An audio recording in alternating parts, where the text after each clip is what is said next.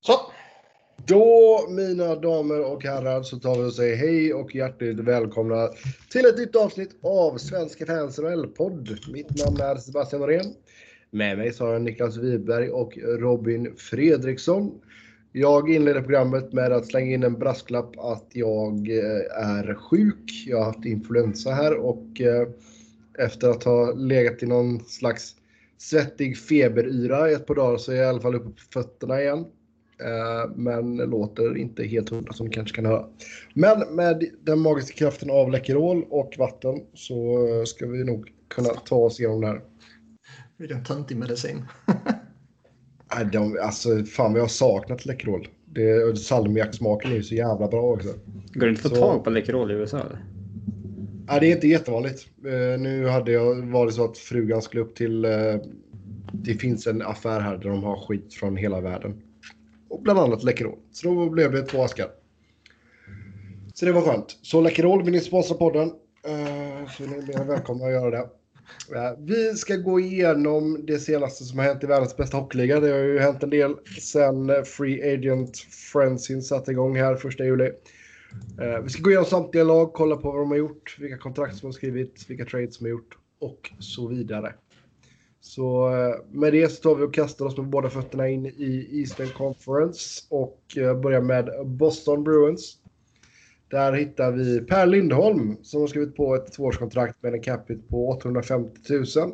Sen eh, Connor Clifton förlängning tre år, en miljon capita. Och sen Brett Ritchie ett år, en miljon capita. Sjukt tråkigt och meningslösa grejer. Ja. Men, de var ju ganska handfängslade. Eh de har inte mycket utrymme att göra så mycket och inte så stor anledning att göra så mycket heller. Nej, nej. Så att uh, man kan väl förstå det. Mm. Men är Connor Clifton så överjävligt bra att han ska signas ett år i förtid? På tre gånger en miljon. Alltså. Jag tyckte han var okej. Okay. Måste man vara jättebra för att uh, det ska vara så? Nej, men samtidigt har han inte visat ett skit. Alltså över tid då. Nej, men det är då man har... Man ska inte ge djupspelare för många år egentligen. För tidigt. Nej. Men om man verkligen tror på en spelare och liksom känner att nu kan vi stjäla honom till en billig peng tidigt. Mm. Då, då kan man väl göra det liksom gå för det. Man såg ju honom i ett 18 matcher långt slutspel liksom att vara kändes väl ganska trygg i vart man har honom. Ja, exakt. Men det är klart att det kan slå fel. Det gjorde det med Islanders med Ross Johnston till exempel. Som alla förutsåg då. uh, men det kan gå övrigt rätt också som järnkrok. Även om man då tyckte att, men varför signar han det här? Han är ju... Alltså då hade det varit, då var det snarare konstigt att järnkrok gick med på det än att eh, Nashville satsade på honom så långt. Jo. Uh, men jag tycker inte att det behöver vara fel att liksom alltså försöka låsa upp en bra djupspelare över lång tid. Eh, Nej, jag tror att... till rätt pris och helst här verkligen gillar spelaren. Ja, och det kommer nog vara viktigt också för Boston att ha några sådana kontakter. Jag menar, nu ska ju McAvoy och Carlo ha nya Kruger in på sista året här också. Så backlinjen kan ju bli dyr ganska snabbt. Och då är det nog bra att ha... Ja, men backsidan. Kom igen nu, jag är sjuk, okej? Okay? uh, den kan ju bli dyr ganska snabbt här. Så då, då är det nog bra att ha några sådana. Med John Moore tycker jag sitter på ganska vänligt kontrakt också. 2,75. Absolut. Men uh, vi har ju sett liksom med, med djupspelare att de kan kännas bra i ett, två år. Men sen liksom, mm. i alla fall från supporterhåll så börjar man tröttna på just den spelarens svagheter. Jo, uh, absolut. Så är det ju. Hade hade du frågat Niklas om han hade varit villig att signa Zach Rinaldo på fem år på den tidens motsvarighet till den här pengen, då hade han gjort det direkt liksom efter första den killens första 30 matcher. Eh, men man tröttnar ju på dem efter ett par år. Men det är inte fansen som styr klubben liksom. Så att, eh... Nej, det är tur det. Då tur vi inte signar Rinaldo på fem år. ja. ja. Per Lindholm, han eh, hakar sig kvar? Ja, totalt ointressant spelare. Hans NHL-session hittills har ju varit lite av en besvikelse. Alltså, jag vet inte om han hade så mycket högre förväntningar på honom eller så, men. Det är rätt eh, bra för honom att han får två år tycker jag. Alltså, det är ju inte så att. Eh, Det ska ju dock sägas att eh,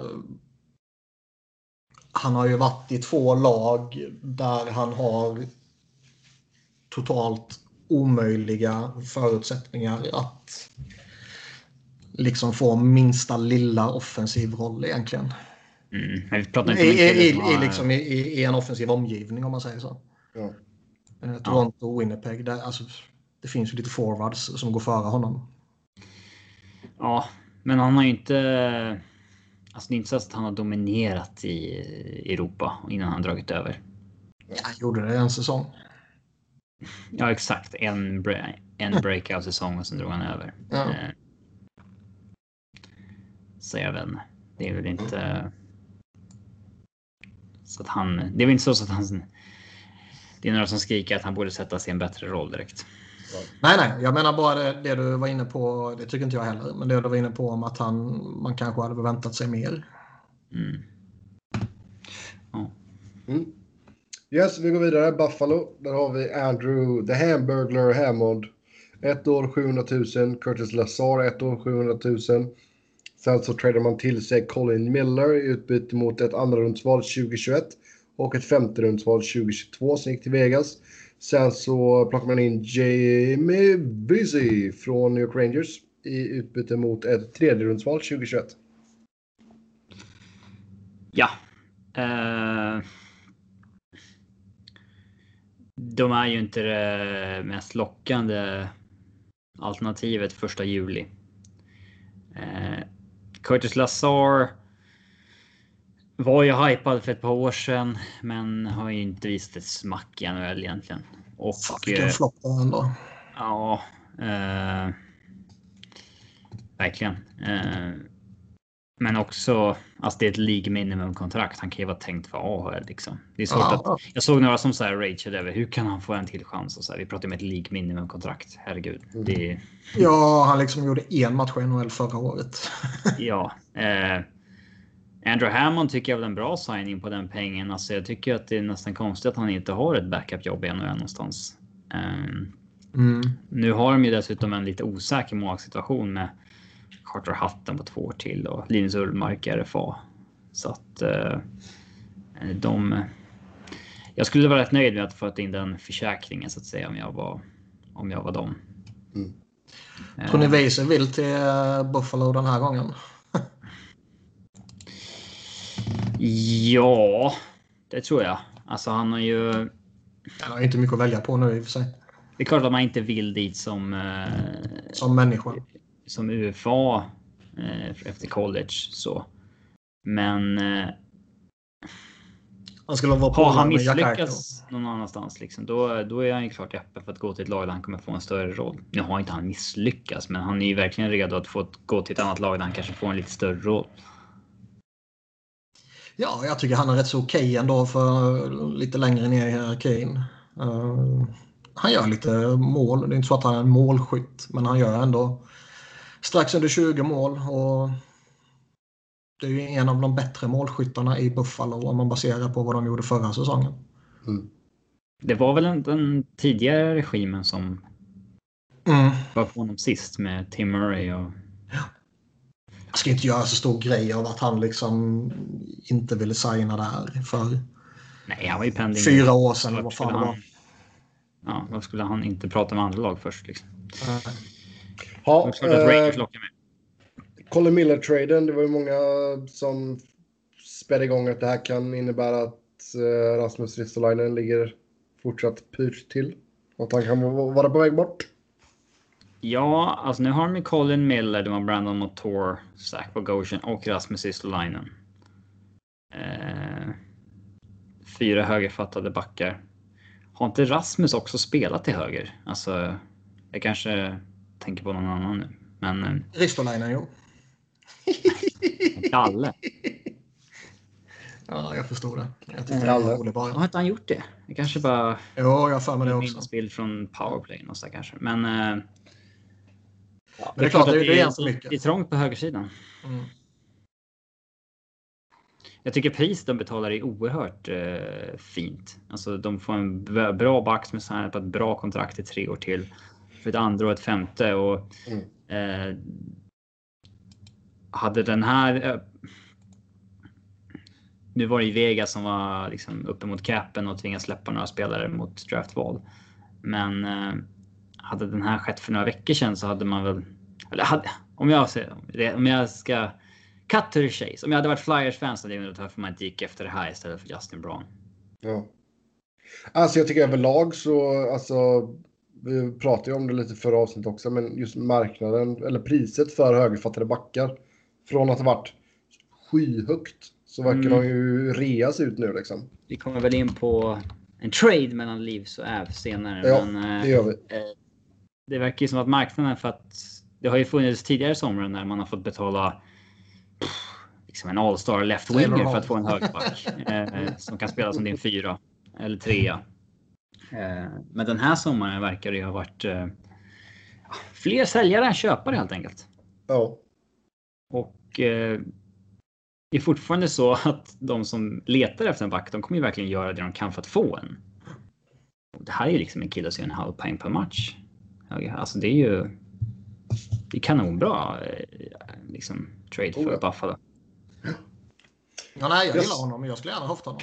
Eh, jag tycker det är en... Enda argumentet för att liksom kanske föredra Braun är väl att man eh, vill ge den större offensiva rollerna till sina egna killar kanske. Ja, jag, jag tror det var mer eh, annorlunda spelartyp som vi har pratat om tidigare. Alltså, det är som jag har sagt, man är inte toksåld på Niskanen och Brown. Men jag kan bli så jävla irriterad på Flyers-supportrar som normalt sett är rätt vettiga sådär. Och sen så nu brölar de om att de ser inte vad Flyers vill göra denna säsong eller denna sommaren. Det finns liksom ingen plan.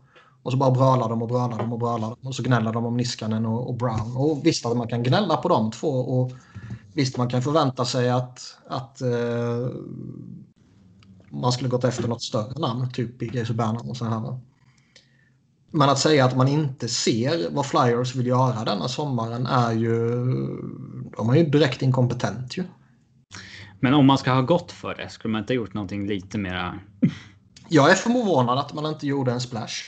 Alltså på July 1st, alltså något större. Det var inte Ja, ens snack om att man var inne på något namn. Det kanske Ja, tar en det- det... Flyers, men Ja, jo, det kan vi spara. Jo, det kan vi göra. Ja, vi går till Carolina istället. Där händer det lite roliga grejer. Sebastian Aho signade ett offer sheet från Montreal som var på fem år.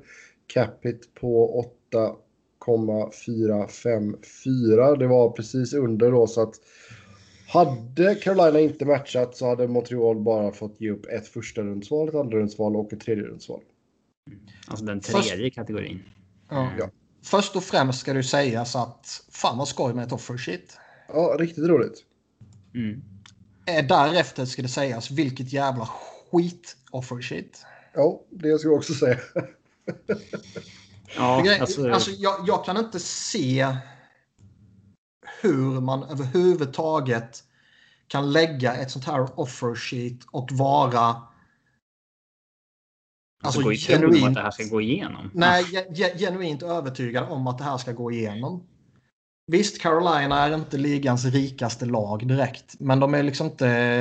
Alltså, det är inte svårt för Tom Dundon att punga upp 20 miljoner dollar i sign-on bonus närmsta året. Nej, och det Alltså, har... det, inte, det, det skulle nog Carolina klarat av utan en rik ägare också. Ja, Alltså- för det, det är ju inte på något sätt ett, ett orimligt... Alltså kontraktet de lägger är ju på inga sätt orimligt för en spelare av den kalibern. 8,5 typ i cap hit är ju jättefair.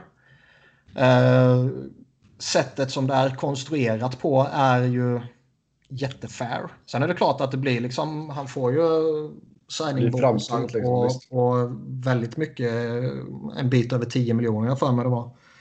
Som ska betalas en knapp vecka efter att man matchar. Mm. Eh, och sen kommer nästan 10 miljoner uh, Eh, nästa sommar igen. Så det är klart det blir lite pengar sådär liksom. Men Alltså det är ju ett så jävla rimligt kontrakt som de ger till honom. Och jag kan inte se ett enda lag i den här ligan med Ottawa som ett eventuellt undantag på grund av grovt inkompetenta jävla idioter som styr i klubben. Eh, som kommer släppa sin franchise-spelare under de här förutsättningarna med det här kontraktet, allt vad det innebär. Mm. För en first rounder, en second rounder och en third rounder.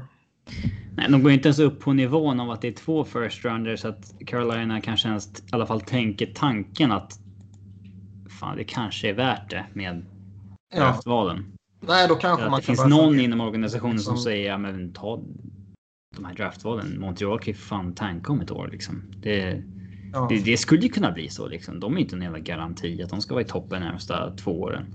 Nej. Framförallt inte så jämn som ligan är idag. Eh, men ett första, andra och tredje, det är ju inte... Eh... Nej, jag ser, jag ser ingenting som gör att man på fullaste allvar kan lägga ett sånt här offer sheet. Och för, för, alltså, Carolina hade ju i någon eller några veckors tid hela tiden sagt vi kommer matcha alla offer sheets vi får. Liksom. Och visst, det, där, kan man ju, där kan man ju tro att de bluffar kanske och vill testa dem. Då måste man ju testa dem på riktigt. Då får du ju plussa på. Det är inte konstigt att uh, Aho signar det här.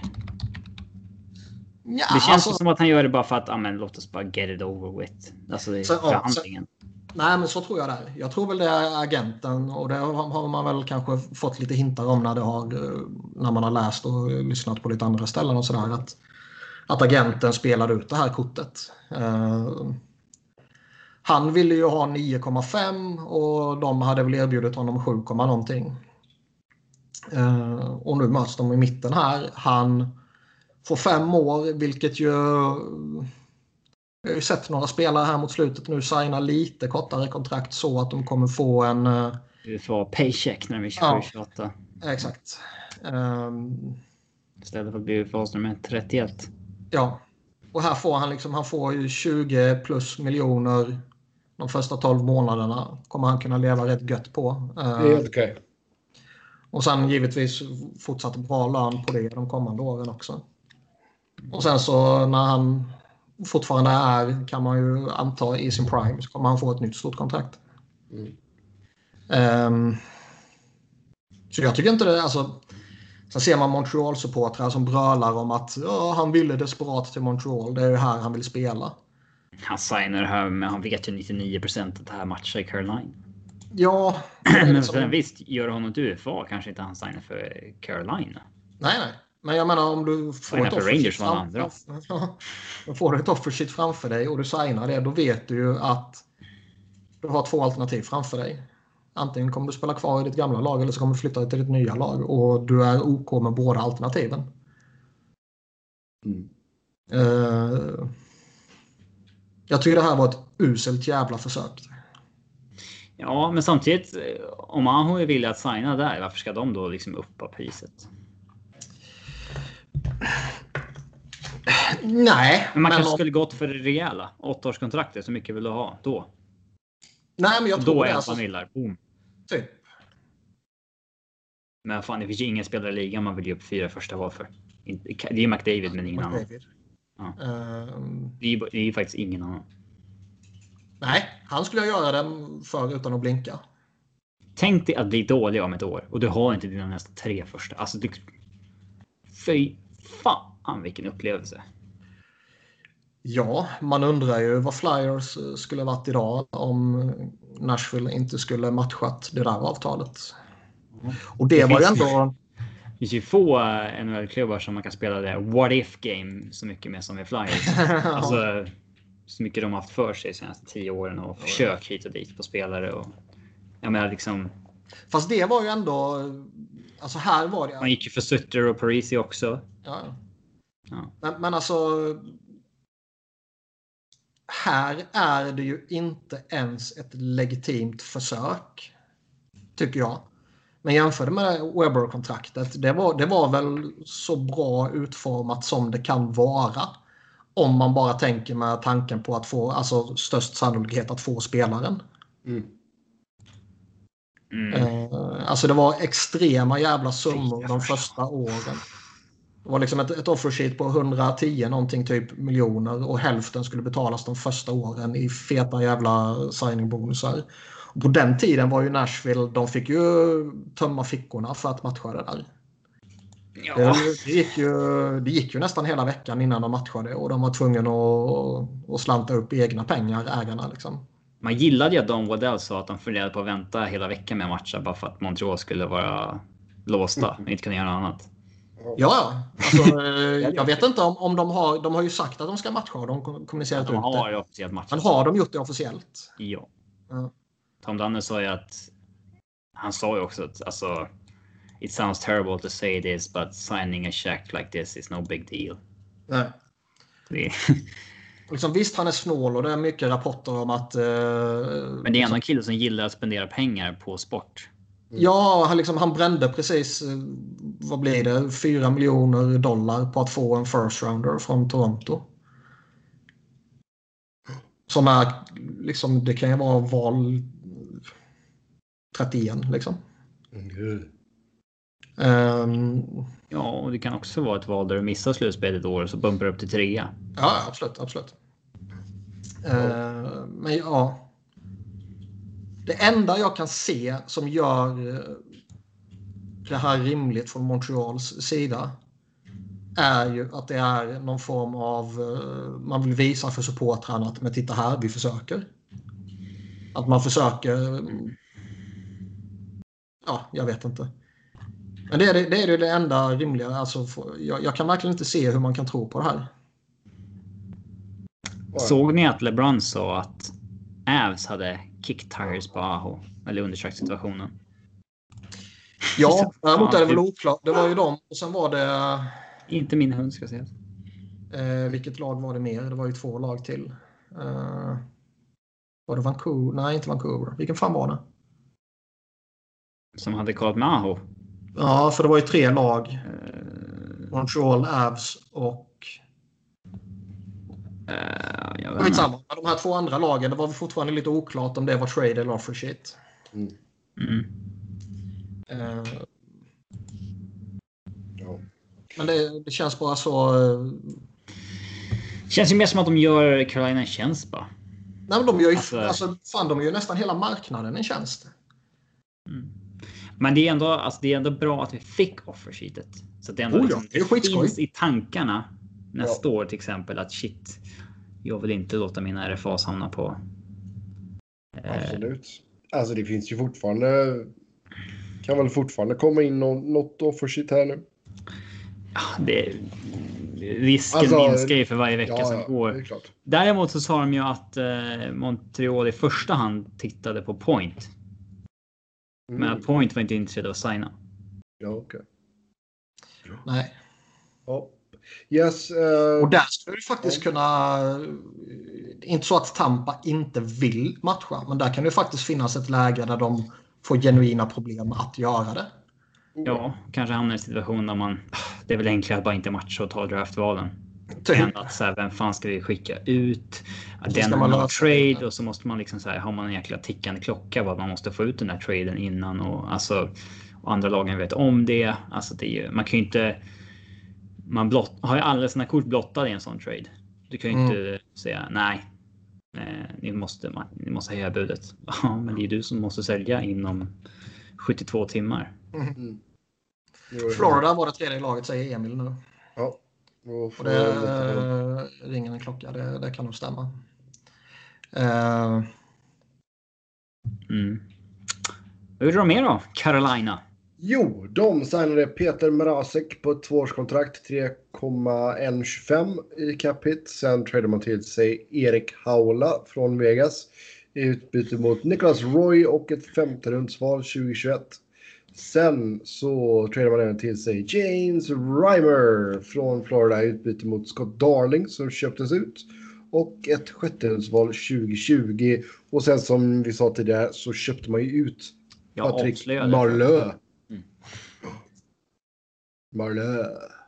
Eh, alltså till att börja med, jag tycker att de utnyttjar eh, cap-situationen i Toronto och Vegas på bästa sätt. Alltså de tar en bra spelare i en cap-dump för utbyte mot ingenting från Vegas. Eh, det finns såklart frågetecken kring Erik Haula som har varit skadad nästan ett helt år och det finns rapporter om att han typ aldrig kommer kunna åka skridskor i full hastighet igen och så vidare. Men eh, Kommer han tillbaka till normal nivå är det en tillgång dock. och gör han inte det så är det ett år kvar på kontraktet. Mm. Fuck the polis liksom. eh, och alltså jag tycker fortfarande att det är jättebra att liksom köpa ett förstahundsval för de pengarna man gör med Marlowe.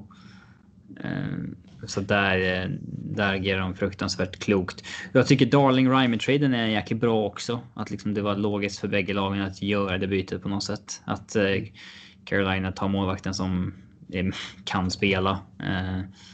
Ihop. Och jag tycker ändå det finns en viss potential i honom ändå. Ja, ja, det är en bra målvakt. Jag går ju hellre in i kommande säsong med James Reimer än att fortsätta med vad de hade förra året. Mm. Eh, så är det ju. Jag hade mitt första... Eller det enda gången på den här freelancingen som jag var förvirrad på om det var, om det var hela kontraktsvärdet eller per year när det var Mrazek och de sa 6,3. Då trodde jag först att det var 6,3 cap hit. Jag tänkte, ja. Och det är så här, jag tänkte inte att det var något extremt heller, utan det var så här, ja men visst typ. Ja, men det skulle fan varit lite extremt ändå. Ja, det, ja, det finns ju en anledning till att de landar på 3,1. Men Ja. eh, det var inte så att jag tänkte kolla upp det, utan det var ja, ja, rullade förbi. Mm. Eh, en Reimer och Mrazek tillsammans på 6,25. Det känns ju som en bra duo. Det tycker jag. Eh, så att bra första juli för eh, Keynes tycker jag. De fick Aho signad. Eh, Ja, men det var ju som Rodell sa. Fan vad skönt. Nu kan jag ta semester.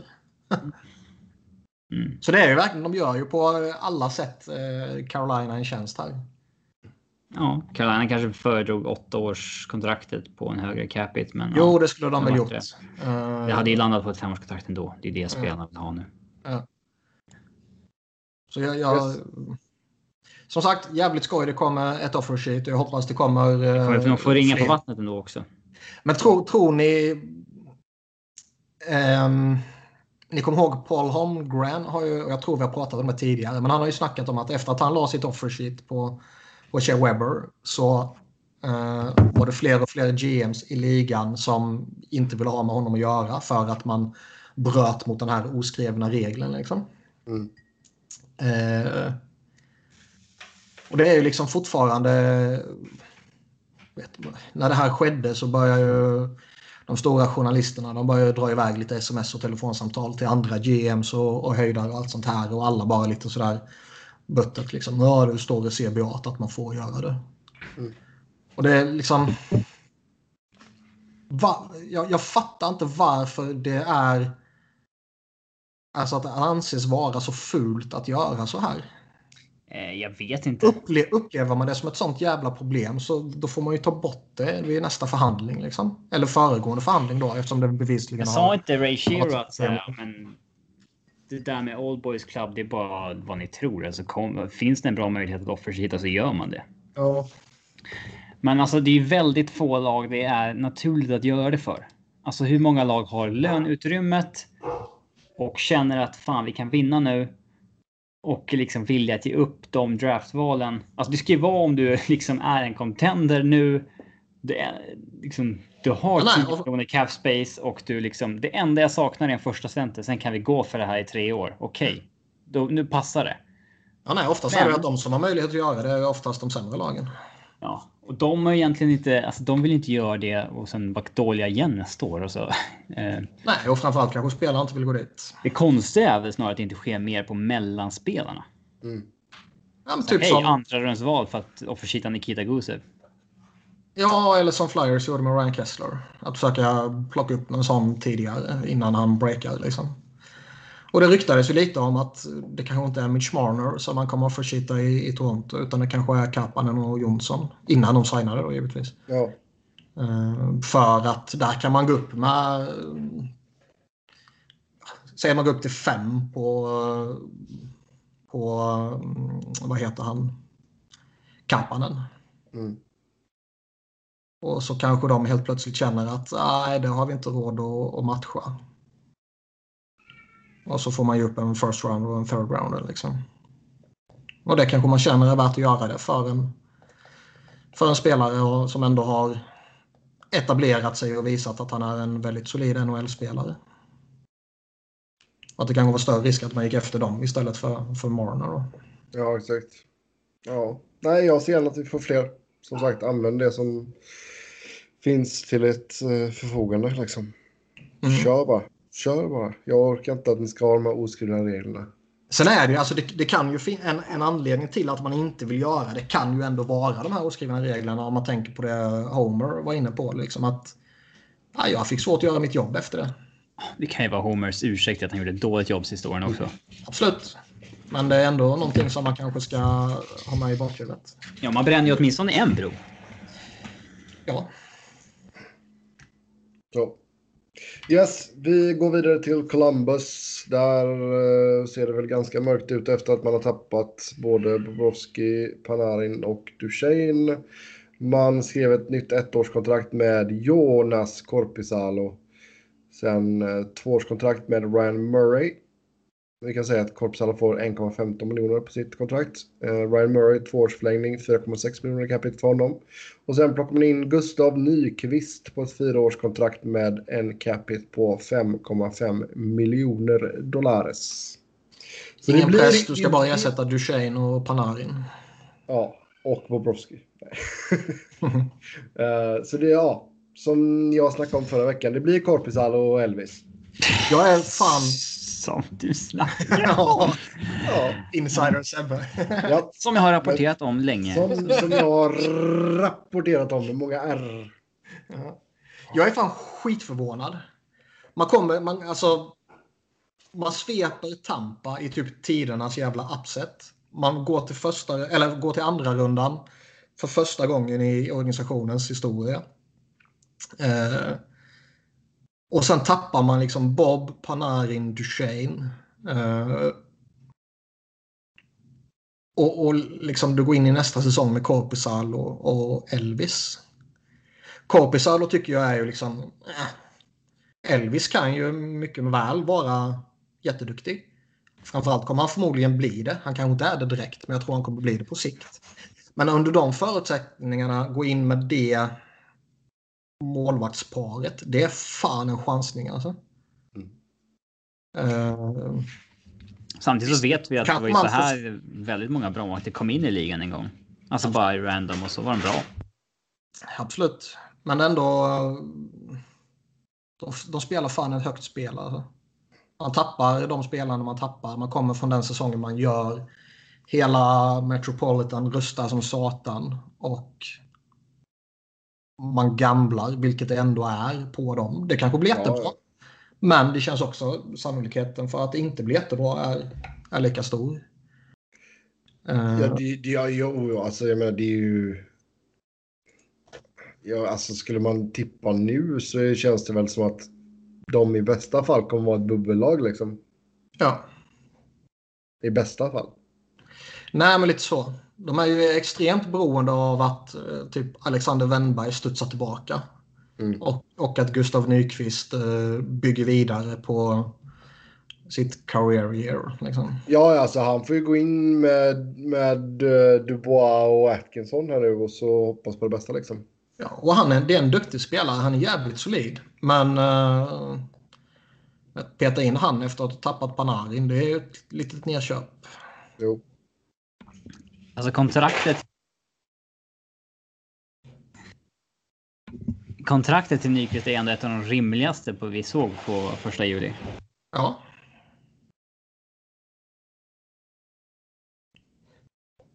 Det var ju det, Panarin och typ ett till som man kände att ja, men det där. Det är liksom inte UFA dåligt liksom. Mm. Nej. nej, det är helt sant. Men alltså, jag tycker du har fortfarande alltså. Varensky och Seth Jones är fortfarande sjukt spännande. Jag tycker Seth Jones redan nu är ju en toppback. Um, Men alltså det man tappar här är ju jävligt mycket alltså. Så ja. Men de har ju liksom en, en solid core att bygga vidare på. Du har ju Jones och Vorinska där som är Jo, jo, men du har inte mycket, du har ju ingen spets nu, eller hur? Nej. Och det, alltså det, nej, ja, det, det känns ju, de, alltså de kan lika gärna ligga kvar på en slutspelsplats och de kan lika gärna krascha fullkomligt. Man borde ju krascha när man tappar så många bra spelare. Ja. Eh, Framförallt målvakten och Panari. Ja. Duchene var inte där innan och inte Zingle heller. Nej. Men eh, ja, Nyqvist kommer ju få glida in i första kedjan. De har ju ingen anledning att capdumpa Wemberg nu eh, i och med att ja. Ja, nu tjänar de väl mer på att försöka få tillbaka honom. ja på, exakt. O, på den oavsett vad tårtan vill. Liksom. Eh, och jag måste säga det är ett dyrt jävla brokontrakt till Ryan Murray dock. Mm. Ja, 2 år 4,6. Vad Ja. har han gjort? Han har draftats tidigt. Mm. Lever han fortfarande på det liksom? Ja, Det kan man leva på då. Nej, han kanske är mycket bättre än jag tror, men alltså. Jag blev förvånad. Ja. Alltså han var väl ganska bra innan han blev skadad igår liksom. Men Han är alltid skadad. jo, det är ju det som är ett problem också. Så ja. Yes, yes, yes. Vi får se vad som händer på fötter där. Men ja, Ryan Single, det är väl fortfarande inte helt spikat än ifall... Är det inte det? Har inte det sagts att de har inget intresse av varandra alls? Det vet jag inte. Jag tror inte det. Ja, det har jag missat faktiskt. Däremot så pratas det ju extremt lite om honom. För jag menar, visst det hände ju rätt mycket första juli, men de efterföljande dagarna har det ju inte hänt ett skit ju. Kanske för att alla jävla hockeyreportrar är... Vem var det Ja, som... alla vem... går på semester första dagen efter första juli. det Ja, är så men- jävla orimligt. Och Ja, alltså kommer- fem timmar efter att eh, free agencyn öppnar. Ja, och sen så lägger de Free Agency på, eh, vad fan heter det, Canada Day heter det va? Mm. Och sen bara några dagar efter kommer liksom hela 4th of July-helgen som är en långhelg där borta. Ja. Jätteorimligt. Det är som någon föreslog, fan lägg det liksom i samband med, alltså direkt efter draften. Så att alla fortfarande är på samma ställe. Mm. Alltså Ja. gör, gör draften eh, liksom fredag, lördag och sen kan de ha en vilodag på söndag. Och sen så kör igång Free Agency på måndagen. Så att alla fortfarande är kvar i Vancouver där de var senast nu. Och, eh, ja. Det har nog inte varit helt fel. nej. För det är som Robin säger, det är så jävla orimligt att alla går på semester några timmar efter. Tycker de själva att det är kul att dra precis när det händer saker? Ja, men det är väl crème de la crème drar väl till eh, LeBrons stuga liksom. Ja, alltså Bob McKenzie hade ju lämnat kontoret och dragit när Barry-traden liksom hände så att han fick åka tillbaka och spela in. Alltså så här, tycker de själva att det är rimligt att vi ska dra på semester då? Ja. Och då får nu liksom får Drege twittra ut eh, vad Kerfoot har signat för, vad CC har signat för. Liksom. Det händer ju fortfarande saker. Varför inte det är semester bara en vecka senare? Nej, jättekonstigt. Det har alltid varit så också. Mm. Nej, obegripligt tycker jag. Eh, ja. Vi går vidare till Detroit. Där så har man signat Calvin Picard på ett tvåårskontrakt, 750 000. Patrik Nemeth, två år, 3 miljoner capita. Och så har man fått hem sin förlorade son Valtteri Filppula. Två år, 3 miljoner capita. Det är inte direkt så att eh, Seriman går in här och börjar worka his magic direkt. nej. Det här är ju... Det här är några sjukt osexiga grejer han gör. Jag säger inte att de är dåliga. För osexigt behöver inte betyda dåligt. Eh, Nemet är en schysst värvning, lite sådär för djup typ. Och om man använder Filppula korrekt, vilket man kanske inte kommer göra med tanke på att det är Detroit. Mm. Så, så kan det också vara en, eh, en vettig värvning. Liksom. Sen är man lite skeptisk till att ge honom två år. Det kanske var Men- kravet för att komma tillbaka. Ja, Ja, förmodligen. Calvin Picard är ju... De sa att ah, men han ska pressa Jonathan Bernier om backup-jobbet under kampen, men det kommer inte ske. Liksom. Nej. Nej. Bernie Hero sitter med två år kvar på tre miljoner per säsong. Alltså, han kommer inte tappa jobbet till Calvin Picard om inte han är liksom... Ger Gammal Elfsborn. Ja. Mm. Nej. Eh... Men, det var men alltså, de, de, de gör ju inte så mycket här i Detroit. De ska ju bara fylla ut rosten med lite spelare. Alltså det är ju det är inte ja. mer än det. Nemeth är en bra spelare. 3 miljoner två år. Filippa är en okej okay spelare. För han gör sina 25-30 poäng. Eh, och en bra ledarfigur vad det verkar. Eh, och en tredje målvakt in. Alltså det är inte... De har ju fortfarande så mycket skit i kontrakt. Eh, så det fanns ju inte ens så många rosterspots att fylla. Nej. Så är det ju. Däremot blir de ju i bästa fall marginalt eller marginellt bättre. Ja. Jag, är, jag är svårt att se det här laget. Uh, Räknar göra... inte med bara några contender nästa år ändå. Nej. Nej, helt sant. Ja. Får vi se i år vad som händer mot Dead. Vi lär få se trades av Mike Green, Trevor Daly ja. Eh, och eh, kanske någon annan vid deadline också. Mm.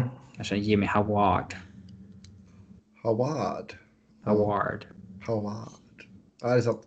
Yes, ett lag som dock satsar rejält i Florida. Man landade Sergej Bobrovski. Sju år, 10 miljoner capita på honom. Sen plockar man även in Anton Strålman på ett treårskontrakt, 5,5. Brett Connolly på ett fyraårskontrakt, 3,5. Och Noel Akiari, or Asiari, jag vet inte fan vad man säger hans efternamn. Eh, tre år, 1,66 miljoner capita. Och sen som vi sa innan också då att man skickade Rymer till Carolina, tog in Scott Darling, köpte ut honom. Och sen så har ju Roberto Luango slutat då. Ja, snackade vi om eh, Lalongo förra veckan eller? Ja, jag minns fan inte. Tror inte det var officiellt då. Uh, Men de, de, får ju tre år nu med typ en miljon i recapture penalty för honom. Ja. Som Florida föredrog att sätta honom på long term injured reserve så att de uppmanar honom att sluta istället. Ja, ja och det, det ju... Jävla skämt det här med long term injured reserve är att det bara liksom ett sätt att låtsas pensionera någon. Ja.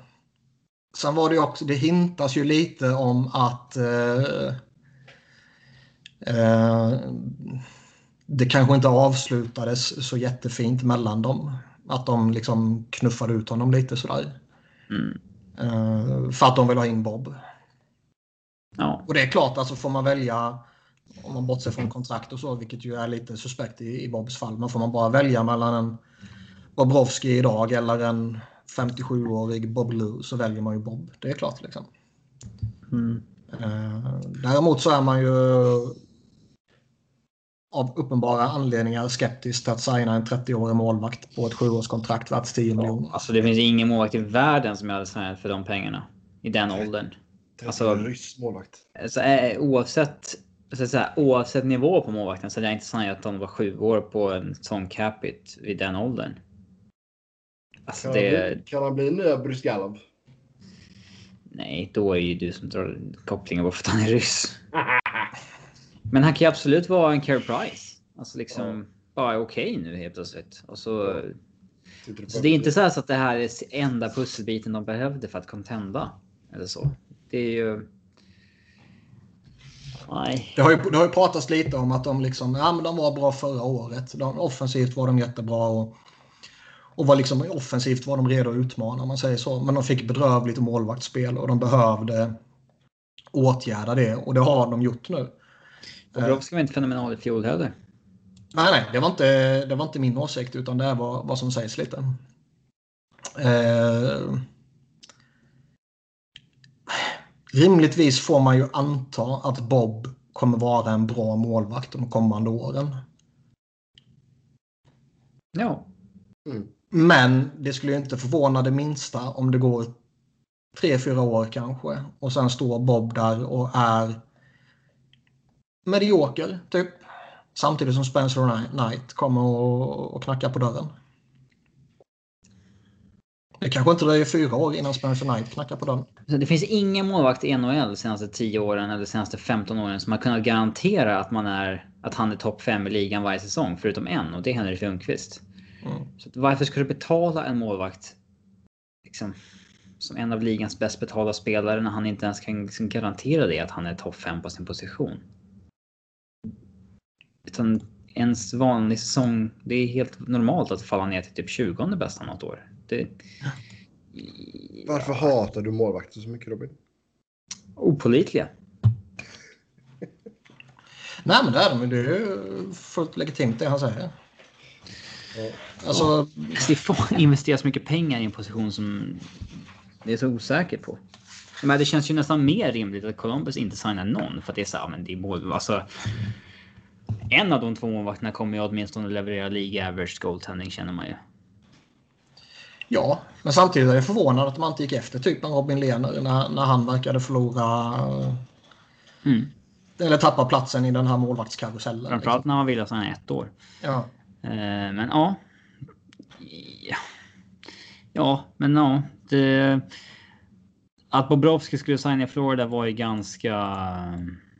Det var ju eh, ingen chock direkt. Nej, exakt. Det var ju bara en formalitet så att säga. Ja, och det blev andra- exakt det kontraktet som det har pratats om i ett halvår också. Trots att de inte fick snacka term förrän några timmar innan det signades. Mm. Eh, hade ligan varit där och granskat så hade det varit lite... Vad fan är det här? Här bläcker det ju torrt. Det här har ni skrivit ut innan.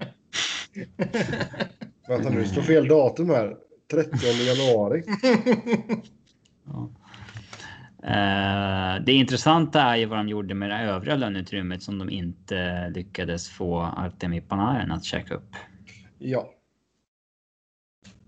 Men. Vad sa han han hette? Noel? Noel Akiari. Asiari. Akiari.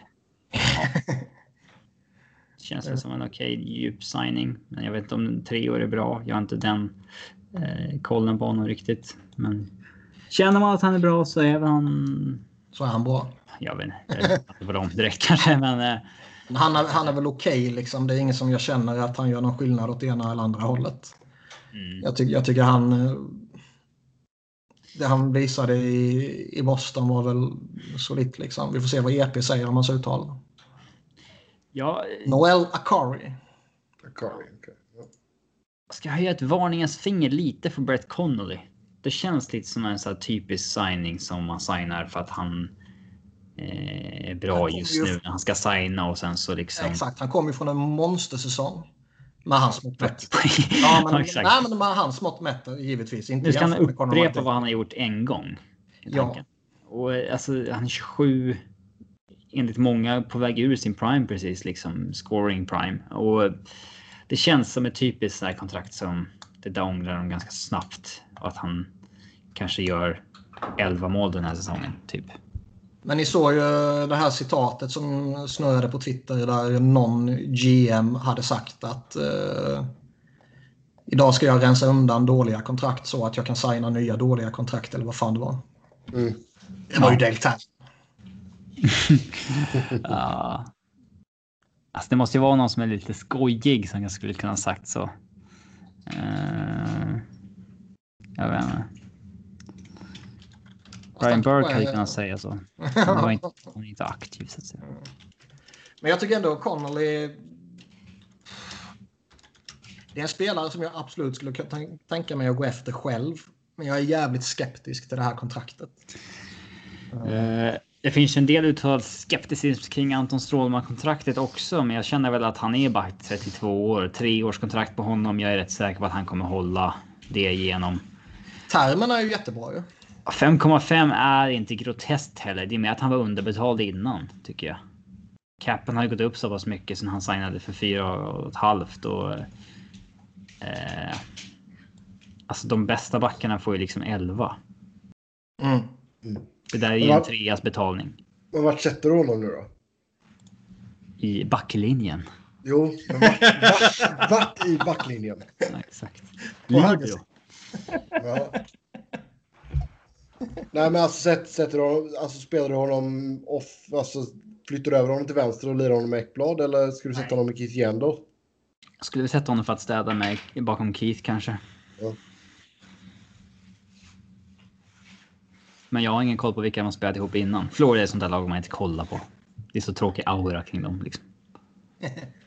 Trots att de har rätt underhållande spelare. Mm. Det är ju lite som, som jag var inne på förra avsnittet. Alltså, Florida har gått pissuselt. De torskar hur mycket pengar som helst. Uh, nu verkar de ha fått en liten uppsving efter att de plockade in coach Q och det snackas lite om att... Man har glömt att han har kommit dit. Ja, Man tänker inte på det. Bara att han kom in gjorde att de sålde lite... Um, vad heter det? Nya säsongsbiljetter. Och, Fan, alltså de, de, de, de, måste, de måste ju göra en tröja med han i loggan. Kom igen, så det Nick Kostonika eller vad fan han heter. Han hade ja. lagt ut det på Twitter Men, men eh, det, det, är ändå lite anmärkningsvärt och irriterar mig något fruktansvärt att lagen här kan liksom slänga ut ett sånt stort kontrakt till coach Q som det ändå är. Man kan slänga ut ett sånt här jättekontrakt till Bob. Man kan ta på sig spelare och köpa ut dem och hela det här köret och använda pengar som man inte har. Medan andra lag i ligan eh, inte får använda pengar som man har. Jag tycker alltså Visst, jag kan köpa att man inte tar bort lönetaket och man är naiv om man tror att lönetaket kommer att plockas bort. Liksom. Eh, däremot så tycker jag att det är fan läge nu att utveckla lönetaket. Vad är det för idéer att utveckla det med då? Lite random så här under Florida-segmentet. Men gör, gör det till soft cap. Att, som det är i typ NBA. Att man får... Funkar i NBA då? Vad sa du? Hur funkar det i NBA då? Att man får gå över och betala en straffavgift. Om jag har fattat saken rätt utan att uh, vara så jätteinsatt i NBA. Men då kan man ju säga att det inte finns något lönetak. Jag vet inte exakt hur det funkar. Uh, jag kan väl tänka mig ett designated players eh, system ja, som det finns i MLS. Jag tänkte säga också att ha typ två spelare eller en spelare som exkluderas från lönetag. Gord Miller eh, föreslog ju att man får 25% cap relief på egen draftade spelare. Ja, det tycker jag också är bra. Uh, för det, det är, jag tycker fan det är orimligt att man ska hamna i de problemen som liksom typ Nashville gör nu när de måste ge bort en, en superback som PK Subban eller som Toronto gör med de har liksom obegränsat med ekonomiska medel och de måste skänka eller betala menar jag för att bli av med spelare. Liksom. Ja, jag tycker det tillför en dimension också i och för sig att man måste vara kreativ med att bli av med dåliga kontrakt och sådär och inte Alltså framförallt så får ju lagen skydda sig. De har ju signat dåliga kontrakt. Det är därför de är i den situationen. Men ta, inte för att de bara har för många bra spelare. Liksom. Nej, nej, men ta typ Nashville liksom. Ja, de, det, det är ju Kyle fel med Kyle Turris. Ja, men det är liksom ett kontrakt. Ska ett dåligt kontrakt som inte är överjävligt stort. Alltså 6 miljoner idag är ju inte eh, anmärkningsvärt stort om man säger så. Uh, ska ett sånt kontrakt göra att du måste ge bort en spelare av PK Subans kaliber? Jag tycker det är orimligt. Liksom. Jag, jag tycker att fan, no någonting måste göras. Och som sagt, man, man är sjukt naiv om man tror det finns någon möjlighet att ta bort lönetaket. För det kommer inte ske. Liksom. Men kör, men kör, kör designated player då? Ja, vi sa det. Uh, om jag ska det hade varit intressant att se vad de dyraste hade hamnat på. För vi ser ju skillnaden i NBA och i eh, Major League Baseball och i NFL. Och MLS. MLS. Spelar, finns det MLS-spelare som tjänar mer än de här? Tror du det? Zlatan tjänar väl mer än NHL-spelare. Zlatan tjänar väl jävligt uselt i LA egentligen jämfört med vad han tjänar i Europa. Alltså han är ju designated player den här säsongen. Ja, men han tjänar ju faktiskt inte särskilt bra. Alltså, vi ska kolla 7,2 miljoner. Ja, det är ingenting mot vad han har tjänat innan. Nej, men det är mer än Kyle Torres. Och mer än oss tre ihop. ja. Han har också, eh, också vad tycker ni om 11 mål på 14 matcher. Ja. Mm. Eh, vad tycker ni om... Eh, jag lyssnade på The Staff and Graph Podcast. Där föreslog en ung kvinna som heter Rachel Dory att vad tycker ni om att man vid trading deadline 24 timmar innan trading deadline lyfts lönetaket? Alla lag kan gå all in på slutspelet om man vill. Alltså Alltså jävlar vad mycket folk som hade flyttat på sig. Nej, men det skulle vara skoj. antingen lösa det på det sättet eller liksom typ att ja, men pending UFAs räknas inte 100% utan liksom är det utgående så, så exkluderas de helt och hållet eller så bla bla bla. Uh... Eller att man inte räknar average på capen utan man faktiskt betalar alltså själva lönen är det som räknas mot taket. Mm. Så att man kan ha ett kontrakt som dalar i lön och kanske inte dödas av det sista året. Ja. Mm. Ja, jag, jag är öppen för alla förslagen vi har diskuterat om. Jag bara tycker det är liksom... Och jag tycker det är lite förvånande också med tanke på att vi vet att de här välmående, stora, rika klubbarna är liksom inflytelserika. Vi vet att Toronto, Montreal och... Ja, det är nu det snackar om det. Det är för att Toronto tvingades betala för att ge upp Marleau. ja. Ja, men liksom det är Toronto, det är Montreal och det är Philly och det är uh, Rangers och typ Chicago, Boston och lite sånt här som är som är rika och som är uh, inflytelserika om man säger så. Jag är lite förvånad ändå att de inte gör större väsen av det här. Det kanske de gör bakom stängda dörrar. Vi ser när nästa CBA kommer, men det är mer spelarfackets sida. Ja. Ägarna vill ju ha taket. Jo, men det är det jag menar. Jo, men det är det jag menar. Alltså, spelarfacket vill väl inte ha ett jävla tak liksom. Det... Men alltså... Jag, jag, tror, jag, tror, jag tror inte alla ägarna vill det. Jag tror inte Toronto känner att... eh, eller de kanske vill ha ett lönetak, bara det att de vill ha ett ännu större lönetak givetvis. Jo, jo. Men alltså, även om taket skulle gå upp till 100 miljoner imorgon. Så betyder inte det att vi fort... Alltså, det, det gör ju inte det faktumet att det kommer fortfarande ges ut alldeles för dåliga kontrakt. Jo, jo, givetvis. Men sen, sen är också det här liksom, motargumentet man möter är ju att eh, ja, men då kommer man ju bara köpa sig till kupper och de rika kommer vinna hela tiden. Men liksom, det skedde ju inte innan. Och Vi kommer kunna ha vi Dynasties. Ja visst, det, var, det hände ju innan. Vad sa du? Dynasties kommer ju ske. Mm. Ja, men det, Det har var ju också lite charmigt kanske. Ja, det är det väl på ett sätt, framförallt om man följer det laget. Jo, men alltså, jo, men alltså på ett sätt, alltså att du ändå så har en, alltså en stor grupp av spelartruppen som ändå så är där under en femårsperiod liksom. Ja. Men det, Det har tycker jag, det är ju skitkul. Men det han har längre. aldrig varit mer akt- inaktuellt att ändra på lönetaket än nu. Nej, det tror För att ligan har ju känt, alltså det här att St. Louis låg sist i januari och gick och vann, att ligan är så jämn som den har blivit nu. Det var ju exakt det man ville åt. Ja, och jag ser, jag ser fördelarna med det. Men eh, jag, jag, fan, jag, jag tycker det måste utvecklas på något sätt. Men det är kul Exakt. med cap management och så vidare, liksom att de bitarna att det ändå. Alltså det är klart Att det är man- kul, men jag tycker det, det, det, du ska inte straffas för att du får fram massa bra spelare liksom. Nej, lite så. Du kan ju alltså. Du kan ju trada dem mot. Alltså som när man själv spelar. NHL och så vidare att man. eh, Alltså du, du, du kan ju fan göra sådana dåliga kontrakt till att börja med. Jo. Och sen när du inte har plats för de bra spelarna som kommer upp, då är det ju att du tradar dem mot nya draftval och prospects. Liksom. Ja. Yes, vi eh, går vidare till Montreal. Eh, Vi har redan snackat om deras offer sheet på AH och att det kanske inte var, ja, det var någon form av dröm där. Tittade på point, gick för AH. Mm. Frågan är om de tänker göra mer. Ja, man har signat eh, tvåårskontrakt med Mike Riley, 1,5 miljoner. Keith Kincaid kommer in på ett ettårskontrakt, 1,75. Ben Chariot fick ett treårskontrakt, 3,5 miljoner capita. Det är ju Phil- fan sjukt. Ja.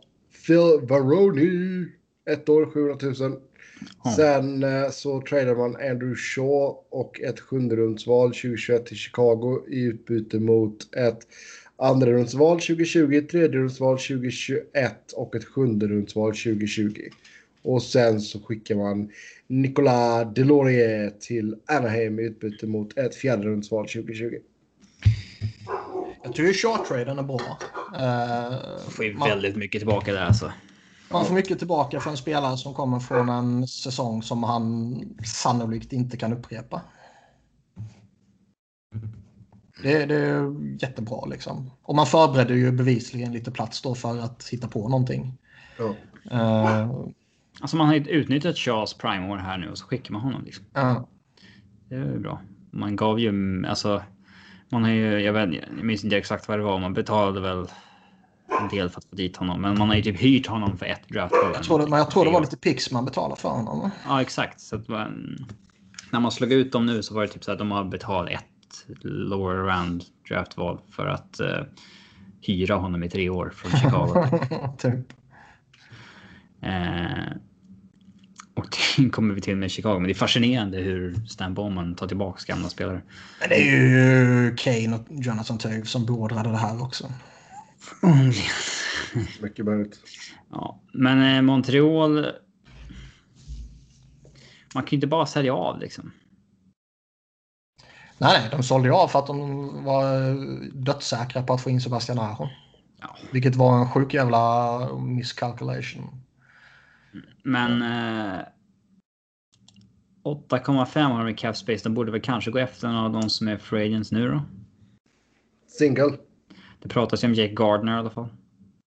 Ja, han har det ryktats en del om. Uh, jag är förvånad att han inte gick första dagen. Att det liksom är... som är kvar som det är förvånad att de är kvar tycker jag. Ja, men det är liksom ändå... Kan vi gå igenom toppnamnen på den listan när vi har gått igenom lagen? Uh, men det är alltså... De borde ju titta på något annat.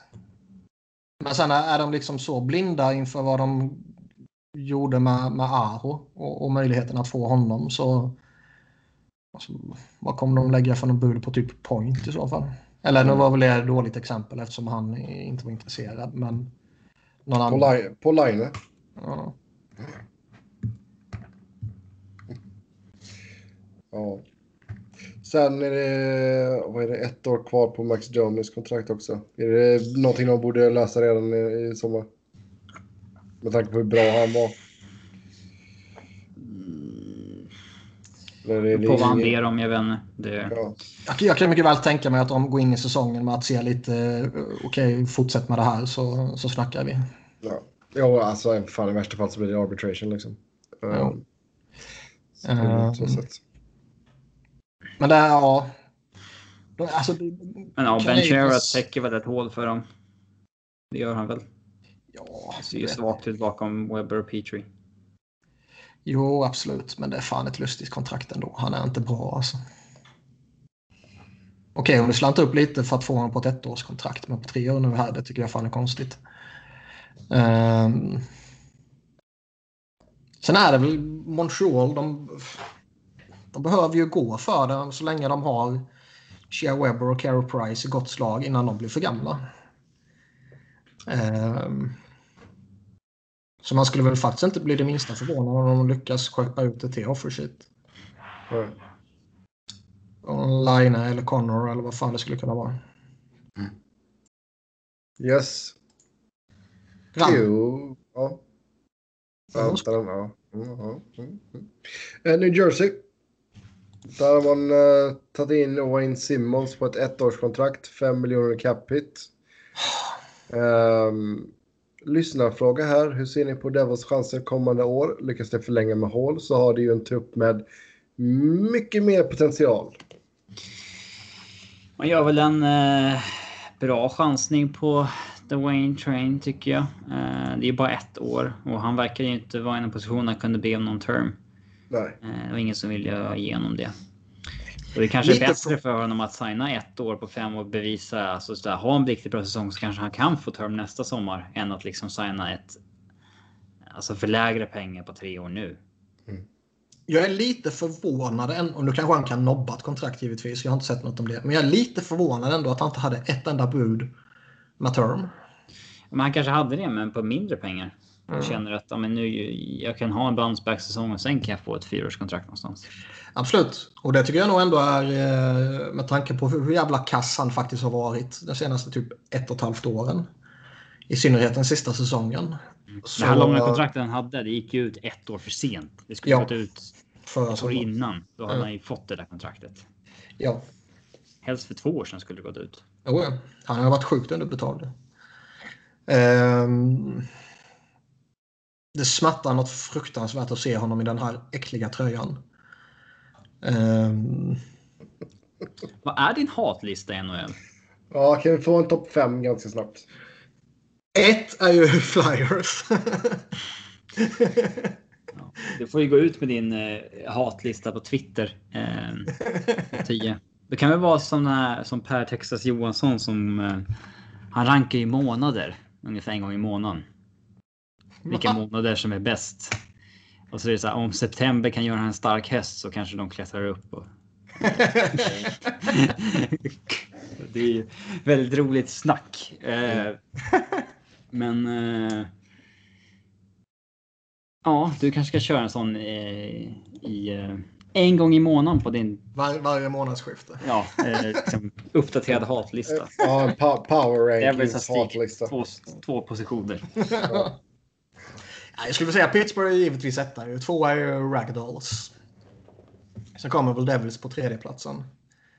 Uh, Men de är ju liksom the classic. De som mer pendlar baserat på eh, ja, flavor of the month och så här. Chicago var ju högre upp på listan för några år sedan än de är nu. ja, så är det ju. Boston ligger där uppe någonstans också. ju. För att de hade en Eh, hel säsong nu. Liksom. Nej, men det, de ligger där uppe konstant ju. Det är en äcklig jävla klubb. Eh, Chicago numera skiter man ju i liksom. Det var ju tidigare de var jävligt uh, äckliga. Fick mycket cred i media och skit. Ja, Caps är ju ändå på topp 5. ja det är det.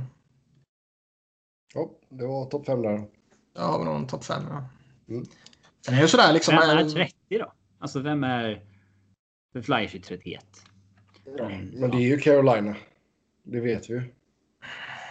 Carolina och Nashville älskar han ju. Ja, det är nog fan de som gör upp om det. Eh, Men Nashville har ju alla Flyers gott öga till. Mm. Islanders är ändå på topp 10 men kanske slungs inte in på topp 5. fast, de är, ja, fast de är så jävla irrelevanta också ju. Ja, de är lite Hammarby. Eh, Montreal har ju liksom också varit jävligt irrelevanta mot slutet. Men de är bra så är de uppe och liksom luktar på topp 5. Och vissa lag hatet mot Toronto liksom riktat mot Toronto. Är det, är det mot Leafs eller är det med Toronto media? Liksom? Media-supportrarna. Mm. Det finns ju inga supportrar utöver givetvis Pittsburgh då, som är fullkomligt odrägliga. Som kan vara så jobbiga som Montreal och Toronto-supportrar. Mm. Sen kanske ni säger annorlunda med tanke på att ni har två lag i, i Western givetvis. Men jag tror ändå ni delar. Jag kanske följer en supporter till varje lag, max. Jag vet. Jo, men man får, man får ju ändå ett intryck liksom när, när någonting stort händer eller något bra händer när de går bra i slutspelet. Eller man vet Från vart? Jag vet inte. Nej, men om vill lite, då hänger ni för lite på Twitter. Eller så hänger jag för mycket på Twitter. eller, så, eller så hänger ni för lite eller jag för mycket på typ HF-boards när något stort händer. Eh, Där, där samlas ju alla de skarpaste hjärnorna. Exakt. Jag har nog inte skrivit där på säkert tio år. Men det var Men ett nick. Du kan ju gå tillbaka och läsa vad du tyckte om ja, jag vet inte ens. 2009. Förmodligen så har man ju inte de inloggningsuppgifterna sparade på, dat- på datorn. Alltså. Men hur ser, hur det ser vi det här? fyra datorer sen. Ja. Hur ser vi här på Devils lagbygge då? Alltså, Alltså, man är ju lite chanserna, chanserna att man kan få hål och skriva nytt har ju gått upp avsevärt. Ändå. Ja, ja, herregud. Eh, sen är Det är väl rätt vettigt tycker jag.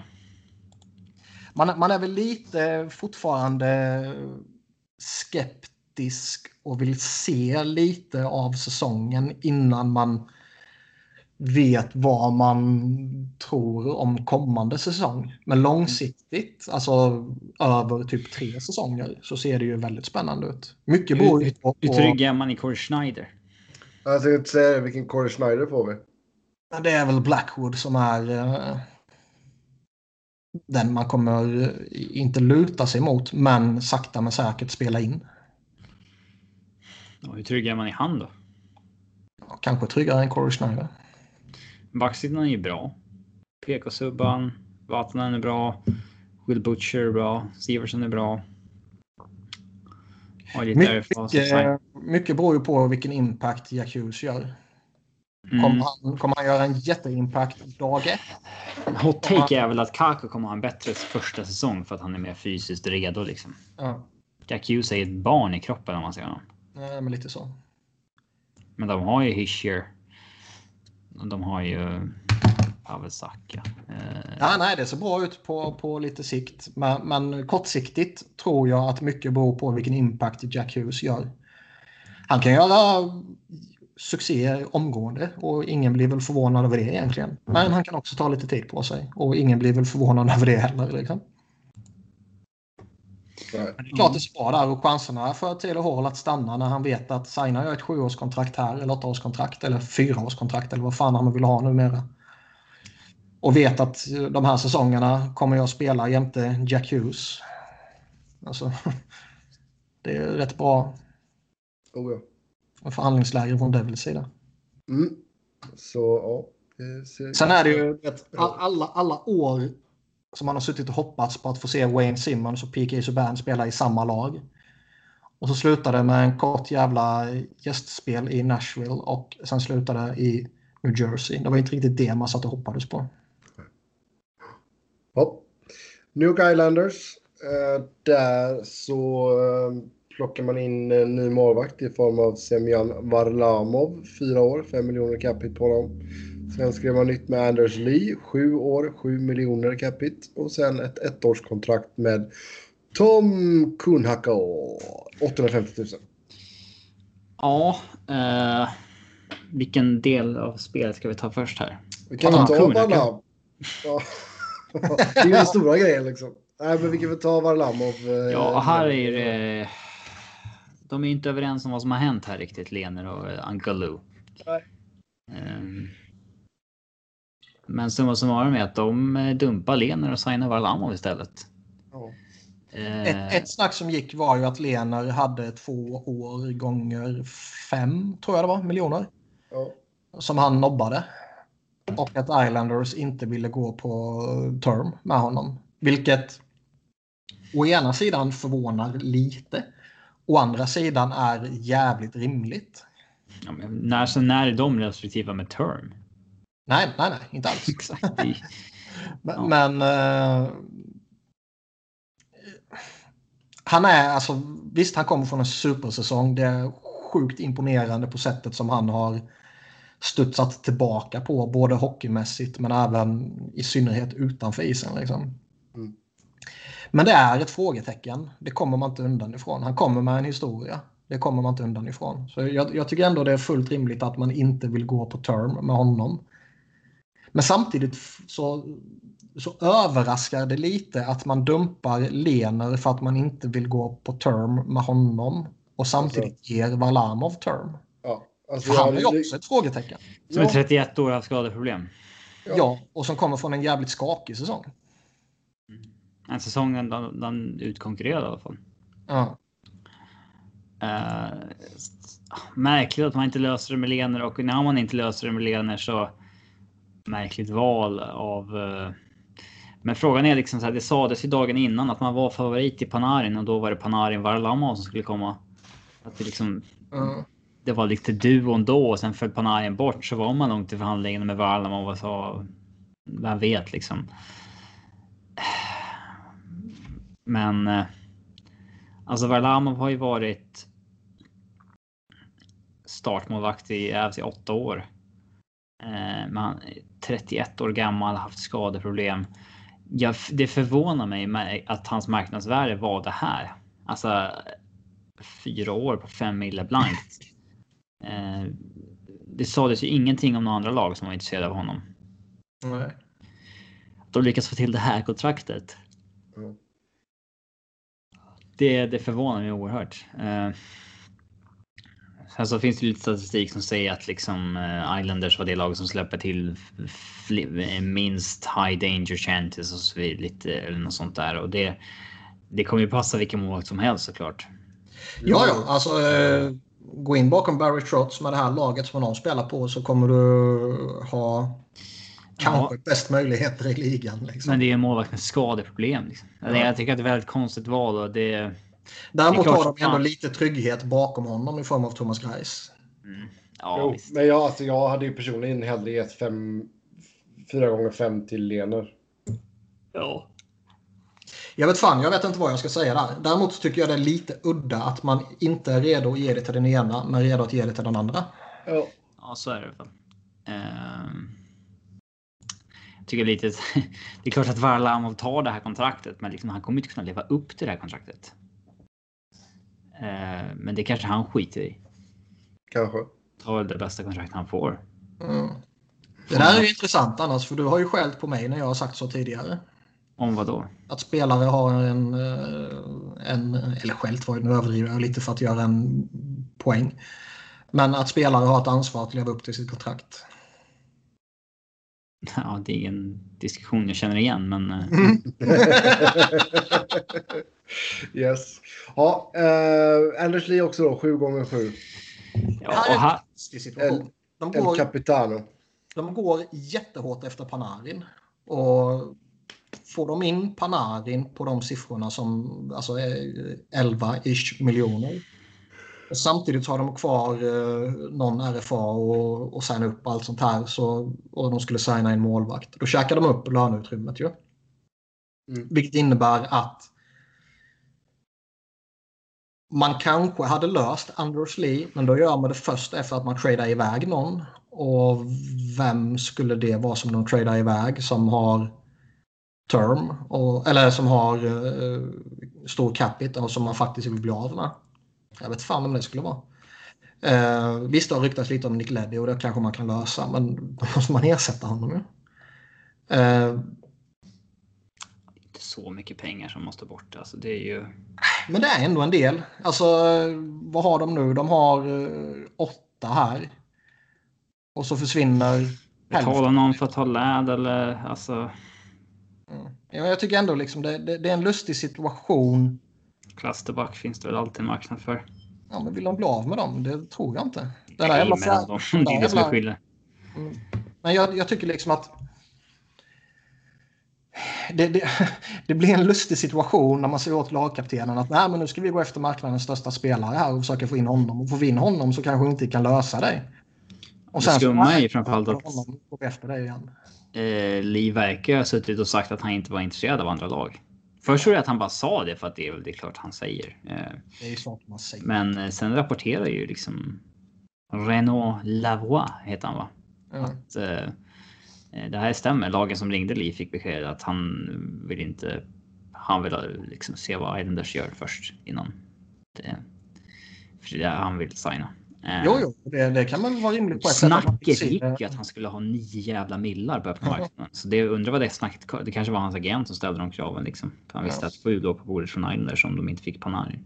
Men samtidigt så är det liksom om... När du går ut på marknaden, som man ändå gör när du har ett utgående kontrakt och är UFA, så är du på marknaden oavsett om du vill lyssna på andra lag eller inte. Men, men att gå ut på marknaden för att vilja se vad ditt befintliga lag gör med Panarin gör ju att du kan torska något så in i helvete om de lyckas få Panarin typ om det drar ut på tiden, att det blir bidding war och, det är klart typ 3 juli. Liksom. Och hastigt och lustigt så har marknaden, liksom, de som bommade Panarin har gått efter andra spelare och helt plötsligt finns det inga utrymme för dig på, på, på det kontraktet som du vill ha. Liksom. Ja. Det, det är ju, då är man ju grovt inkompetent. Antingen som spelare eller som agent eller både och. Man måste ju lyssna av och, och liksom, ja, jag är intresserad men jag vill se vad som händer här först och är jag intresserad så är det det här som gäller och bla bla bla. Man kan ju inte bara skita i det och, och vänta in Islanders. Kanske gå via agenten. Mm. Jo, Det var liksom, ja det är det här som gäller man ska signa men det är ingen mening att ni ringer och pratar med honom för han vill inte höra, höra med någon annan än Islanders. Liksom, Nej, nej, givetvis. personligen. Eh, Jag tycker, ändå, jag tycker ändå det blir lite... Jag tycker det är en lustig situation. Jag säger, sen är det inte konstigt att Islanders gör på det sättet. För jag menar, säga att det här är ett dåligt kontrakt också. Ja, ja. Det är en bra Jätterisk. spelare och sådär. Men, men jätte... 29-åring på sju år. Ja, ja. Om man redan sitter på Andrew Ladd och alltså. Men li, lite sådär eh, komisk situation. Jag säger inte att det är fel att han vänder tillbaka. Jag säger inte det är fel att Islanders, i alla fall kortsiktigt så då, i, i synnerhet, ta tillbaka honom. Men det är en komisk situation. Mm. Ja. Eh, någonting annat här. Ska man försöka signa Matthew Barzal nu? Så man är ju inte i ett bättre lag än man var i fjol. Det kan man ju inte säga. Nej. Det enda som har hänt är att de har bytt ut målvakten mot någon som troligtvis är sämre. Um... Man bör väl försöka få Barzal signad. Ja. Men alltså han... jag tror alltså unga spelare har ju slutat signa ett år i förtid. Absolut. De har ju lärt sig att det är ingen bra idé. Men, nej, nej, men det innebär ju inte att du inte ska försöka. Så nej, ge, oss offer, ge oss offersheet på Barzal nästa sommar då. Jag tänker att, ja, New York Rangers, där landar man den stora fisken. Från Ryssland, Artemi Panarin. Vad har man för fisk i Ryssland? Karp, kanske? Jag vet inte. Eh, sju år, 11,64 miljoner i capita. Alltså det är ju jävligt mycket. Han är en av de bäst betalda i ligan. Men. Han är en av de bästa spelarna i ligan. Han är en av de bästa spelarna i ligan och det var Dmitri Filipovic som häromdagen twittrade ut att Panarins League ranks since coming to the NHL. Points sjunde plats. Primary points åttonde plats. Five on five points femte plats. Five on five primary points fjärde plats. Då är det inte minsta orimligt att man är en av de bäst betalda. Nej. Sen eh, givetvis alltså bränner du 11,6 miljoner på en winger. Det är kanske inte så jävla självklart även om det är en av de bästa. Mm. Nej, men det är väl eh, alltså Islanders verkar ha erbjudit mer. Eh, Columbus kom ju in sent och erbjöd det åttonde året också. Ja. Eh, Colorado. Florida. Ska honom Ja, alltså. Adrian Dater har ju rapporterat om eh, Panarin och Evs på egen hand. På egen hand. Jag vet inte vad du säger om Daters status hos övriga reportrar liksom andra reportrar inte ens retweeta honom. Alltså re-reporta re det liksom. Utan mm. att säga att according to a dater. Så har. Och.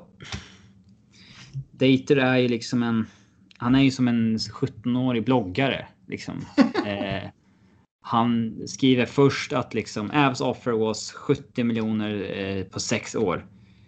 Och så började och Elliot Friedman sa att han hörde att Avs offer var högre. Eh, och sen kom han ut med en till rapport om att man var, man var villig att gå sju år.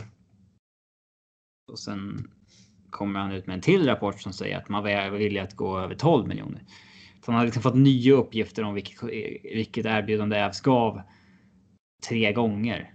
Eh, och ja, men det senaste han har skrivit är ju att eh, Cronky och träffade... Ja, fan vad jag hatar han. Eh, sonen dock den här gången. Josh Cronky. Ja, jag hatar han också. Han är också involverad i Arsenal. Eh, fan. Eh, att de träffades då i New York. Cronky och eh, Panarin. Lägga sin fokus på att köpa Wilfred Zaha istället. Och det, det som det som faktiskt eh, ja, vi kan ju komma till det med Colorado kanske, men. Det, de verkar ha varit med i alla fall. Ja, ja. Eh. Yes. Vi har fått in uh, lyssnarfrågor här. Uh, folk säger att Henke kan börja drömma igen nu efter Panarin kommit in. Men jag tycker att de saknar en vettig center utöver Zibanejad. Bör de gå efter någon och vem i så fall? Alltså jag gillar ju Zibanejad. Det skulle du inte gjort om han skulle varit AIK eller? Han spelade ju AIK innan Djurgården. Uh, han det? visste jag inte. Ja. Men han är ju... Jag kommer ihåg att han... Eh, ja, jag typ gillar de ser jag nu. Ja, men så här, jag kommer ihåg att folk så här, du vet, klickade in på hans Facebook och så gillade han AIK-grupper och sånt där från tidigare. Och så, här, så fick han massa skit för det och så här, ja. Det ska man ha. Eh, ska och så var det någon som såg att hans mail hette så här typ Gnaget 93 eller någonting. eh, så här, ja. Men nu går han ju på Djurgården fotbollsmatcher, Djurgården hockeysmatcher. Så han, ja. han bytte väl någonstans där när han var 15 antar jag.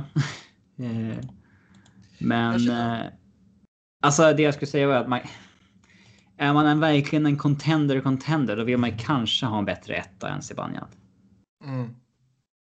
Jag känner väl i dagsläget så är man ju typ ett one-line team. Vilket väl blir typ Panarin, Zibanejad och blir det Kakko? Kanske. Och visst, Chris Kreider är bra, men alltså...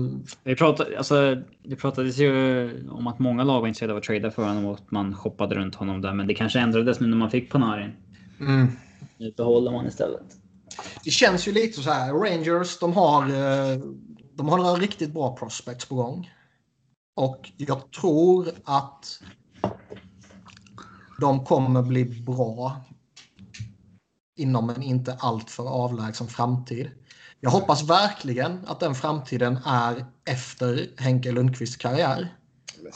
För att inte han får någon jävla revival. För att han plötsligt råkar spela bakom ett bra lag igen. Uh, man vill se han gå igenom en karriär utan att vinna. Nej, alltså sluta nu. Nu hoppas jag att han vinner och att han tar av sig tröjan och så står det bara Fuck you Niklas. Ja, för han, gör han det så blir jag glad över att han eh, fokuserar sitt hat på mig. Men jag är lite frågande till kommande säsong. Det är ju lite, lite samma New Jersey-vibbar. Att man behöver ju se vilken impact som inte bara Kakko gör utan flera av deras andra spelare gör också. Jo. Jo, alltså det är många mm. ungdomar. Det är många som behöver ta kliv framåt i utvecklingen. Men Nej, det... men lite så. Och gör de det, då tror jag att ja, de kan mm. absolut vara ett slutspelslag. Men jag tror framförallt det är på sikt som Rangers kommer att vara bra. Ja, lyssna fråga nummer två här då. Rangers har nu fyra hyggliga högerfattade backar. Eh, de två nya gubbarna i Truba och Fox. Och två som var där tidigare i D'Angelo och Chattenkirk. Bör man trada någon av de två sistnämnda? Ja, uh, D'Angelo har man väl inte riktigt utrymme att satsa på nu va? Med Adam Fox och Truba. Framför och fast med Chattenkirk också. Uh, alltså, alltså Chattenkirk från det vi har liksom kunnat läsa oss till så har man ju varit villiga att behålla 50% på honom. Och jag kan inte begripa att det inte finns en köpare. Fortfarande ingen som alltså, vill hugga. Mm, nej, det, Men alltså det, det, det, måste ju... ett utbyte eller någonting då. Ja, eller så kan du indikera på att det kanske ligger något annat skit i bakgrunden som inte är offentligt. Mm. Um, annars, jag håller med annars. Det, det, det borde fan gått att hitta någonting. Och de kommer förmodligen fortsätta och försöka hitta någonting. För de D'Angelo borde ju vara ganska intressant för en del klubbar som uh, vill vilja att chansa på en uh, högfattad back med hög uppsida. Absolut. Sen är det väl samma med Adam Fox också. Jag tror han kommer bli en bra NHL-spelare, men... Att de har hypat förut, de där college Ja, men, men liksom... Han kanske blir det först om ett år. Han kanske blir det efter ett halvt år i AHL. Han kanske blir det efter match 1. Alltså det är en av de här unga spelarna som liksom vars prestationer absolut avgör vad Rangers kommer vara kommande säsong. För även om man har Panarin och han fortsätter göra sina poäng och Zibanejad är en, en hygglig första center sådär. Liksom Chris Kreider kommer göra sitt. Och, men liksom, Ryan Strome är ju typ deras andra center. Ja. Så de, de är beroende av att de här unga spelarna, Elias Andersson och Philip Schüttil och, och sådana här som är bra prospects att, och ytterligare spelare då givetvis, att de tar, tar ett kliv för att de ska, ska utmana. För jag tror faktiskt inte att Jacob Truba och Panarin, även om det är två jävligt grymma värvningar, kommer eh, på egen hand lyfta det där laget. De behöver hjälp av kidsen. Mm. Men eh, vad... Eh, man har... Rangers är väl det laget man hoppas mest kan misslyckas i år. För att det är sån hype om att nu är de i slagläge igen. Efter Pittsburgh, absolut. Nej. Alltså i år, om du bara tar i år. Eh, så vore det speciellt om de skickar sitt första val eller någonting. Nej, jag... Eh, ja, Du hörde ju precis vad jag sa om Henke Lundqvist. Så jag är väl redo att hålla med dig så. Det är alltid kul om det går dåligt för den som liksom satsade mest på sommaren. Mm. Sen är det ju intressant det här med Panarin att dagen innan snackas det rätt mycket om att Islanders är favoriter. Mm. Och då är frågan, var, var det liksom någonting som äh, agenten läckte ut för att Rangers skulle göra den där sista pushen och ge honom en halv miljon eller en miljon extra per säsong? Mm. Som de inte gjorde och eh, Panarin struntade i det i slutet. Ja. Eller kanske de gjorde det. um, ja. det kan, sen är det också en, en, Det är ju faktiskt lite intressant att, att involvera NBA också.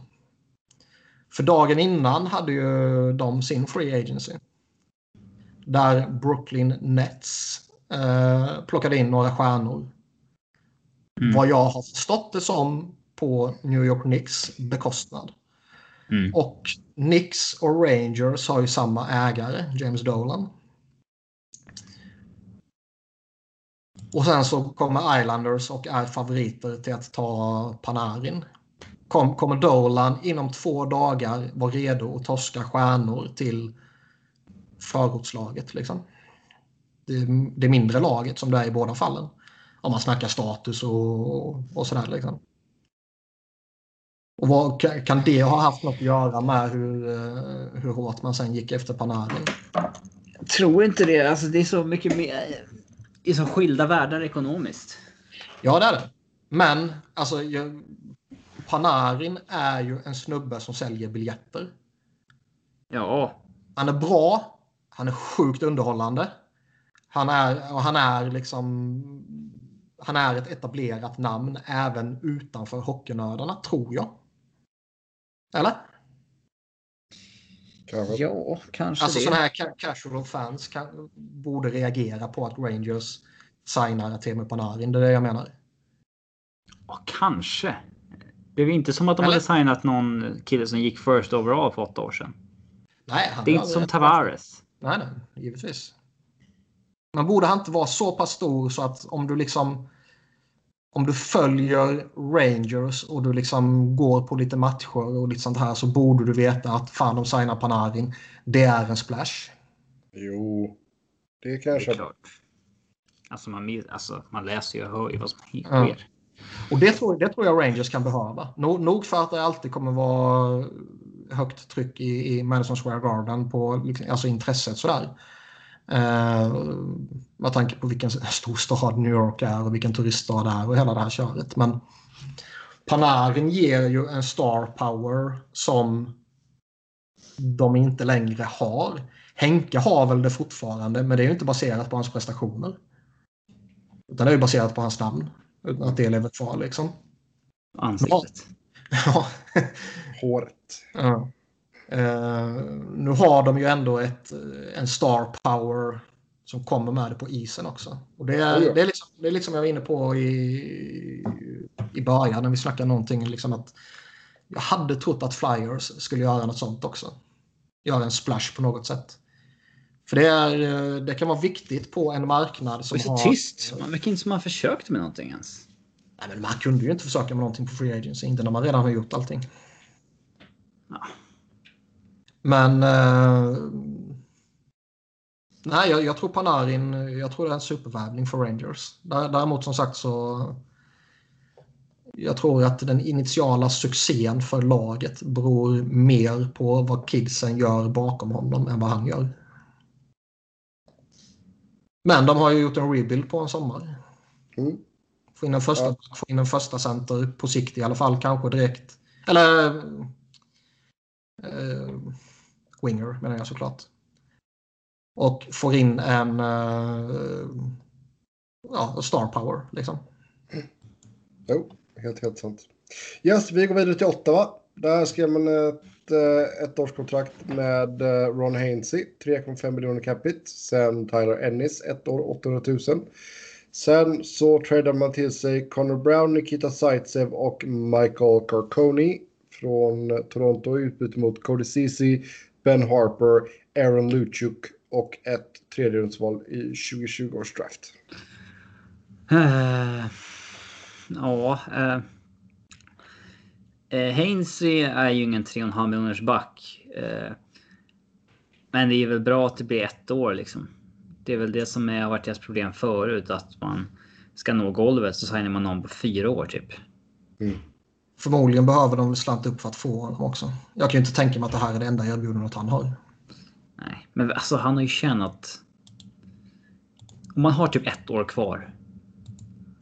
Och har dragit in... Ja, runt 40 miljoner dollar. Spela en miljon hit och dit någon roll vad du vill spendera din sista säsong. Det tycker inte jag, men man ser det ju hela tiden. Man ty alltså typ Jason Spetsa, man tycker ju att fler borde göra som han gör. Mm. Ta i princip League minimum efter att ha tjänat uh, shitload of money. Ottawa ville ju ha honom tillbaka. Men de erbjöd ju under League minimum. Så det blev inget. gick inte igenom. Uh, man är ju lite sådär liksom att okej, okay, någonting sites över Ron Haynes. Alltså inte den, den stora traden är ju svåranalyserad. Alltså i och med att det är så många komponenter i den. Ja. Man tänker liksom Science borde ju ha negativ value. Curtis har ju tydligen funnits intresse för trots att han är dålig. Så han har väl någon form av value. Um, Corner Brown är ju bra, men det är liksom Ottawa som adderar draftval och lite ja, randoms. Så ja, det, är, det är en konstig trade tycker jag. Den är svår att analysera. Ja, uh, Zaitsev tycker jag. Han är okej. Okay, liksom. Det är ju snarare kontraktet som är problematiskt. Det är väl mera att eh, Leafs betalar Connor Brown för att de ska ta Zaitsev. Det är väl det som känns. Det är ju så hela traden känns, eller? Jo, jo. Uh... CC hade väl inte det värdet som de hade trott. De har väl undersökt att trada honom under ja. Sen tror jag väl Brown tror jag snarare är bra i ett djupt lag som han har varit i, i Toronto. Han kommer hamna i en helt annan roll och miljö här. Och jag skulle bli lite förvånad om han inte tar ett steg tillbaka. Typ. Mm. Zaitsev och, och, och Haynes, liksom, man, blir, fan, man blir lite förvånad att det är de två man plockar in från Toronto-försvaret. Och sen tittar man på att det är DJ Smith som är coach där och alla coacher är dumma i huvudet och han kommer precis från att haft dem så han tycker väl att de är en tillgång. Liksom. Mm.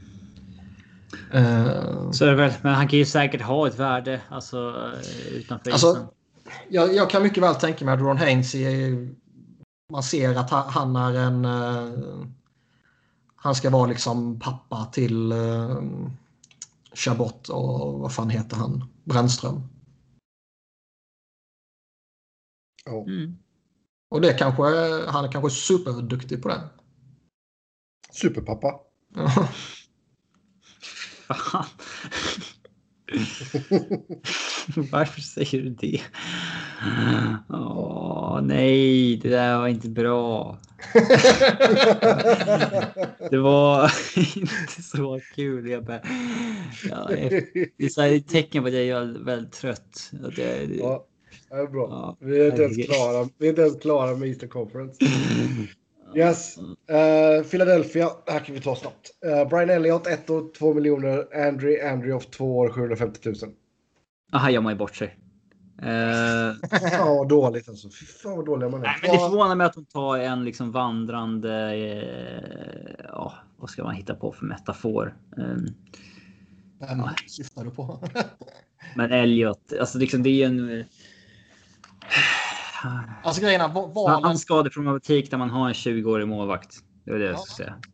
Att man inte tar en mera gedigen veteran. Liksom.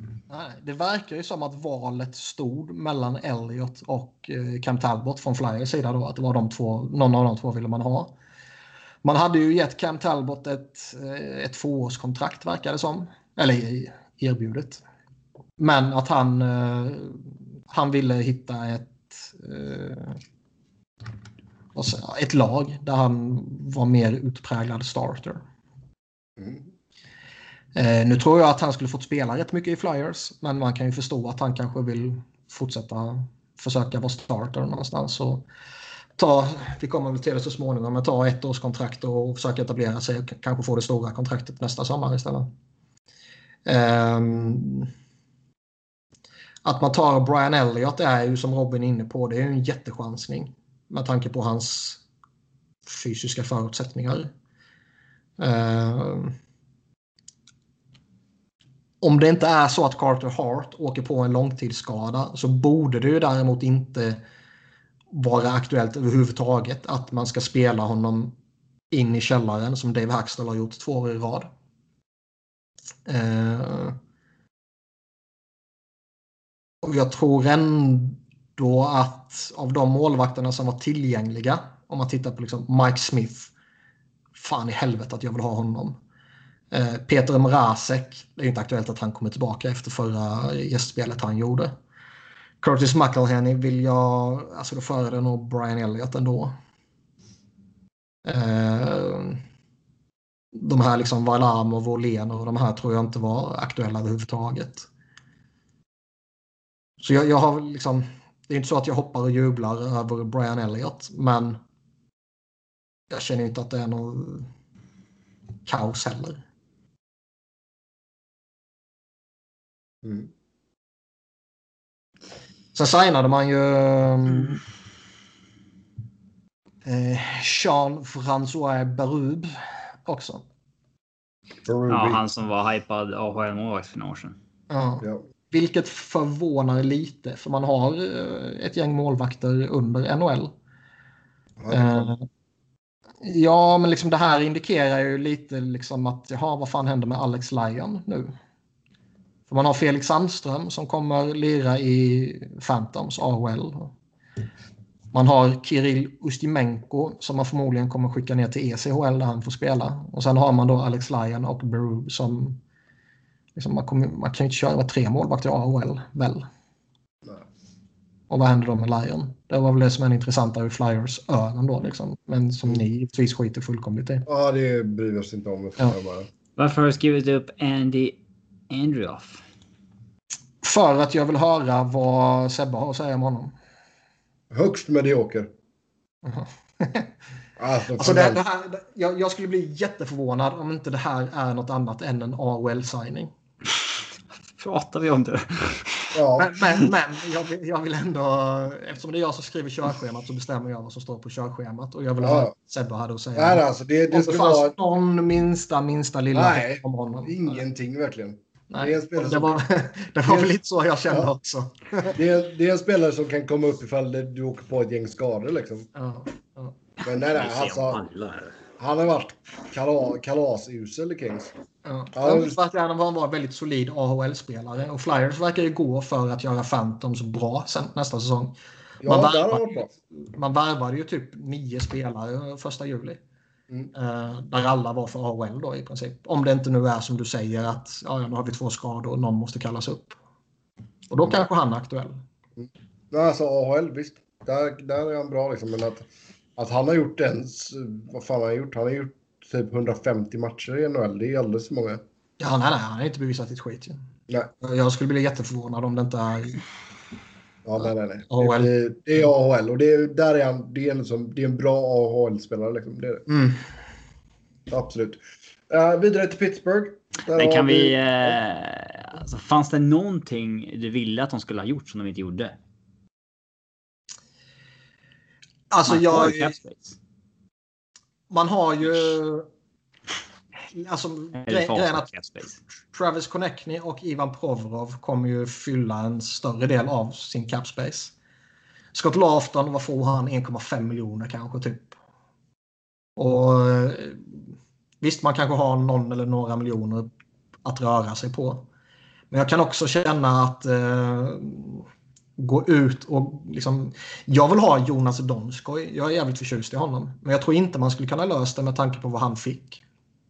Mm. Uh, eller, eller någon liknande sån där. Jag kan tänka mig att man... För Chuck Fletcher sa ju att man, man var inte ute och kollade någonting alls första juli. För man kände inte att det...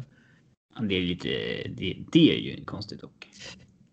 Det är konstigt, men jag kan tänka mig att man kanske typ, du vet, nu i det här skedet kollar av marknaden och försöker hitta någon som liksom trodde att han skulle kunna få ett jobb men inte riktigt fick det och kanske är redo att signa ett ett ettårskontrakt på en eh, överkomlig peng. Liksom. Mm. Vem det skulle vara, ja, jag vet inte fan, kan det vara liksom en Brian Boyle, kanske någon sådär Mikael Furland om det är liksom han bara märker att marknaden är jättekonstig. Och så lyckas man sälja in att ah, men kommer spela med Nolan Patrick och Oskar Lindblom. Så kanske det är, jag vet inte. Men något, alltså liksom, något, något sånt kan jag tänka mig. med Oskar Lindblom. Who? who? Ja, nu, nu, ehm, nu bara sa jag ett namn som bara ploppade upp och när jag sa namnet så kom jag på att det kanske var lite orealistiskt. Eller så säger han Oh, I get to play with Ogge. Okej, okay, I'm there. Exakt. Men jag kan tänka mig att man kan kolla läget med någon sån där som eh, liksom fan jag vill ha ett jobb, jag får nog ta det här erbjudandet och så får jag försöka få pengarna nästa sommar. Ett sånt läge kanske jag kan tänka mig. Att man... De har ju inget sånt där uppenbart att det finns en plats i topp 6. Du vet, platsen som, som finns är billigt, ju... men du får ett ja. bra läge. Den. Platsen som finns är ju högerforward i tredje kedjan. Ja, och det är med, som Nolan, med Nolan Patrick och antingen Lindblom eller JBR. Okay. um, men jag kan också se att man kanske låter det där hålet vara tomt fram till training camp och eh, se vad Morgan Frost och Joel Farabee och Isaac Ratcliffe och så här kan göra. Och skulle inte de vara redo så ja, trada till sig någon där då liksom. Mm. Vill ni höra mer om Flyers så lyssna på Flyerspodden. Uh, vi går vidare till Pittsburgh. Där så skrev man ett sexårskontrakt med Brandon Tanev. Med en cap hit på 3,5 miljoner. Um, det här är ett av de sämsta kontrakten. Detta efter att man då tradat bort Phil Kessel tillsammans med Dane Burks och ett fjärderumsval 2021 till Arizona i utbyte mot Alex Galchenyuk och Pierre-Olivier Joseph. Jag tycker ju att man får väl börja med Kessel-traden någonstans. För det är både det största och, och, och, och liksom, det lägger ju grunden för vad man gör sen.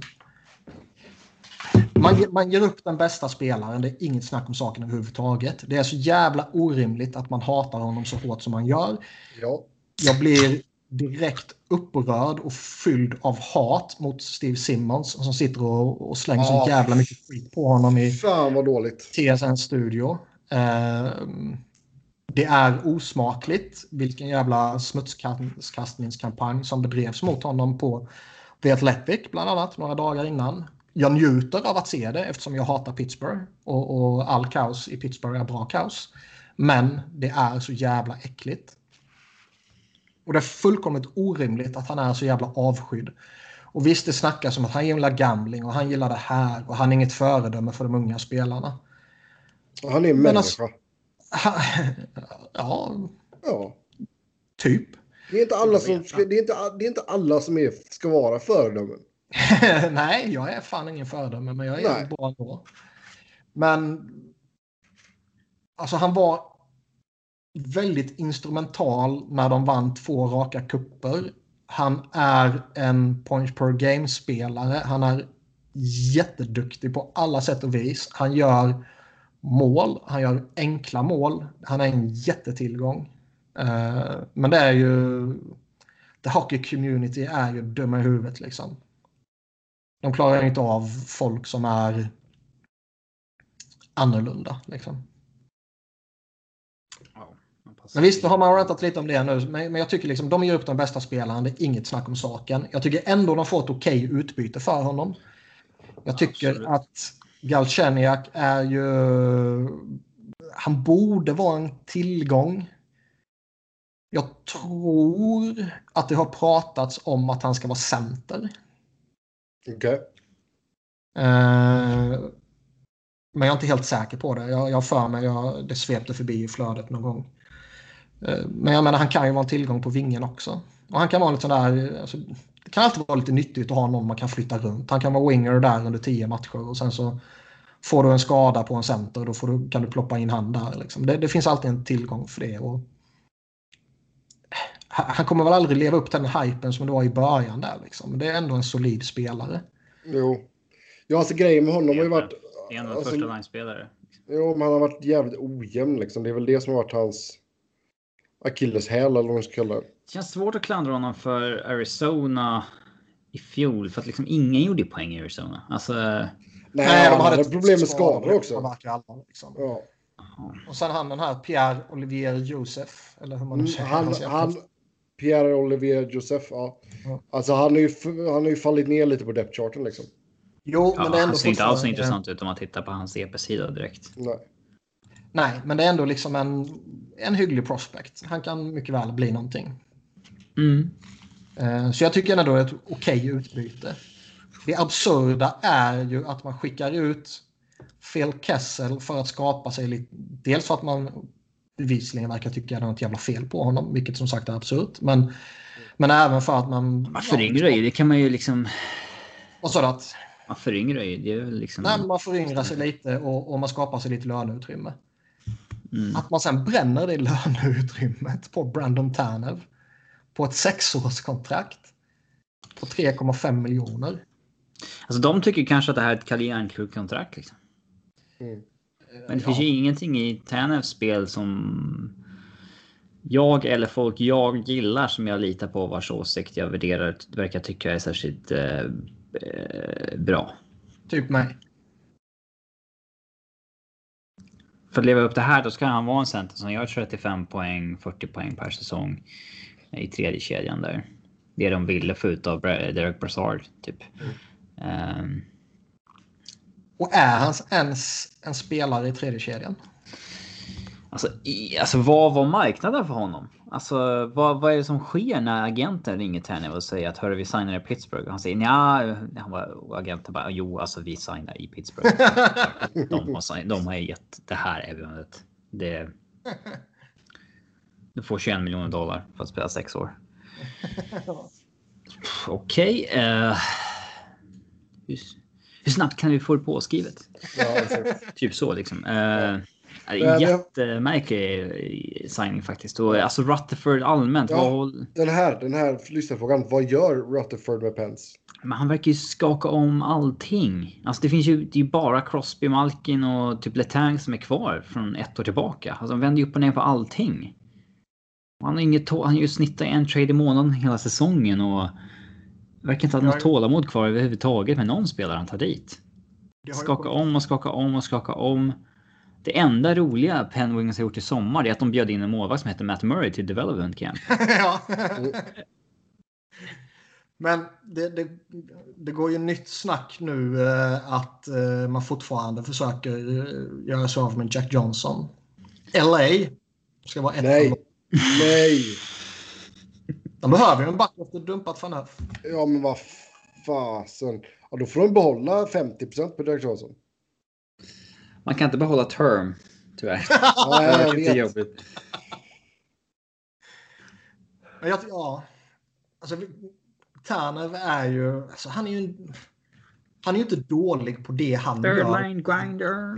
eh, roll sådär liksom. Men att dumpa iväg Phil Kessel på det sättet som man ändå gör under rätt uppmärksammade former för att skapa sig lite löneutrymme och sen bränna det löneutrymmet på, på Brandon Tanner på det här sättet. Det, fan vad det är konstigt.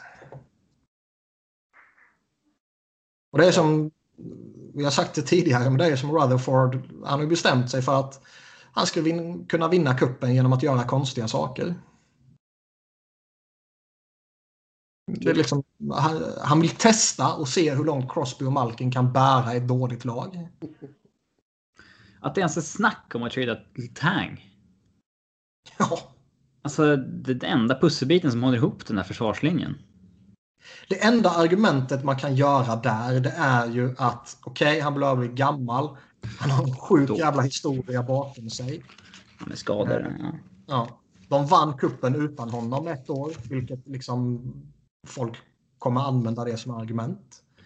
Ehm, och, och liksom man borde fortfarande kunna få något bra för honom. Det, det, det är väl liksom... Man kan ju typ argumentera för det. Jag, jag ser ju inte att det är en trade som man vinner. Nej. Ehm, och jag tycker absolut att Pittsburgh ska behålla honom för han är genuint riktigt bra. Men... Ja, nej, det... Alltså Crosby... Jag kan tycka att det är lite tråkigt om man... Alltså, titta hur länge Thornton och Marlowe liksom... Nu, var, nu stack ju Marlowe. Äh, för två år sedan, men liksom... Hur länge de ändå höll fast med dem och liksom var ett bra lag med dem. Mm. Att liksom Pittsburgh ska börja dala mot att vara ett dåligt lag. Långt innan Crosbys karriär är slut. Det tycker jag vore ganska trist liksom. Det är en spelare som spelar bra lag karriären ut. Eh, så det, jag tycker att det, det, det är liksom. De behandlar ju Crosbys Pittsburgh ovärdigt liksom. Ja. Eh, och det blir man invald i Hall of Fame för. Ja. Visst. Mm. Rutherford yes. alltså. Ja. Uh, vidare går vi. Tampa Bay, där skrev man ett ettårskontrakt med Luke Chen, 700 000. Och sen ett tvåårskontrakt med Curtis McElhinney, 1,3 miljoner. Att McElhinney får två år då, det är starkt ja. jobbat. Vi såg Ska smida ner lite varmt som en helt andra målvakt. Mm. Det är ändå lite att de får ersätta Strålman med Chen är inte så, alltså, det är inte så konstigt. De måste ju kapa lön på och de signar en back för ligminimum som ändå är ja, har han en NHL back. Liksom. Typ det, det är sjunde, åttonde back. Det är liksom, ja, ja. Uh, men i övrigt, de kunde inte göra så mycket. Alltså de är ju... Det enda de måste göra det är att hoppas att är, de inte får ett offer shit. På pointen ja. Mm. Vad mer, alltså vad kan de göra? De har ju liksom 7,2 miljoner i cap space nu. De ska signa paket Adam Ernie och Braden Point. De måste ju flytta mer lön. De har ju dock Callahan. Räknas han in där på cap friendly nu? Nej, du kan plocka bort 5,8 från de sju. Eh, ja, men alltså. Va? De har, de har sju plus Callahan. Menar du med plus Callahan? Att han ska ligga så att de egentligen har 1,8 eller vadå? Nej. Menar du tvärtom? Tvärtom. Men alltså, han är väl inte inräknad i projected cap space när han ligger på long term injury reserve? Jo, jag tror han är det. Mm. För han ligger bara på injury reserve. Om vi ser, de har 40 miljoner på forwards, 20 på backar. Där är det 60,5 och sen så ska de ha 6 miljoner på forwards. Det ska det vara 66,5 och det står projected cap hit 74. Ehm, så ja, om då måste han vara inräknad. Och sen har du Matt Karl också. Ja, det är det som får upp det till. Fortfarande känns som att det blir för mycket cap hit. Ehm, men ja. Så de eh, måste de fortfarande flytta lön då. Nej, det löste de väl nu när han hastigt och lustigt, mycket lämpligt, blev skadad. Och de... Eh, vem fan var det de skickade iväg? Miller. Miller var det, Mot ett bra utbyte. Första val från Canucks. Men det skulle bli intressant att på, ta, på tal om Aho och Offersheet och vad det kan göra på, på andra. Det känns ju som att Montreal gjorde ju alla en tjänst. De gjorde Carolina en tjänst och de får ett mycket rimligt kontrakt på honom. Visst, de skulle säkert vilja ha lite mer term och så vidare, men det pratade vi om tidigare. Eh, jag tror ju liksom att typ Toronto, Winnipeg, Tampa. Jag tror ju de är rätt glada att de la marknaden på 8,5. Om man nu får anta att liksom, marknaden la sig på 8,5 för diskussionens skull. Mm. Ja. Så Montreal förstör för alla. Ja, men de visar ju också att ja, det kör med ett offershit. Så här ska ni inte göra. Nej, exakt. Så då kan de ändå lära sig från det liksom. Ja. Så det är ganska lugnt. Uh, sista laget, uh, näst sista laget menar jag, i Eastern. Toronto, där händer det lite grejer. Jason Spetsa kommer in på ett ettårskontrakt, 700 000. Nick Shore får ett ettårskontrakt, 750 000.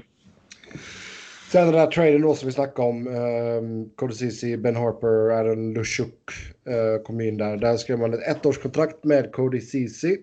Sen så gjorde man en annan trade med Colorado där man skickade Nazim, jagade avstängd i slutspelet Kadri, Kalle Rosén och tredjedelsval i 2020 års draft i utbyte mot Tyson Berry där Colorado håller 50% på hans cap hit.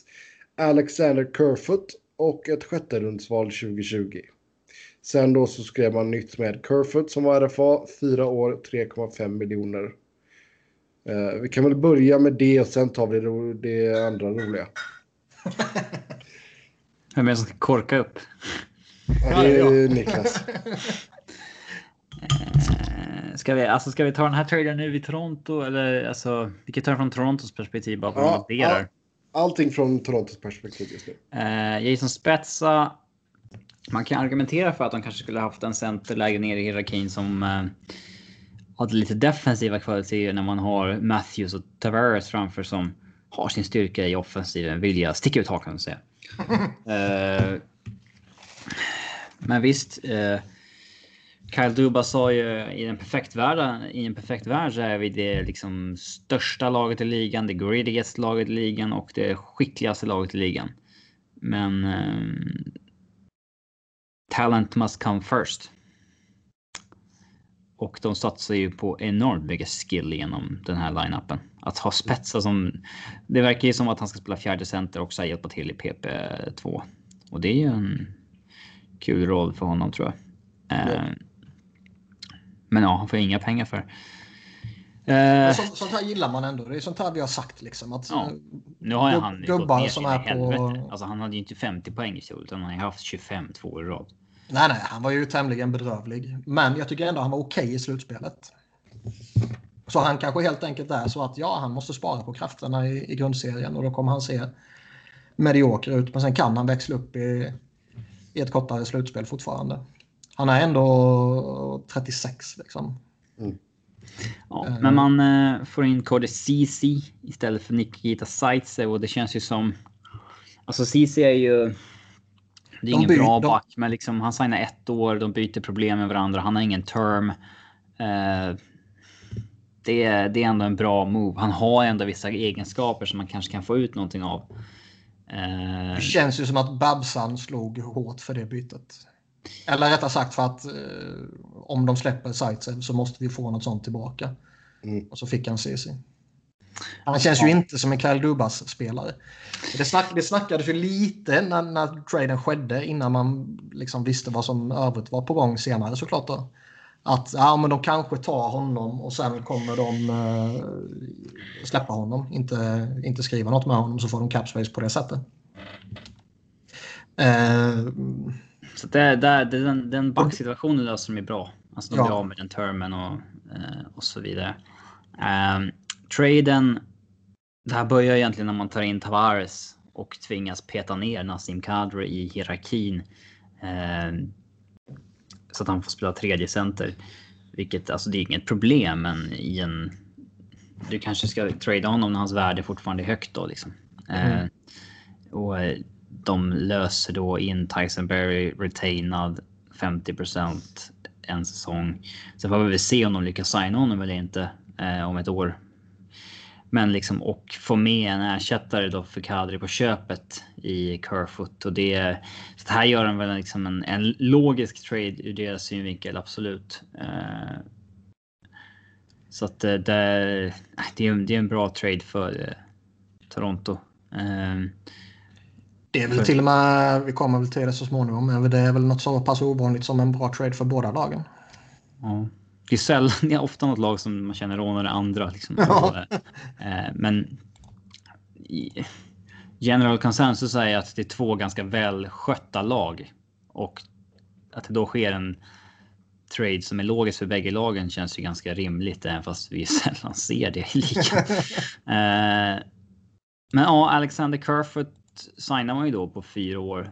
Eh, 3,5 miljoner. Det kan jag tycka är ett ganska det är nog ett ganska bra kontrakt. Eh, nackdelen med att skicka Kadri var ju att du blev av med ett av ligans förmodligen bästa kontrakt. Mm. När man är i en tuff cap situation. Eh, men det är en kille som Så det är så här att ögontestet säger inte samma sak som eh, the analytics på honom. Att det är ju... Eh, han är en ganska frustrerande spelare att kolla på. För att han... Han är inte fysisk. Han eh, letar ju alltid pass först i alla lägen. Passar bort chanser liksom och... Eh, han känns som en liksom... En Babcock-favorit. Han känns som en osmart spelare liksom som inte vad ska man säga? En middle six spelare som inte... Alltså en offensiv spelare som inte räcker till offensivt, typ. Eh, men jag vet att hans defensiva siffror är sjukt fina. Men det är absolut inget man kan tro om man ser honom spela. Eh, vissa sticker ju bara ut så liksom. Och då gör de ju någonting rätt uppenbarligen. Mm. Eh, men kan du få en 40 poängspelare på 3,5 miljon i fyra säsonger som är 24 bast som har bra defensiv då enligt siffrorna så är det. Det är ändå stabilt. Ja, ja absolut. Eh, sen vet han spelade mest winger i Äv så att vi får se om han då tar tredje tredje centerspotten bakom Tavares och Matthews och framför spetsa då, för då. Då lär väl han få ta de väldigt tuffa matchupsen i egen zon och det är inte något som jag tror kommer passa honom om jag ska vara ärlig. Eller så får han spela med jämte Matthews eller Tavares. Då kommer han ju göra bra med poäng tror jag. Mm. Ja. Sen eh, det roliga, Dave Hextall, ny assisterande coach. Ersätter DJ. Smith va då? Ja. Grattis till kuppen. Ja, det var det. Det är så jävla självklart. Det, här när liksom, det, det, fin, det finns ju två, också, liksom. det finns ju två scenarion som kommer ske med Toronto nästa säsong. Garanterat, utan undantag. Ett av de två scenarion. Antingen så kommer de göra sån jävla dundersuccé. De kommer springa igenom grundserien och de kommer vinna kuppen så det bara sjunger om det.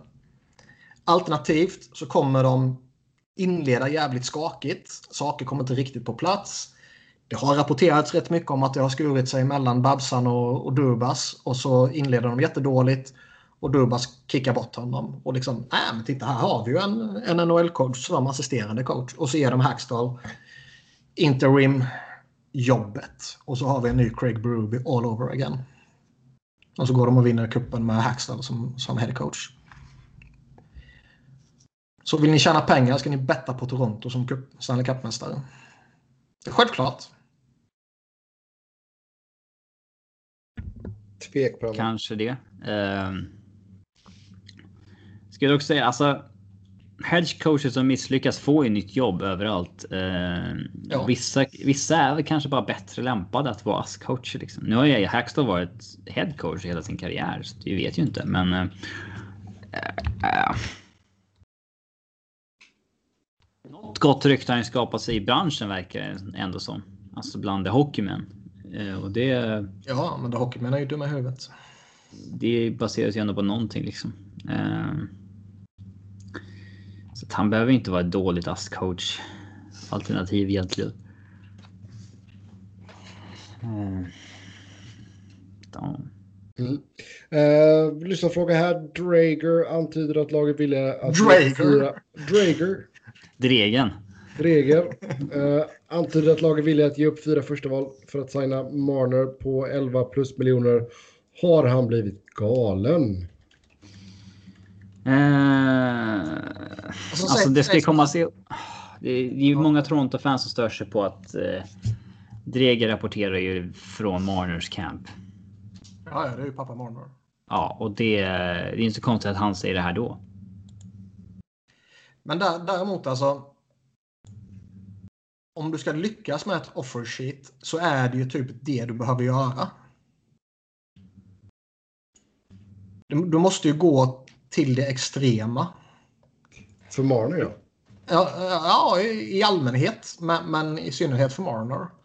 För du, du, kommer ju liksom, du kommer inte kunna du kommer inte kunna lägga ut ett, ett kontrakt som är frontloaded och, och få Toronto till liksom, oj, det här har vi inte råd med.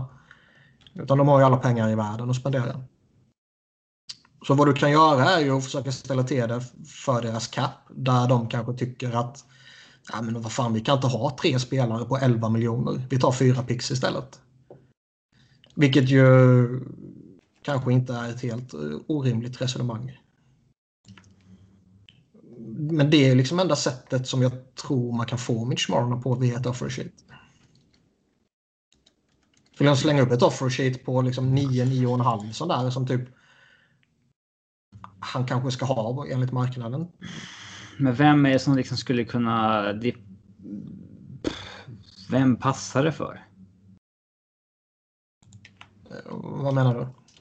Vem är det logiskt?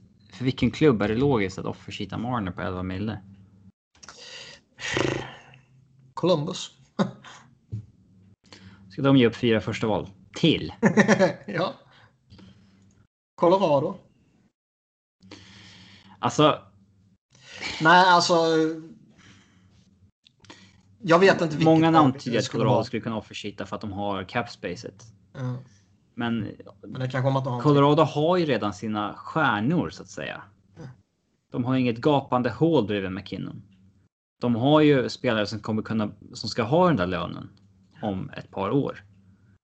Så det. Jag Nej, jag, inte vet, riktigt jag logiken. Inte, jag vet inte vilket lag det skulle vara, men om man bara tittar på det ur Torontos perspektiv så tror jag att det är sättet som man kan få Toronto till att släppa honom. Sen om den möjligheten finns i ligan. Jag vet inte fan alltså. Ehm, men alltså, man måste ju... Det måste till något extremt för att lyckas med offer sheets i, i, i allmänhet. Alltså, de har ju, vad var det, Dustin Penner 2007 eller vad fan det var som man lyckades. Philadelphia... Det var ju då inte en toppspelare utan det är liksom att man går... Ja, ja. Men Philadelphia lyckades nästan med Shea Weber. Och det var ju liksom, där gick man ju till extrema längder med det kontraktet. Och det är ju så man måste göra. Philly offersheetade ju Ryan Kessler en gång i tiden. Det kanske inte många lyssnare vet. Ja, vi sa det för en timme sedan så. Sa vi det? Ja, jag gjorde det. Så antingen har de dåligt minne. Eller så gör de som dig och inte lyssnar när jag pratar. Kanske var ni hämtar läsk. Eh, men ur Torontos perspektiv så tror jag man måste ta till extrema längder. Liksom. Och då är ju frågan om, om det är värt det också. Man ska breaka Matthews lön om man ska klara det. Ja. det ska... Um... Och jag tror i grund och botten att Marner inte vill därifrån. Det tror inte jag heller. Han är ju local boy och allt sånt där. Mm. Men han vill ha pengar som Matthews. Ja. Eller hans pappa vill det i alla fall. och vad är grabben egentligen värd? Det är... Man läser ju lite här och där att liksom marknaden säger att han ska ha 9, 9,5 något sånt där. Och... Han har en säsong på 94 poäng. Ja. Säsongen innan det 69 poäng. 61 innan det. Jag vet fan alltså. Jag kan ju förstå att han pekar mot Matthews och Tavares och säger att pröjsar ni de pengarna för de här två så ska ni pröjsa de pengarna för mig också. Eh, mm. Och att man sen landar strax under det i en förhandling typ. Det kan jag absolut se. Alltså, som, som liksom en rimlig förhandling om man säger så. Det verkar ju som att eh, Marnie vill ju ha Matthews pengar på fem år. Eh, Toronto vill ju ha termen då i så fall. Mm. Hmm. Eller så får man ju signa honom på ett tvåårskontrakt. Med argumentet att typ alla förväntar sig att kappen kommer öka om två år. För det snackas så mycket om att då, då går det amerikanska tv-avtalet ut och då kommer bla bla bla och så kommer pengar skjutas in och så kommer kappen öka och så här liksom. Och så får du betalt då istället. Uh, men visst, alltså det, det är ju alltid en chansning att, uh, att inte ta det stora kontraktet så att säga. Vi kommer väl till det så småningom, men uh, när vi pratar Dallas så kan man ju se vad en skada kan ställa till med. Och med tanke då på Valerin i Tursken. Mm. Han skulle nog gärna vilja sitta på ett eh, långtidskontrakt med tanke på vad som har hänt med hans karriär. Ja. Så man förstår ju att spelarna tar... Men jag tror inte att det är eh, realistiskt att någon offersheetar. Eh, Nej, jag tror inte det heller. Jag kan tänka mig att Monterol kanske liksom undersöker det. Alltså så här och tittar på vad. Kanske till och med slänger fram bud. Men jag tror inte han kommer. Alltså han vill inte hamna där. Nej. Han vill spela för Toronto. Mm. Han kanske kan. Alltså han skulle kanske sänka signet offersheet med något annat lag, men liksom inte Montreal då. Nej, det känns lite långsökt faktiskt. Mm.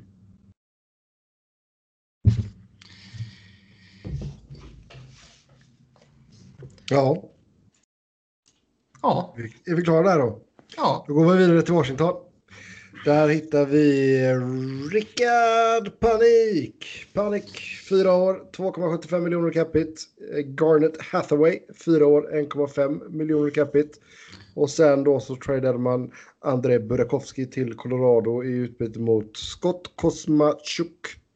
Ett andra rundsval 2020 och ett tredje rundsval 2020. Det absolut roligaste med hela jävla Free Agency var att se Craig Buttons passionerade hat mot Richard Panik. Jaså? Jag vet inte. Sa Ja, ni, var- kan, ni, ni kanske inte såg hela sändningen, men jag... Jag, är så, Ja, jag stängde satt- av ljudet efter en timme. Men Ja, nej, jag satt ju och kollade på den hela tiden från TSN där. Och jag vet inte hur många gånger det var, men det var liksom typ tre, fyra gånger. Där han totalsågar beslutet att släppa Connolly och signa Panik med tanke på skillnaderna på, alltså deras relativt små skillnader ändå på det kontraktet som de fick. de får en, en miljon billigare så jag kan ju tycka att det är ganska rimligt. Men om man tycker att Connolly är en mycket bättre spelare då kan man ju Mm. tycka det. Men jag tycker inte att det är någon... Alltså, Nej, jag håller med. Panik är nästan mer... Alltså, mera safe pick. Alltså på riktigt. Ja, nej, jag håller med dig. Men det var jävligt... Det var skoj och framförallt var det lite oväntat att se han bara ranta. Han är ändå en av de vettiga gamla gubbarna. Ja, ja. Han rantade som fan om det säkert tre, fyra gånger i den studion. Hur jävla korkat och fel det var. Ja. Mm. Sticker ut. Eh, Men jag tycker att Panik det är, det är en eh, bra signing, men man kanske inte ska. Man vill kanske inte ha term på alla depth-spelare. Alltså man Nej. har till Hathaway, Panik och Hagelin. Om man har Eller på fyra år också. Mm. Eh, att man signar Nick Dowd på tre år på 750k. Det är ju så här, ja men han så, kommer ju. så det är ju helt Ja. obetydligt. Man har ju då en, en spelare helt enkelt på tre år så att man. Ja.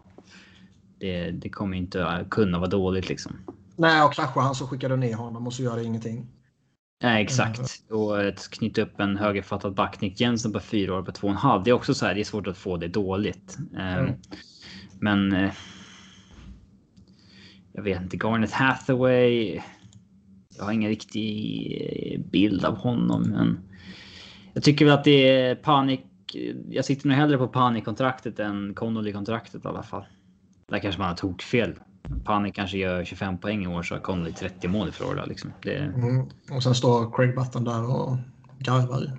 mm, hänger ut den i nästa sändning. Metaforiskt. eh...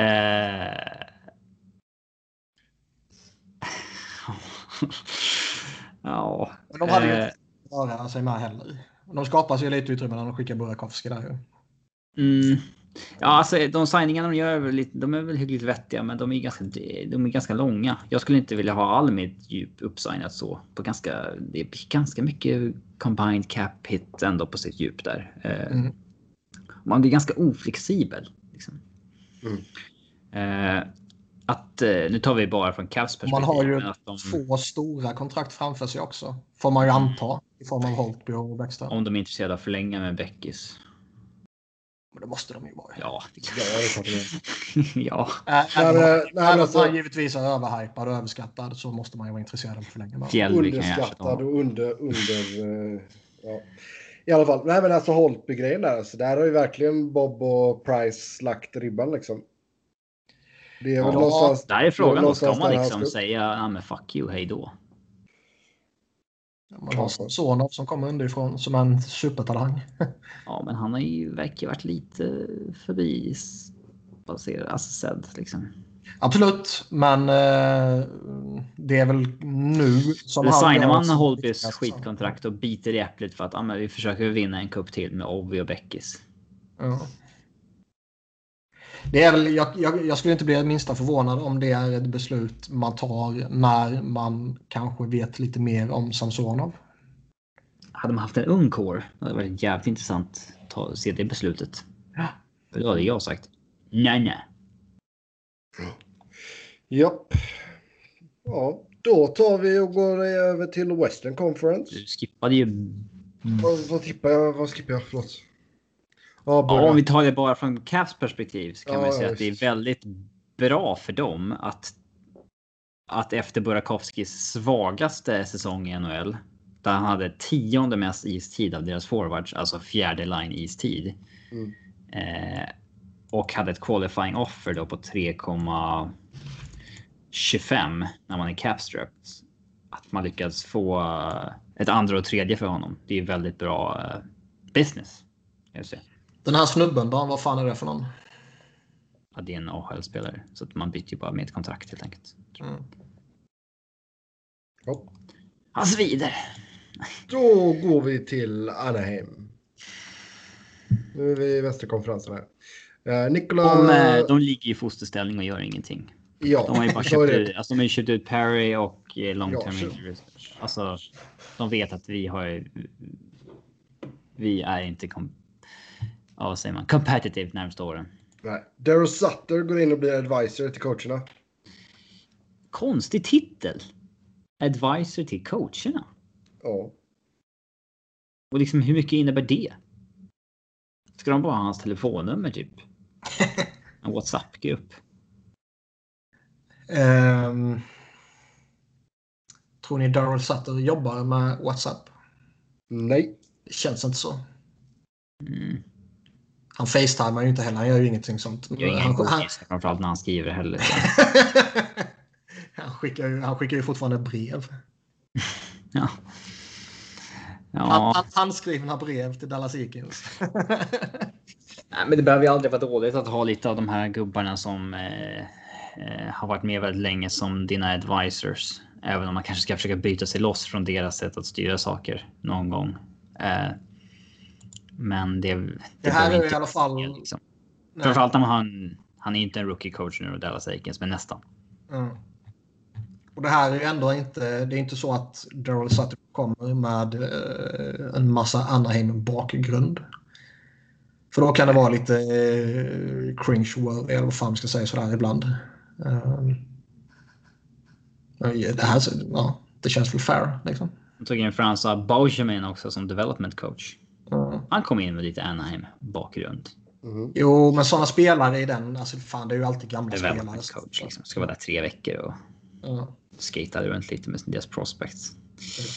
Uh, men... Uh, det finns mm. väl ingenting att säga om Anaheim överhuvudtaget. Nej, det känns väl rätt logiskt att de inte gör så mycket heller. Alltså, de... Uh, ja. Ja. Helt, helt sant. Helt, helt sant. Vi går till Arizona. Där så skrev man ett treårskontrakt med Larsson Kraus. Capita på 1,53 miljoner. Uh, ja, nöjd över att ha honom tre år till till en hyfsat billig peng. Kan användas lite vart som helst i line-upen. Uh, men sen självklart då den stora grejen är ju då Phil the Thrill Kessel.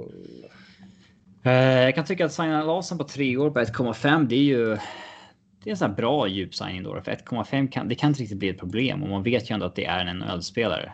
Ja.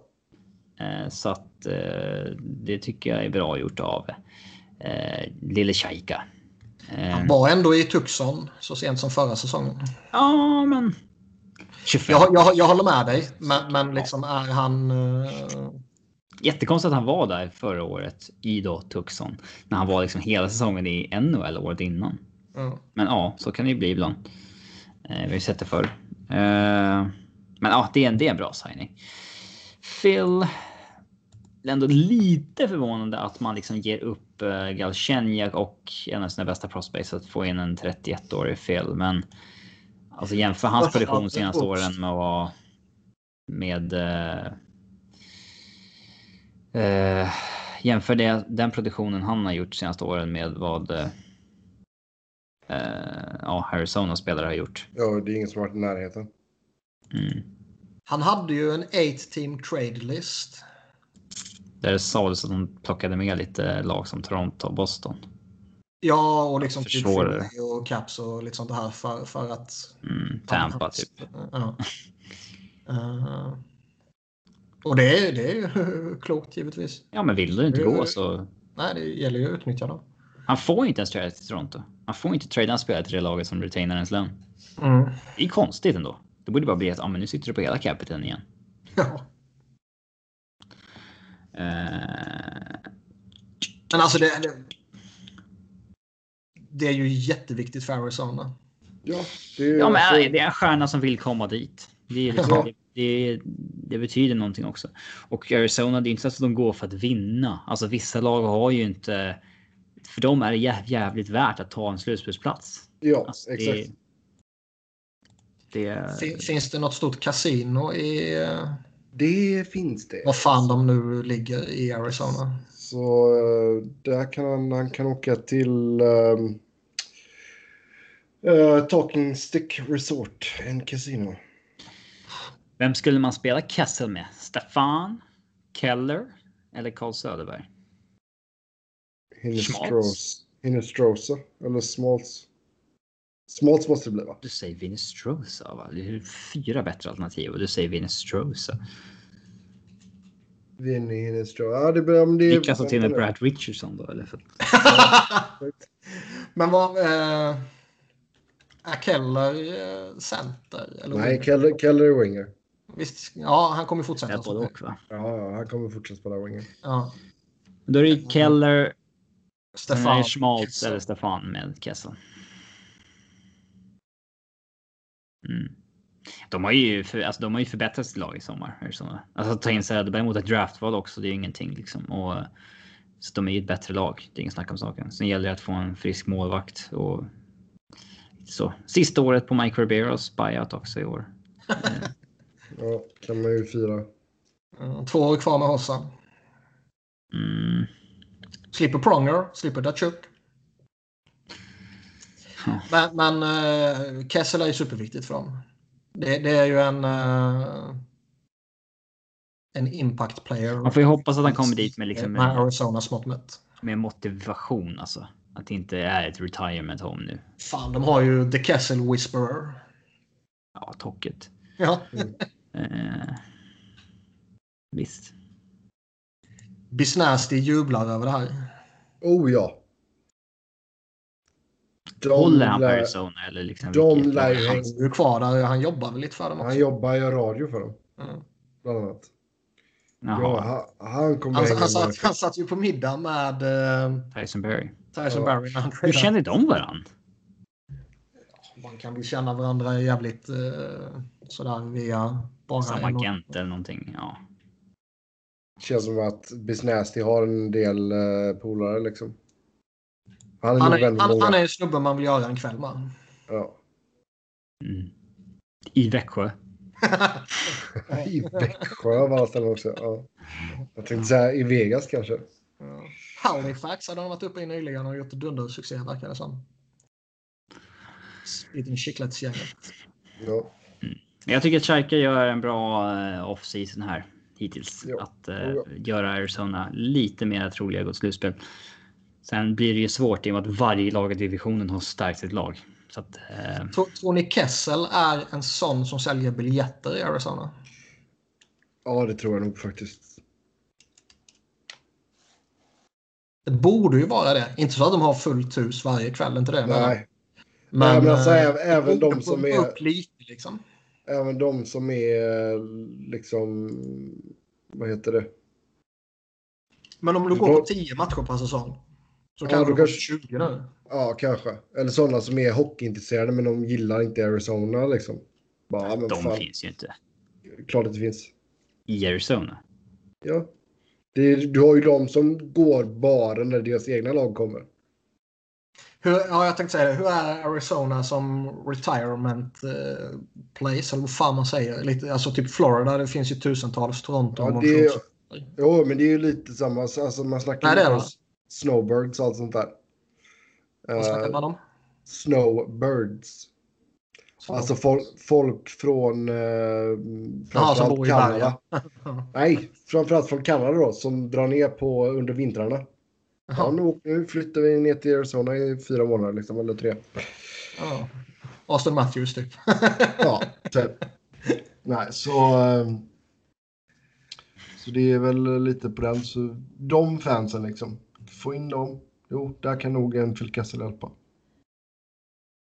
Och det är inte helt obetydligt för, för Arizona. Och det här känns lite som att visst, du kom in i ägargrupp nu. Kessel för Arizona är ju en stor splash. Ja.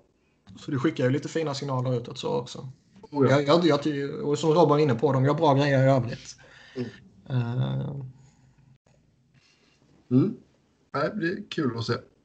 Calgary, där har man uh, tagit in Cam Talbot på ett ettårskontrakt. 2,75 miljoner är det värt.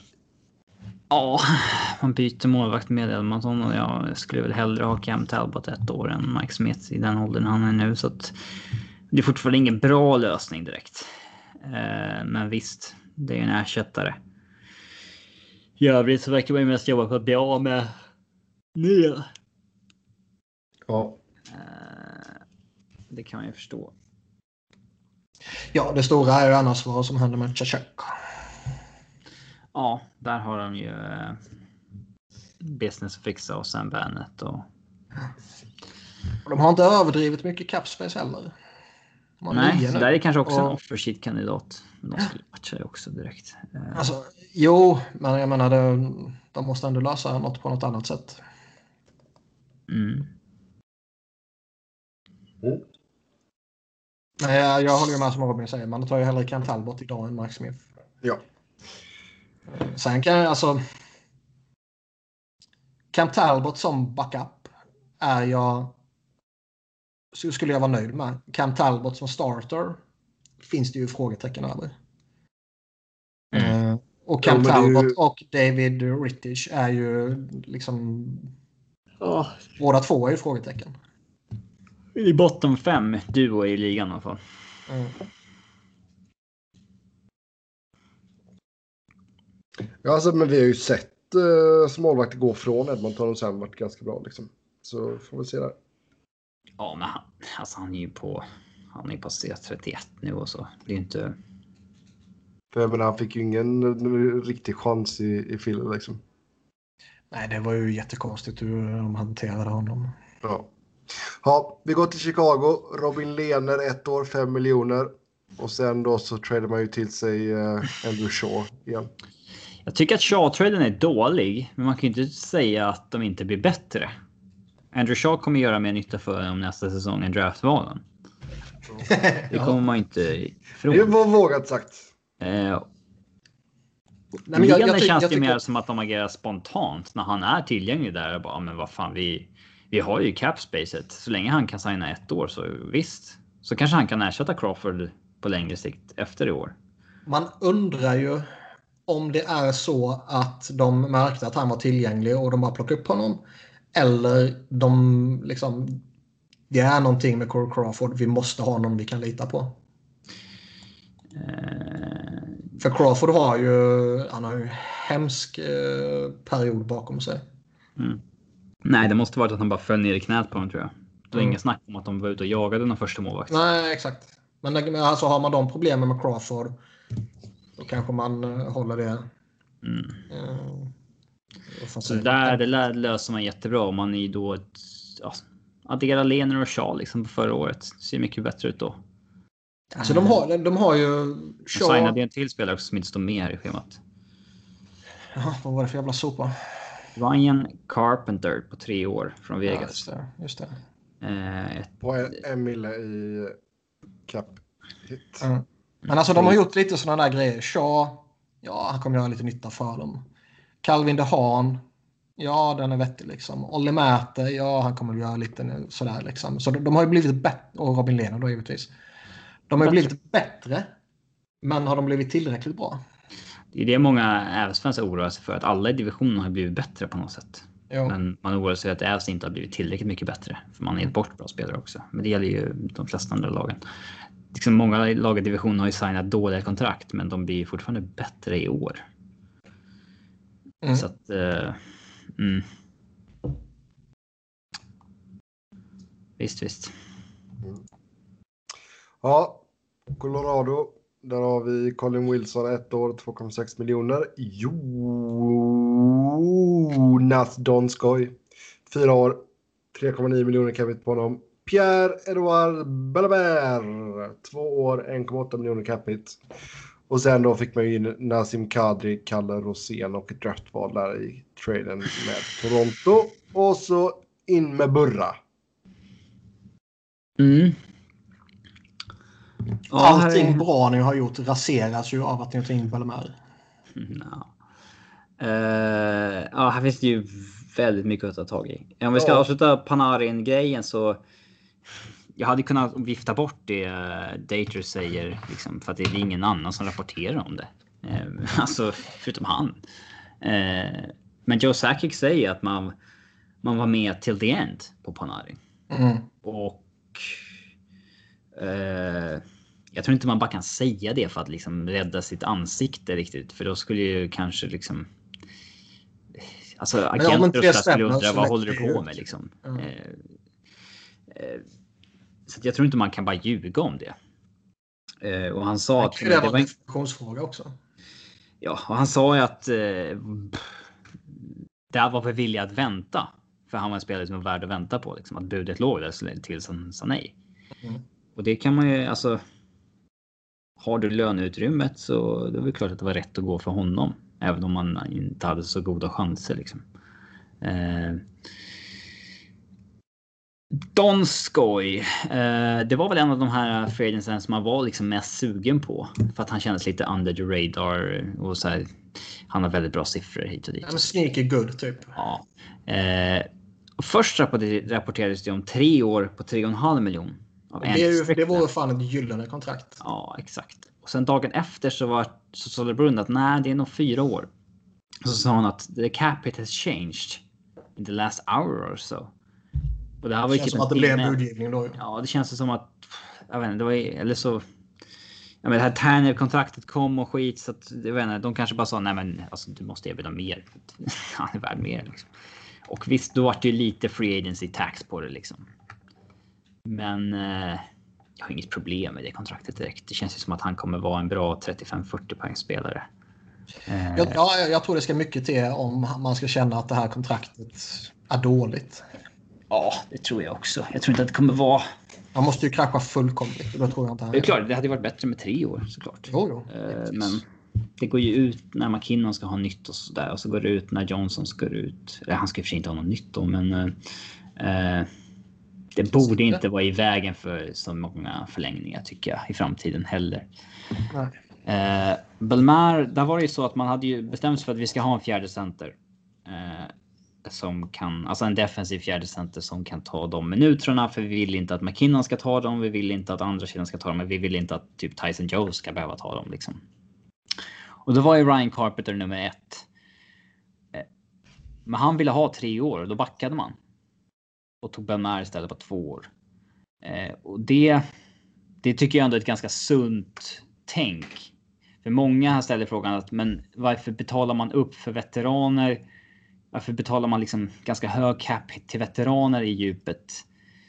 Eh, istället för att spela sina rookies och så vidare. Typ Kamenev som kom i Duchene-traden här nu, 22 år. Mm. Eh, men det är så här. De kommer ju få spela. Kamenev är liksom en av 14 forwards. Och Conor Wilson igår. Och man vill ändå inte sätta han i den där defensiva rollen. Nej, exakt. De, nej, exakt. Det vill, han passar inte där. Och eh, jag tycker väl att Belmar är ett okej okay, eh, val. Eh, Belmar är ju okej. Okay. Det, stor, det som är det problemet med honom är att han är en jättebra människa liksom och karaktär. det går ju inte att ha för coacher blir kära i det. Ja, exakt. Och det var det som var problemet i, i Flyers och som man har sett lite av i Vegas, men inte lika utpräglat. Eh, att coacher har en tendens till att falla för honom. Nu tror jag att Bednar, han verkar rätt vettig. Så han mm. kanske inte gör det. Ingen aning. Alla får ju sina favoriter på något sätt. Liksom. Ja. Uh... Liksom det, det, stora problemet i Flyers var ju... Egentligen var det ju paret Van der Velde Bellemare som var... Liksom, det gick inte att sära på dem av någon jävla anledning. Förutom om man skulle lyfta upp Van der Velde i första kedjan. Vilket de ju gjorde. Um, när, när han försvann från Van der Velde så var han ju OK. Sen användes han ju fortfarande för mycket enligt mitt tycke i Flyers. Jag tycker att han liksom, han fick stundtals lite för stor roll i, i Vegas också. Liksom. Om man kan begränsa rollen och, och liksom minuterna i, i stort sett så är han ändå okej okay för, för det han gör. Ja, alltså man ville ha en fjärde center Carpenter vill ha tre år, man sa nej, då tar vi en annan, tar vi två år. Belmari är äldre än honom, jag tycker ändå ett ganska sunt eh, tänk kring hela situationen. Och många, ja. väldigt många Avs-fans säger så här, men man går inte ut och betalar fjärde liner på free agency, liksom, utan de fostrar man själv. Ja, men det finns ju inte de som är redo att gå in. Då, folk vill ju slänga in Cam på dem, men de kan inte ta de minuterna riktigt. Och Nej, då får man ge McKinnon och Landeskog och alla de, de defensiva teckningarna istället. Ja. Och det vill man ju inte heller. Ja, och det är klart att nej, man ska inte gå ut och betala en jäkla Islanders fjärde kedja, men så länge man inte ger ut term, så varför inte använda sitt cap space till att, att, att förbättra sitt djup? Liksom, ja, och skulle, man skulle inte Bellamar funka första säsongen så är jag 100% övertygad om att man kan trada honom nästa sommar. Ja, jag, jag, ser inte något problem med att man använder sitt cap space liksom för att eh, förbättra sitt djup när man så länge man är restriktiv med term. Det verkar ju ja. varit det stora problemet på free agency att alla man verkar alltså man har ju länkats ihop med 10-12 olika free agents plus spelare som Kreider och Aho. Ja. Man har undersökt varenda möjlighet. Men man var inte villig att ge de här 5, 6, 7 åren som spelare ville ha. Och att man hade bestämt sig för en sak. Vi ska gå efter Donskoj. Sen har Panarin ett eh, öppen biljett liksom, om han vill såklart. Eh, mm. om vi skulle gå efter en fjärde center. Och sen skulle man ju ha en top 6 edition på free agency. Och man gillade inte kontrakten som delades ut. Man gillade inte det. Ja, men då gick man tillbaka till Colin Wilson och sa hej, vill du skriva på för ett år till? Och han sa ja. Och det tycker jag också är en ganska. Det är väldigt många Avs-fans då som har gnällt över att att man inte vågade gå för det liksom. Att man inte betalade Zuccarellos kontrakt eller så. Men Avs vill ju inte skriva ett kontrakt som går längre än McKinnons fyra år. För man tror att man kommer få ett cap-helvete då. Mm. Jag tycker det... Ja, det är sunt, må många, många säger så här att Avs fönster är nu, de här fyra McKinnon-åren. Men det är klart att man har prime-läge att vinna år 3-4 här kanske på McKinnons ja, fyraårskontrakt liksom nu. Mm. Men Avs har ju chansen att vara bra i 10-12 år. Alltså som Boston och San Jose har varit. Oh. Man har ju snittålder på backsidan på typ 22 nu liksom. Och så att jag, jag, jag tycker att det är smart tänkt. Och många är så här, ja men om Avs missar slutspel nu då så är det katastrof. Det är, jag känner liksom, nej alltså bra lag missar slutspel fan varje år. Skulle man falla ur slutspel i år som studsar man väl tillbaks nästa år liksom. Det är inte det är inte now or never liksom, den här säsongen. Man har en nydraftad Byram och rookie Makar. Liksom, det, det, det är inte sista chansen för Avs. Liksom. Nej, nej, jag håller med dig. Men hur, hur, ser du på att man släpper Barry utan att ersätta honom? Antingen i traden eller, för jag ser inte Rosén som en ersättare. Liksom. Eller via något annat sätt. Free agency eller separat trade eller whatever. Liksom, all, alla de här kidsen är ju jättelovande och jättehärliga och sexiga. Men det är ändå en etablerad, duktig offensiv back man tappar utan att ersätta. Ja, jag har ju sagt det att många säger så att McCarr kan gå in och göra det han gjorde. Men jag säger så att man ska inte underskatta att Tyson Berry har gjort typ 60 poäng fem säsonger i rad. Det är inte många backar som gör det. Alltså, det, det är en jävla skillnad när Eric Johnson står på blå eller Barry. Och då är inte Eric Johnson en solid jävla NHL-back liksom. Eh, Jack Johnson. nej, Eric Johnson. eh, så att nej, det är klart att man kommer sakna honom. Men jag, jag, tror, jag tror att det har ju mest med att Cale McCarr eh, anses vara redo. Att man fick ett positivt besked liksom under slutspelet där. Eh, sen tyder väl den här traden på att Bowen Byron kanske kommer gå rätt in i NHL. Framförallt med tanke på att Ian Cole är borta till december. Mm. Med eh, dubbel höftoperation. Bägge sidorna. den, den eh, vill man inte. Den vill man inte göra själv. Om ett, om ett annat så känns det ju garanterat som att man kommer testa Byron de här nio matcherna i alla fall. Ja, absolut. Det finns det ingen snack om.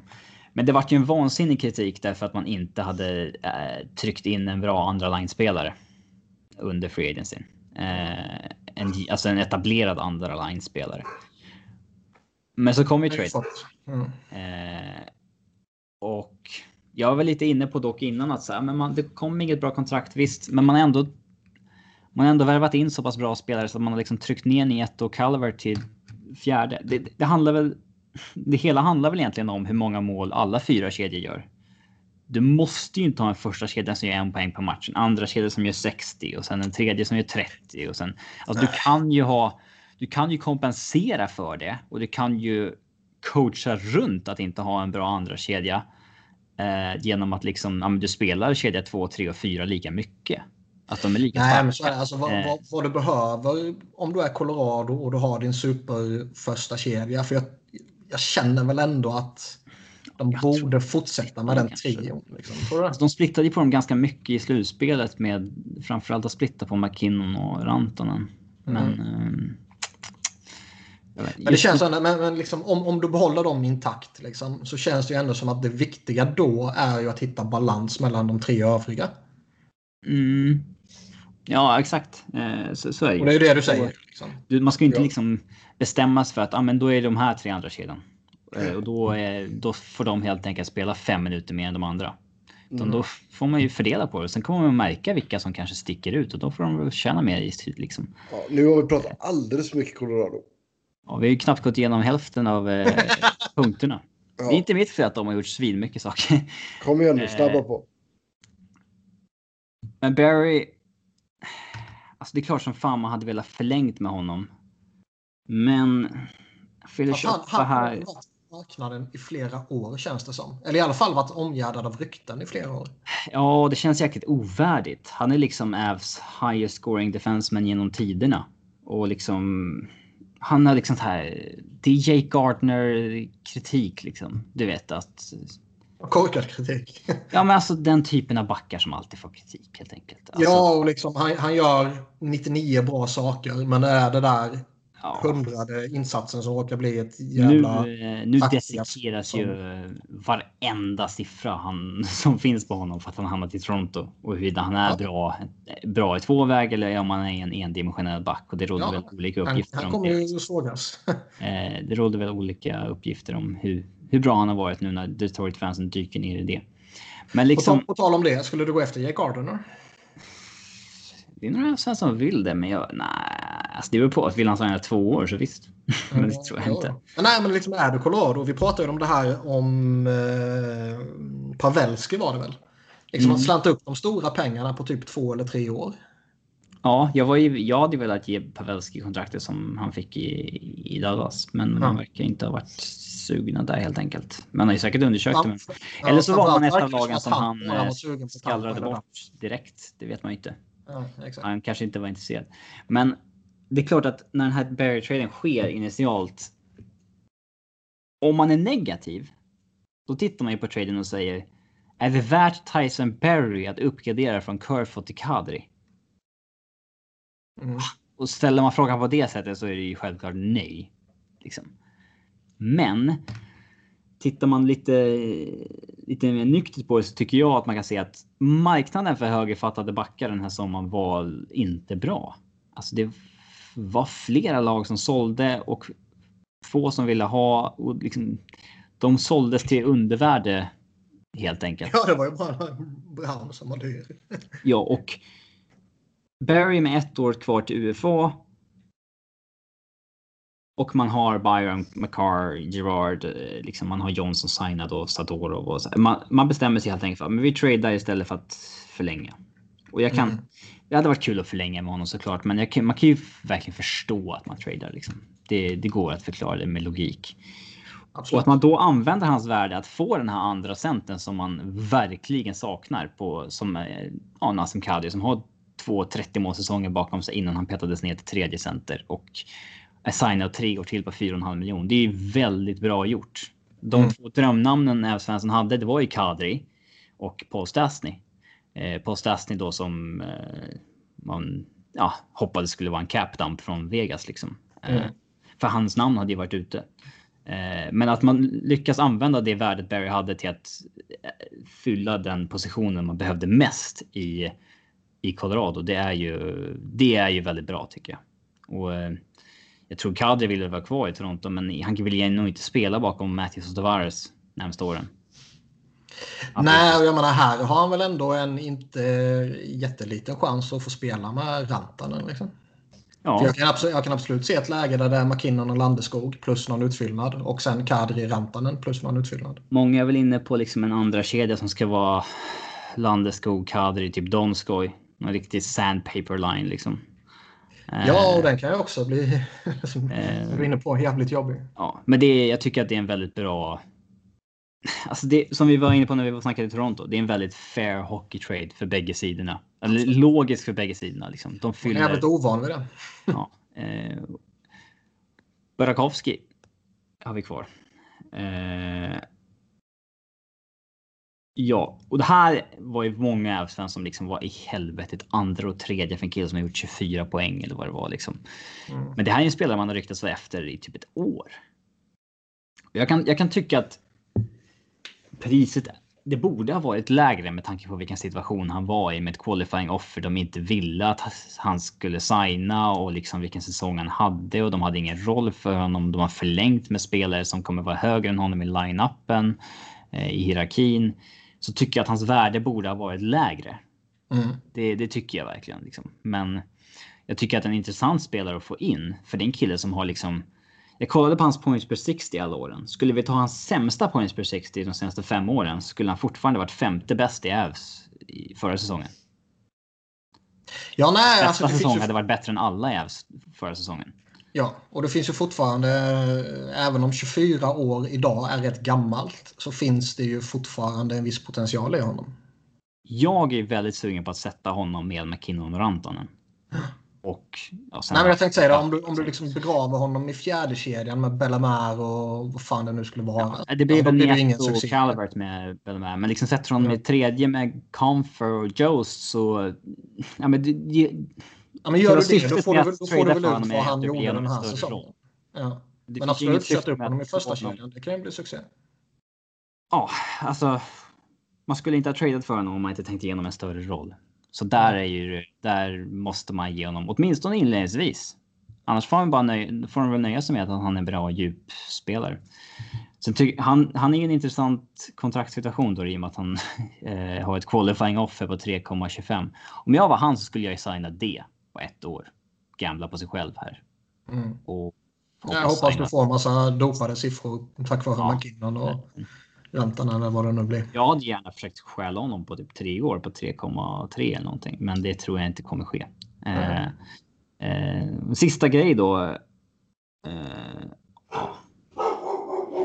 ja, två grejer. Målvaktssidan. Där är ju många som tycker att vad fan liksom. Det är Grubauer har aldrig varit starter i ligan. Pavel François har aldrig startat en NHL-match. Det är liksom. Nej, där gamblar man ju.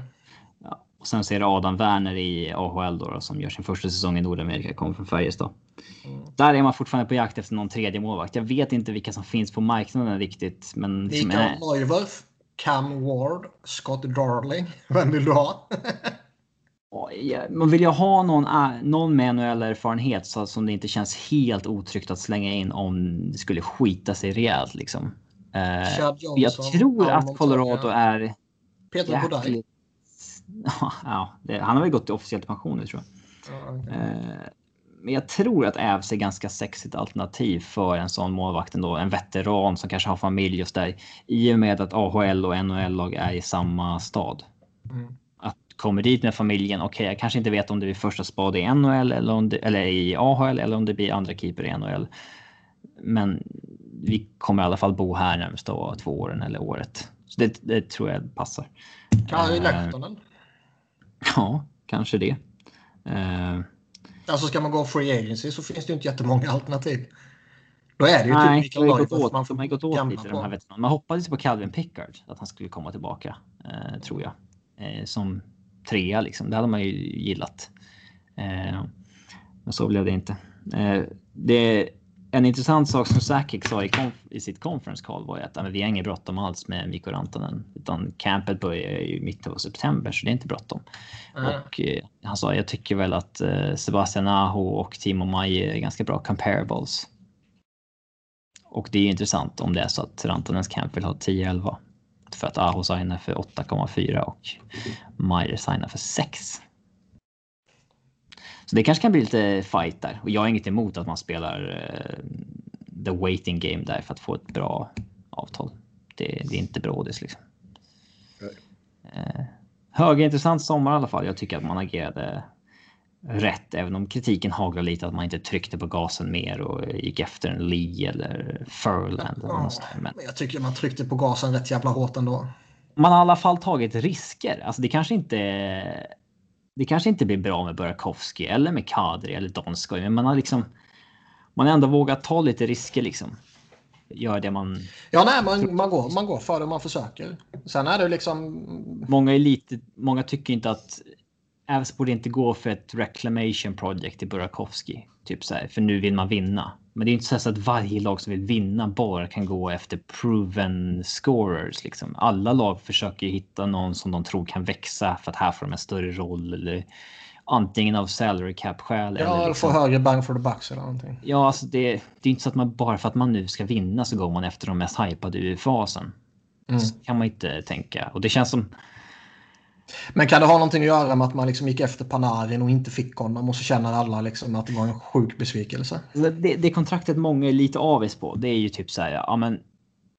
Det hade ändå varit nice att behålla andra tredje valet, skippa Burakovsky och signa Nyqvist på fyra år på 5,5. Mm. Eller om man behövde höja budet 5,75 eller 6. Det, det, kan man ju köpa. Det hade kanske känts tryggare.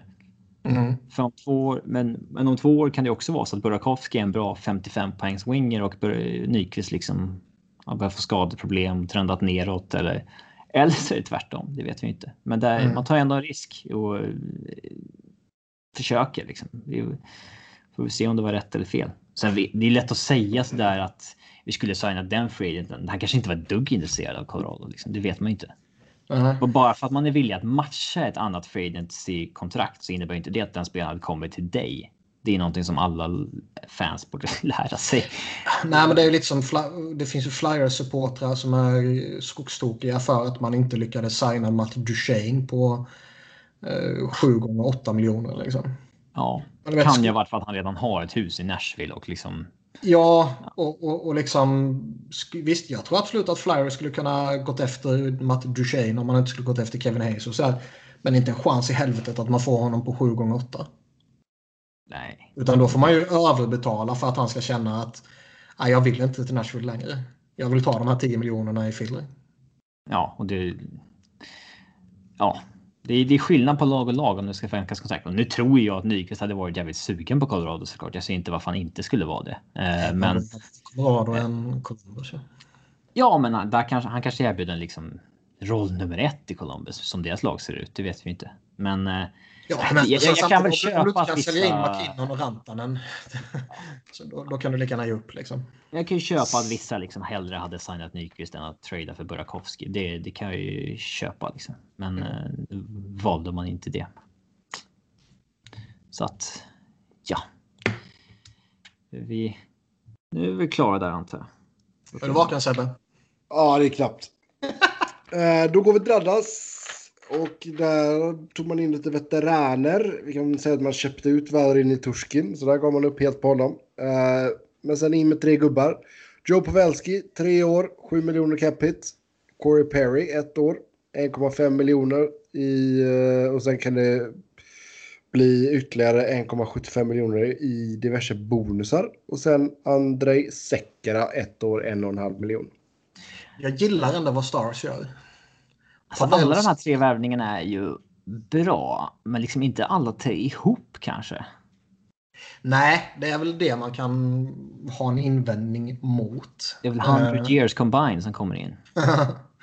Sen är det, det är ju alltid lite sådär, man, okay, man värvar liksom en utköpt spelare eller två utköpta spelare. Uh, det känns ju alltid lite konstigt liksom att okej, okay, han dög inte där men han ska duga här. Men det, det är ju lite förmildrande omständigheter för båda två egentligen. Corey Perry är ju liksom på det här kontraktet skulle jag chansa på honom alla dagar i veckan. Ja, det är ett år och, och, du riskar ingenting. Eh, det verkar vara bonusstyrt. Det kan ju öka ganska rejält den där capiten. Men... Eh... Ja, men liksom uppfyller han de här bonusarna så kostar han... Eh, 3,25. 3,25 och liksom... Då innebär det att han har spelat han det så har han gjort det bra. Han har liksom. förmodligen liksom. gjort sina poäng. Liksom. Ja. Mm. Och då är inte det några problem. Eh, Andrei Sekka tycker jag ju... Jag tycker ändå att han är en okej okay back. Liksom. Han är väl inte värd det kontraktet som han hade. Eh, med tanke på vad som har hänt med honom med skador och så här. Men att signa honom på det här kontraktet och, och liksom gambla lite på att du får in en hyggligt stabil veteran till ett billigt pris på ett ettårskontrakt. Det är ju helt riskfritt liksom. Mm. Och Joe Pavelski sa vi förra veckan, liksom, att signa upp han på ett typ treårskontrakt är ju... Det borde inte vara några problem överhuvudtaget. Jag har svårt att se att Pavelski på två eller tre år kommer vara dåligt. Nej. Han borde fortsätta göra sina poäng. Liksom. Hans och här poäng... behöver han ju inte vara the guy heller. Han har två andra spelare som kommer, kommer leda det här. Utan han kan ju vara mer en eh, komplementspelare. Han inte vara the guy i Sharks heller ska ju tilläggas. Nej, nej, det var inte så jag menar. Men, men liksom det, visst, i den åldern, gå in i ett nytt lag och du, du liksom Pavelski behöver leda ditt lag. Då kanske man skulle vara lite sådär. Ja. Men nu vara lite mer komplement till Ben och Seguin. Det, det, det är ändå lite varningsklockor på hans senaste säsong. Alltså. Eh, 38 mål ja, men att hans assist halveras och hans shot 2. Det här är ju liksom. Målskyttet är nog svårt att upp. Det är liksom. Det är så slumpartat. Liksom. Ja. Eh, jag hade inte haft något problem att ge honom tre år. Ska det bli längre än så, då kan jag absolut känna att det visst, det kan, det kan bli problem. Men jag hade gärna signat honom på tre år. Eh, och de har väl ett fönster nu också, Dallas, när de ska vinna de här kommande åren. Om man ska vinna. Ja, man har Radulov och man går in efter Pavelski och Perry. Man har Ben Bishop som... Han kommer vara bättre de första åren på sitt kontrakt än han kommer vara på de sista åren. Det är jag helt övertygad om. Så är det väl. Eh, absolut. Och Jan Klingberg är liksom, han spelar för hälften av vad han borde ha typ. Mm. Och Ben och Seguin är fortfarande unga liksom. Så det är nu man ska gå för det och slanta upp då för, för Pavelski. Det tycker jag är jättebra. Och, och chansa på Corey Perry helt riskfritt. Chansa på André Säker tycker jag inte heller är några problem. Så jag tycker Dallas gjorde det här eh, intressant. Sen visst, jag håller med det du säger. Liksom att de här tre kombinerat. Ja, det känns ju lite sådär. Men eh, var för sig tycker jag att det är eh, spännande grejer. Han har ju fått en no move eh, här, Pavelski, som är de första två säsongerna. Alltså innebär det att han måste protectas i draften 2021? Eller liksom går den ut precis vid draften så att de inte behöver protecta honom sista året? Den går väl ut vid draften då va? Jag vet inte exakt hur det funkar. Jag minns inte. Nej, inte jag heller. Det får vi kolla upp då. Uh, Säkra kan ju hänga i rehabrummet med Hansson annars. Ja. ja. Edmonton. Eller vill ni prata om Turskin? Nej. Alltså, det, är lite, det är lite som jag sa innan. Man, man det, det blev inget. vill ni prata om Turskin? Nej, alltså, ja, ja, ja. Men det är lite som jag sa innan. Att man, man märker ju varför uh, spelare tar term tidigt. Oh ja. Wemberg är nog inte missnöjd med sitt kontrakt nu kan jag säga. Nej. Uh, I alla fall mellanskiktet. Nu var det ju lite sådär att han, han var ju på entry level och kunde kanske inte och sådär. Men, så jag menar inte en direkt jämförelse så. Men uh, saker kan hända. Och jag skulle inte vara helt emot att plocka upp Nitushkin. Uh, om jag behöver typ en en solid spelare i fjärde kedjan som man inte förväntar sig ett piss av offensivt. För det tycker jag han är. Om man plockar bort produktionen så tycker jag ändå att han är en man kan solid spelare för en Varken fjärde han eller Tobias Reeder kan spela en säsong till utan att göra ett mål. Det kan liksom inte hända. Nej. Um, så Nitushkins kan ja, jag kan tänka mig att gå efter honom om jag behöver en spelare för, för fjärde kedjan. Liksom. Förväntar man sig mer än så av honom, då är det ju en chansning. Men om man bara vill ha vet, någon, någon utfyllnad i fjärde så där, då kan jag absolut tänka mig att gå efter honom. Oh. Yes, då går vi till Edmonton.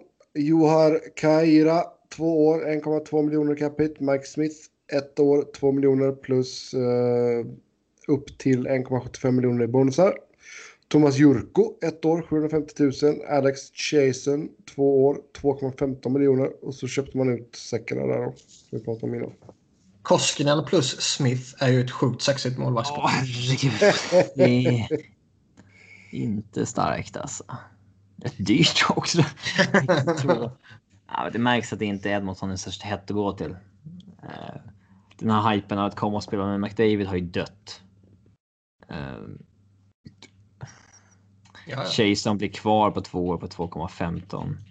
Eh, det är väl rimligt för att de kan inte ersätta honom om han drar liksom.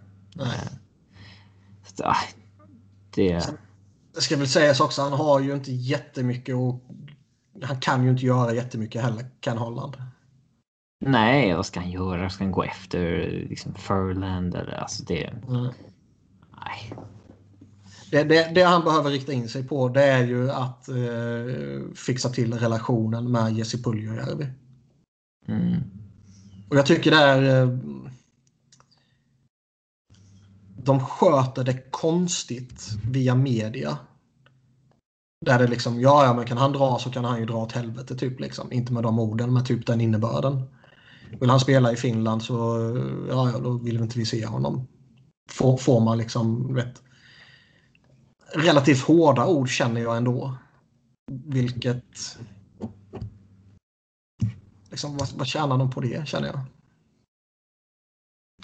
Ja, att lägga hårt mot hårt är väl inte... Det är Kanske bättre att göra uttalanden som att... Eh, ja, inte vet jag. Att liksom, vi har en ny coach här liksom, och att få det att ser ut som att det är Puljärvi som ställer ett konstigt ultimatum. Det är en ny GM, det är en ny coach, det är liksom ja. en ny situation här. Så att var... Varför inte ge det ett år till innan du sätter dig på tvären? Mm. Det är bara att signa ditt eh, qualifying offer då och komma tillbaka på ett år. Liksom. Typ. Mm. Mm. Nej, de är inte ett sexigt lag år alltså. Det ser riktigt... Man vill, man vill ju bara att det ska gå åt helvete för dem och att McDavid ska flippa ur och, och liksom kräva en trade via media i någon sån här post-game scrum i, i omklädningsrummet liksom, innan han säger något till klubben. Mm. Sju år kvar har han. Ja. Sen, och sen måste de retaina 2,5 liksom. Han har no move class kicka de sista fyra åren i och för sig. Så då ska de trada så måste de ha innan det.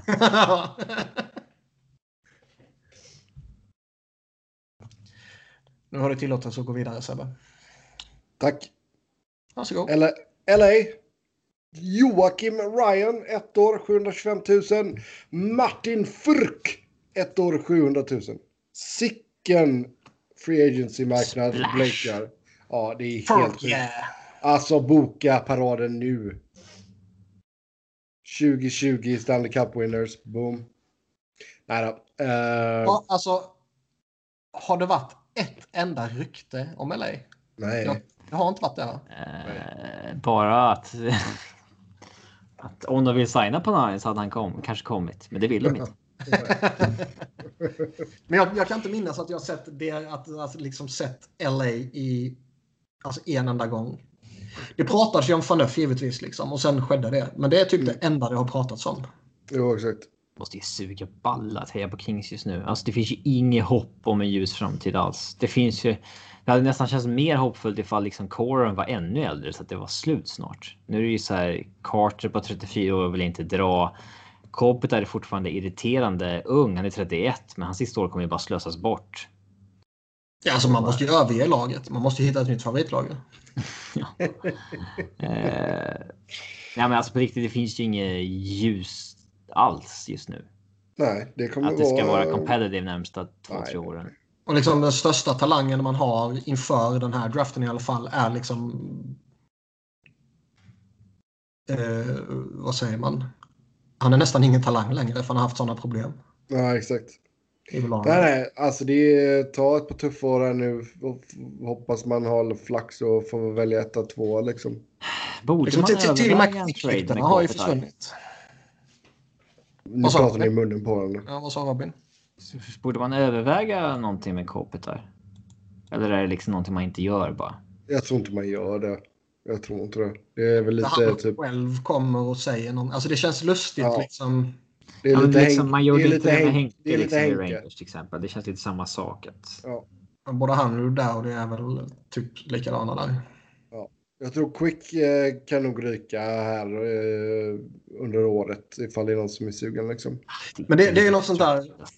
Äh, men det är ju någonting man kan se, du vet Columbus när de får sitt jävla storhetsvansinne och ska gå in med sina målvakter här. Och sen, Oj, det funkar inte. Nu måste vi försöka rädda det här. Då tradar de till sig Jonathan Quick. Elvis släpper in sex i första matchen.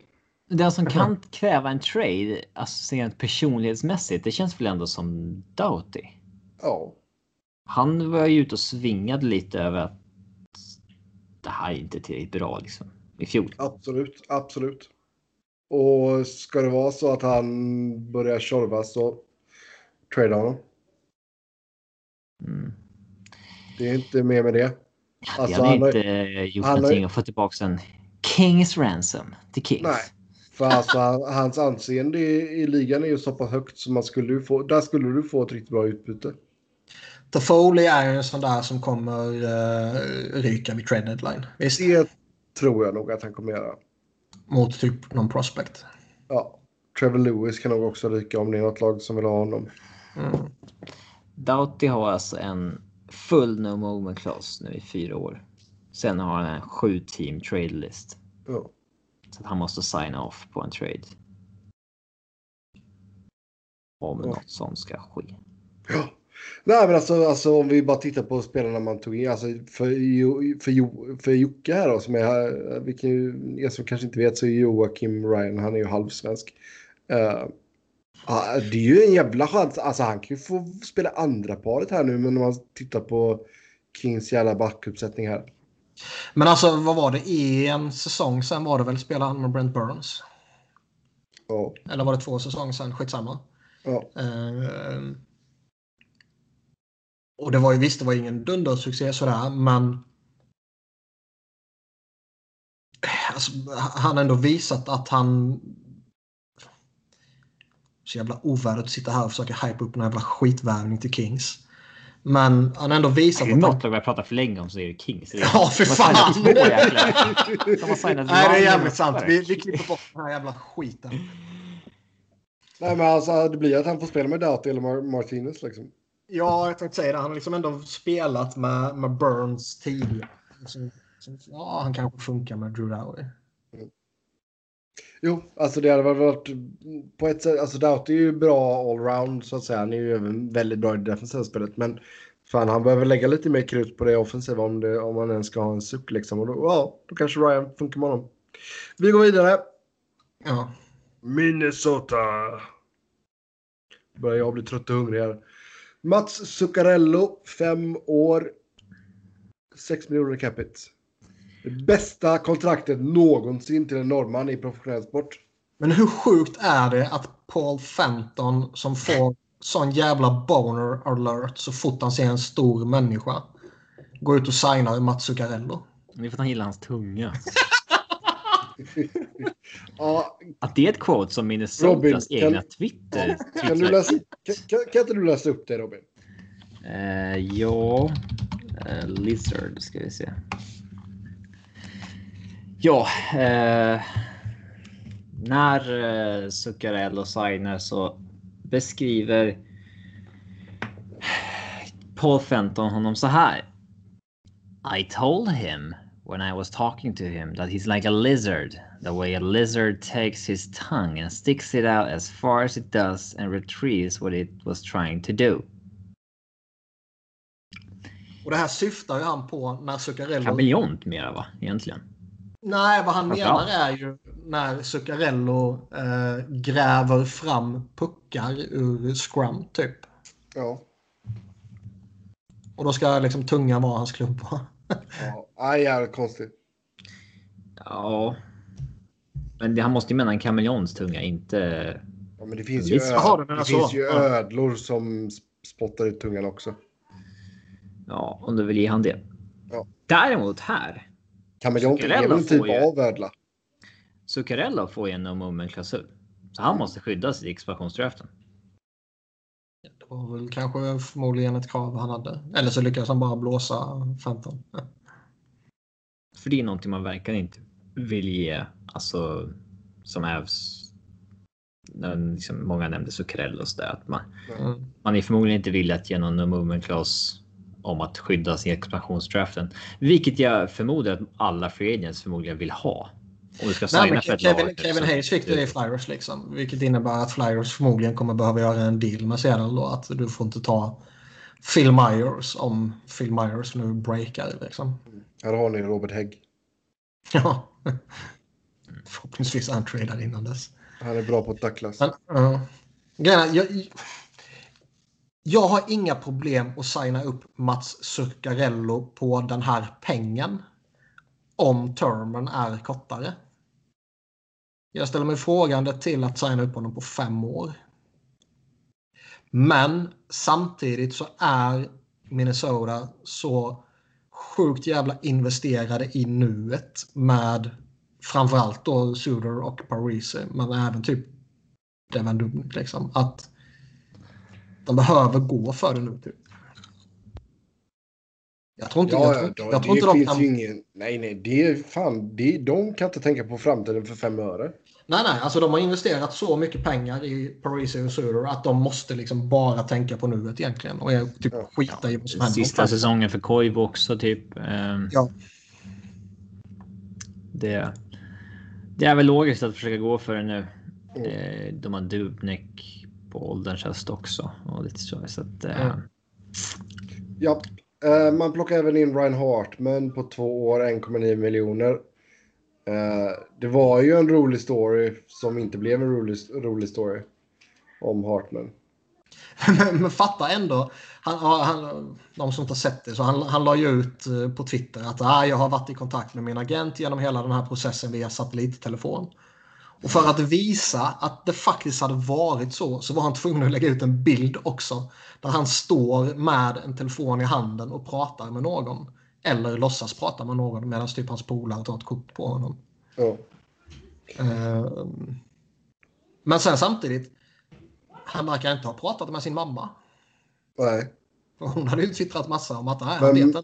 Vi har ingen kontakt med honom. Mamma, mamma kanske inte har numret till sat- satellittelefonen. Nej, exakt. Och det kanske kan vara skönt ibland. Ja, Hur kan man ens komma på tanken att resa bort den där veckan? ja Det är det så jävla orimligt. Det har vi pratat om också. Det är helt sjukt. Vad som helst kan ju hända. Det där är tillfällen när spelare tradas och köps ut och alltså. Jag, vänta en vecka. Ja. Du har hela jävla sommaren på dig. Jag hade inte så att det är en ödespännande kort semester direkt. Nej. Ja, vad var han ute och fiska eller vad fan var det? Jag vet inte. Han var väl i amerikanska eller kanadensiska vildmarken. Ja, okej. okej. Om det var fiske eller om det var bara chilla eller om det var Jag såg ju framför mig ungefär Liam Neeson i Grey. Ja. Jag tänkte säga Hart med semester. Sjukt grym film för övrigt. Men, men, 6 av 10. men eh, alltså. Ja, nej, det är så jävla konstigt. Chuck Fletcher har ju sagt att eh, skulle lönetaket landat på 83 miljoner så skulle vi behållit Ryan Hartman till typ. Då skulle det landat på typ det här priset någonting. Eh, när det blev 1,5 miljoner mindre så kan jag väl tänka mig att man tyckte det var lite att man inte riktigt hade råd med lyxen inom situationstecken då att ha både Mikael Raffel och Ryan Hartman och vad som förmodligen blir då Scott Lafton på liksom Lafton får väl 1,5 kan jag tänka mig. Liksom. Men nu, sluta, prata, sluta kuppa in flyers här nu. Ja, och sen hamnar han i Dallas som jag gissar var, nu kuppar jag in Dallas också som du noterar. Ja, ja. Eh, Jävla Dallas-kuppar alltså. eh, som det känns som att de resonerar något liknande kanske. Eh, inte lika insatt i dem givetvis, men de har eh, de hade ju andra mål vad de vill göra med sina veteraner där som de plockade in och de har fortfarande någon RFA kvar att signa och de har bara någon enstaka miljon kvar egentligen. Så de tyckte väl också han var för dyr då. Mm.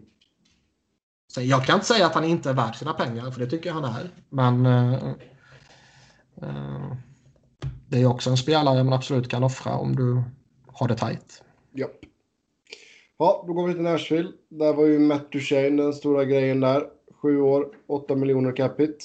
Ehm, alltså jag tycker det är, det är en bra deal och jag har inga problem att signa sju år med Duchene men det verkar ju många som har det. Det, kanske, det är klart att det finns en eh, oro. Alltså han har ju... I fjol gjorde han en poäng per match. Men innan dess så har han faktiskt pendlat så här runt 60. Mm. Det har ju inte varit bona fide en poäng per match genom hans karriär. Ehm, man har sprattlat till något extra något år här och där. Men eh, alltså 8 miljoner, det är klart man tar det. Alltså, På den här marknaden så är 8 miljoner ingenting. Nej. ja, Eh, verkligen. Det var ju Eh. ändå snabbt att det kunde landa upp mot tvåsiffrigt. Liksom. Oh ja, oh ja. Alltså det skulle, det skulle inte förvåna mig ifall Columbus erbjöd honom åtminstone nio gånger, äh, åtta år gånger nio liksom. Nej, typ. Eller kanske till och med tio. Åtta år? Hur ska det gå till? Columbus. Ja, Columbus. Columbus. Tror Montreal. Columbus. Ehm, sen verkar det väl som att de, de, ja, övriga lag skulle fått betala mer. Den Som Mm. vi var inne på tidigare, som jag inte minns. Jo, exakt. På det. Är ändå rätt kyligt av Poil. Att skicka Subban och sen stå fast vid 8 mille. Och bara Ja. invänta att Duchene viker sig och signar. Uh, lyssnarfråga. Får inte, Han måste ju ihop, ha vetat något ju. får inte ihop Subban. Duchene för 8 mil var, verkl, var man verkligen, verkligen med stora bokstäver tvungna att dumpa Subban för det. Hade man inte kunnat skeppa Turris istället? Vi ser hela tiden hur andra lag hjälper andra lag med tuff cap-situation. Hade väl funkat det här med. Lura Benning? Frågetecken. Det är ju två faktorer bakom Subban-traden. Å ena sidan så är det att man vill ha in Matt Duchene. Å andra sidan så är det ju Roman Josis kommande kontrakt. Mm. Jag, jag, tror, jag tror det är en av förklaringarna. Eh, Men alltså, jag tror att det är sjukt svårt att skicka Kyle Turris med den Ja. termen kvar. Då behöver man nog retaina. Eller så behöver man krydda men du behöver liksom ge dem någon... Ja, det kanske hade varit bättre med fast i hand, man vet inte. Men de hade absolut kunnat dumpa Craig Smith för att klara sig i år bara. Ja. Och det hade jag nog kanske föredragit. Ja, eller bara skicka Mikael Garlund vidare. Även om jag givetvis hellre behåller honom än Smith. Jag hade Men- skickat Smith. Ja, jo, absolut. Men det, det kanske är, du kanske får något bättre för Granlund. Det är så jag menar. Det känns ju som att det här med capen och det, alltså det känns lite som att det kan vara lite ursäkt för att de är ytterligare ett lag som har tröttnat på Subans personlighet. Ja. Kanske. Mm. Men nu flyttar han och uh, Lindsey Vonn till New Jersey. Och Lucy, hunden. Och Lu- ja, det ska vi inte glömma. Och Lucy, hunden. Ja, Det är tur att hon har lagt ner karriären i alla fall. Ja. Bo i New Jersey som uh, skidåkare, det är jobbigt. Ja. Det är i och för sig Nashville också, kommer jag på. Mm. Alltså man kan ju bo på Manhattan och spela i New Jersey. Ja, det finns det, det lär de väl göra, va? Tror inte det?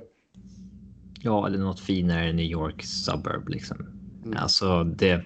Jag tror inte de bor i The Swamp alltså. Nej. Varför skulle liksom? Det är väl inte så långt mellan New Jersey och New York, eller? Alltså, grejen är, avstånden är inte jättelånga. Det är ju mest det att det är sån jävla dålig trafik där liksom. Det är har... ju...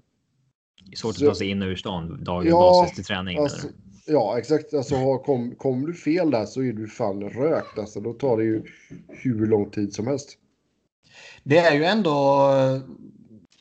Philadelphia-spelare bor ju i New Jersey.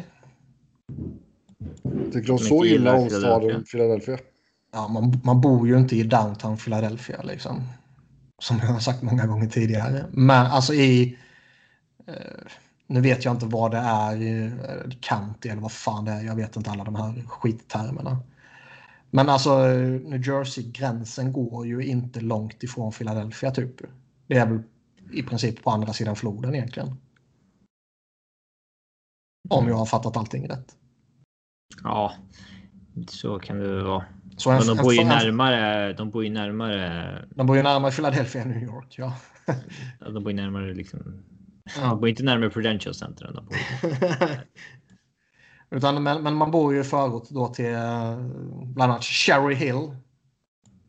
Som ni givetvis kommer ihåg. Från det finns ju massa områden runt. Alltså i det här som du kan bo på som är nice antar jag liksom. Jo. Men Cherry Hill det är ju där Bobby Ryan kommer från till exempel. Det räknas ju till Philadelphia, men jag tror egentligen att det ligger i New Jersey. Väl? Kanske. Men skitsamma i alla fall. Jag vet inte varför vi började prata om det. Det var bara Nej. jag som ville kuppa in Philadelphia. Det, jag tänkte det är något jävla konstigt sidospår vi gick in på här, men visst, kör bara. Um, San Jose. Där har vi förlängning med uh, två spelare. Timo Meyer, fyra år, 6 miljoner capita. Och Tim Hed, ett år, 960 000. Ja, och är, är det inte udda att signa i eh, San Jose bakom Erik Karlsson och Brett Burns? När din karriär bara håller på att rinna bort år för år. Det intressanta där är ju... Tokstängt. Sebbe, nu kommer jag kuppa in lite flyers igen. Helvete. Ja. Men Justin Brown var ju fast, om man säger så, bakom Karlsson och Burns i liksom folk pekar lite på hans relativa stats och sånt där. liksom är, du, är du högerfattad back och du spelar bakom Erik Karlsson och Brent Burns. Du kommer liksom aldrig spela med dem i princip. Så kommer du ha dåliga relativa siffror. Och spelar du bakom de två så känns det som att coacherna vill ha en annan spelartyp än Tim Hed. Som den tredje högerbacken så att säga. Eller hur? Ja. Eller? Ja. Oh ja. Och det var, liksom, det var ju Burns, säga vad man vill om honom, men han är en annan spelartyp än Burns och Karlsson. Och... Eh, nej, jag vet inte. Det, det, jag håller med vad som Robin säger. Det känns konstigt. Men å andra sidan så... Ja, det är ett gött liv man lever i däromkring. Jo, det är klart. Men det är givetvis inte han som är intressant. Intressant är Timo Meyer. Som signar... Vad får han fan billigt på 6 miljoner? Sen är det ju bara fyra år. Sista året är på 10 miljoner. Vilket ger dyrt qualifying offer. Så det är ju folk då som har sagt att det här är egentligen ett femårskontrakt för 34 miljoner. För man kan inkludera ett, ett till år där liksom. Um, det är smart gjort för Sharks för en push här de här fyra oh ja, åren. Oh ja. Men det är ju verkligen. De committar ju till en kicker här på 10 år på ett qualifying offer eller ja. 10 mil på ett qualifying offer. Liksom, och vem vet om Meyer dalar ut till liksom. Han kanske stannar vid en 50 poäng spelare. Jag tror inte det, men alltså du, konstigare saker har ju hänt. Andra ja. spelare som har gjort Nu talar jag allt i hans statistik för att han liksom kommer fortsätta öka. Han är typ skapade näst mest målchanser i NHL i fjol eller något där. Liksom det är, han är ju löjligt bra. Eh, men det är ändå det stora. Den stora risken som San, eh, San Jose tar i den här eh, signingen. Ja, men sen samtidigt så är de ju i ett läge att vad som händer 23-24 för dem nu är ju helt ointressant. Det är ju de kommande åren som är eh, innan Brent Burns blir för gammal och innan Vlasic tar slut helt och hållet och innan Joe Thornton slutar. Mm. och innan Logan Couture börjar bli lite gammal. Liksom. Och mm. Erik Karlsson. Ja. Så där att få han på 6 miljoner, det tycker jag är, det är fan fantastiskt. Ja, Doug Wilson har, eh, mycket bra saker. Sen, sen, är det ju faktiskt anmärkningsvärt att man ändå bara dumpar sin kapten sådär. Ja, men det är... Man skulle ju inte kunna lösa det. För jag menar, visst, nu fick man väl Timo Meyer billigare än vad man kanske egentligen hoppades på känns det som. Man fick nog han till att ta det liksom. Men man har ändå Kevin LaBank kvar att signa som kommer få sina pengar och man behöver fylla ut forwardsbesättningen med ytterligare några spelare. Uh, och man har 6,3 miljoner i utrymme nu. Så det kommer man ju käka upp så man hade ju ingen chans att signa honom. Och Men... Thornton kanske man ska signa då också givetvis. Man gjorde ju samma sak med Merlo. Ja, ja absolut. Erbjöd två år, han vill ha tre år, ja, då blir det inget hej då. Mm. Samma sak, samma sak med... Uh, Men uh, tror vi att Marlowe kan vara på väg tillbaka? Han verkar vilja det i alla fall och det snackas väl att familjen redan har flyttat tillbaka. Så varför inte signa liksom... Men då får han ju ta Jason Spetsa-kontrakt ju. Ja. Ja, precis. Men det är samma får väl typ Thornton ta också? Thornton kan jag tänka mig kan få lite mer ändå i alla fall. Marlowe har ju ändå, han får ju liksom betalt av Keynes. Mm. Det är ju enkelt för, för Sharks att säga, men alltså vadå, du får ju redan betalt denna säsongen. Ja. Hopp. Vi går till St. Louis. Regerande mästarna St. Louis. Carl Gunnarsson, två års förlängning, 1,75 miljoner i cap hit. Vi sa ju att han skulle bli kvar nu när de vann och till lite så att man håller ihop. Uh... Ja, och sen har vi Sammy, Bl Sammy Blaze. Ja, det var inte heller förvånande direkt. Ett år. Nej, ett grymt slutspel också. Ja. Eh, man förstår att de inte gör så mycket, har precis vunnit kuppen, har inte så mycket. Att, Fortfarande fulla. mm. Ja. Ja, nej, det, det, det är inte jättemycket att säga att de om de inte har kvar Maroon så borde de kanske ersätta honom eh, med någon spelare, men. Vi får se. Mm. Yes, yes, yes. Baruby fick sitt kontrakt. ja, Baruby, treårsförlängning. De väntar så länge alltså, med det ändå. Alltså, det är ja, fascinerande på ett sätt. Ja, men det kan ju också, alltså fan. Spelare är ju sådär att nej, jag vill inte förhandla under säsongen. Och fan, coacher kan väl vara likadana kanske. Mm. Men det, alltså, det har ju knappt hänt något där och Gunnarsson är helt ointressant att prata om. Så. Ja, han håller väl ligan två år till. Så det ja. känns ganska fair och rimligt. Han gjorde ju något avtryck i slutspelet när med något mål och vad fan det var också. Så när de går och vinner så är det klart att han får förlängning. Ja, exakt. Mm. Uh, Vancouver då. Jordy Ben. Två år, två miljoner. Tyler Myers, fem år, sex miljoner. Oskar Fantenberg, ett år, 850 000. Sen köper man ut Ryan Spooner. Och sen får man ju då tre gånger tre i recapture penalty för Luangu. Och Bobby räddar dem förmodligen från att ge Tyler Myers ett riktigt jävla skitkontrakt. Nu är ju det här kontraktet jävligt suspekt på alla sätt och vis. Men de skulle ju kunna lagt ännu mer pengar på honom om det inte skulle varit för Bobby mm. Det var, ju till, det var ju till och med snackat när de här 3 gånger 3 miljonerna på, på han kom ut så att de kanske inte skulle kunna lösa Myers överhuvudtaget vilket skulle ha räddat dem från ett misstag. Um, Och med tanke på vad det rapporterades om att det kunde vara ett sjuårskontrakt på, på liksom 7 miljoner typ. Ja, men all, de flesta signade ju billigare än det ryktades om att de skulle göra. Ja. Det kan ju vara liksom agenter som pushar ett högre pris än vad de hamnar på i slutändan. Ja, absolut. Eh, Ben-kontraktet tycker jag är, det är liksom rimligt. Det är inga konstigheter med det. Ja. Men att det är liksom varje djupspelare de signar ska ha sina 2-3 millar, det är ändå lite... Det är inget gott tecken. Eh, Det är väl enda sättet du kan Myers- få dem. Myers är ju inte bra. Och han kanske håller ett, två år på det. Han är 29 bast liksom. Det, det här kontraktet, ko- han är inte värd 6 mil idag. Och det här kontraktet kommer fan vara i vägen när de ska signa Quinton Hughes och Elias Pettersson om några år. Det, det kan de inte komma ifrån. Nej, och ett år längre än Bo Horvats också. Mm. Eh, Men alltså, känns det som att man, Chris Tanev kommer att ryka här under säsongen eller? Eller antingen under sommaren eller under säsong. Jag vet fan. Han har ju, alltså det har ju ryktats lite om honom till och från så här också. Eh, visst, de, kan, de kanske känner att det är enklare att släppa honom nu när de fick Alexander Ehlers på en förlängning och de s- signade upp Tyler Myers givetvis.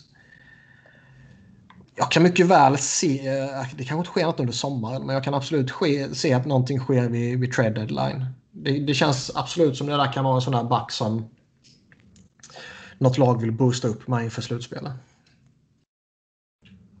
Han är ju rätt så okej. Han gör ju eh, inga poäng överhuvudtaget, men alltså i övrigt är han rätt så okej. Mm.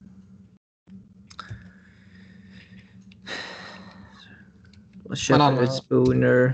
Det är alltså den som det borde syftas på när det var I'm gonna move bad contracts so I can sign some new ones. Det är ju liksom Benning. Hur många dåliga kontrakt har han gett ut nu liksom? Så mellandåliga också. Som man så köper ut och alltså. Man signar Gagné och ångrar sig efter ett år liksom och köper ut. Alltså, det, Ja, nej, och det var ju flera sådana vi såg förra året också. Ja, och nu tradar man för Miller för att han vet ju att han inte kommer att vara kvar om de inte går till slutspel i år. Liksom. Mm. Så att... eh, nej, det där är en riktig tire fire Vancouver.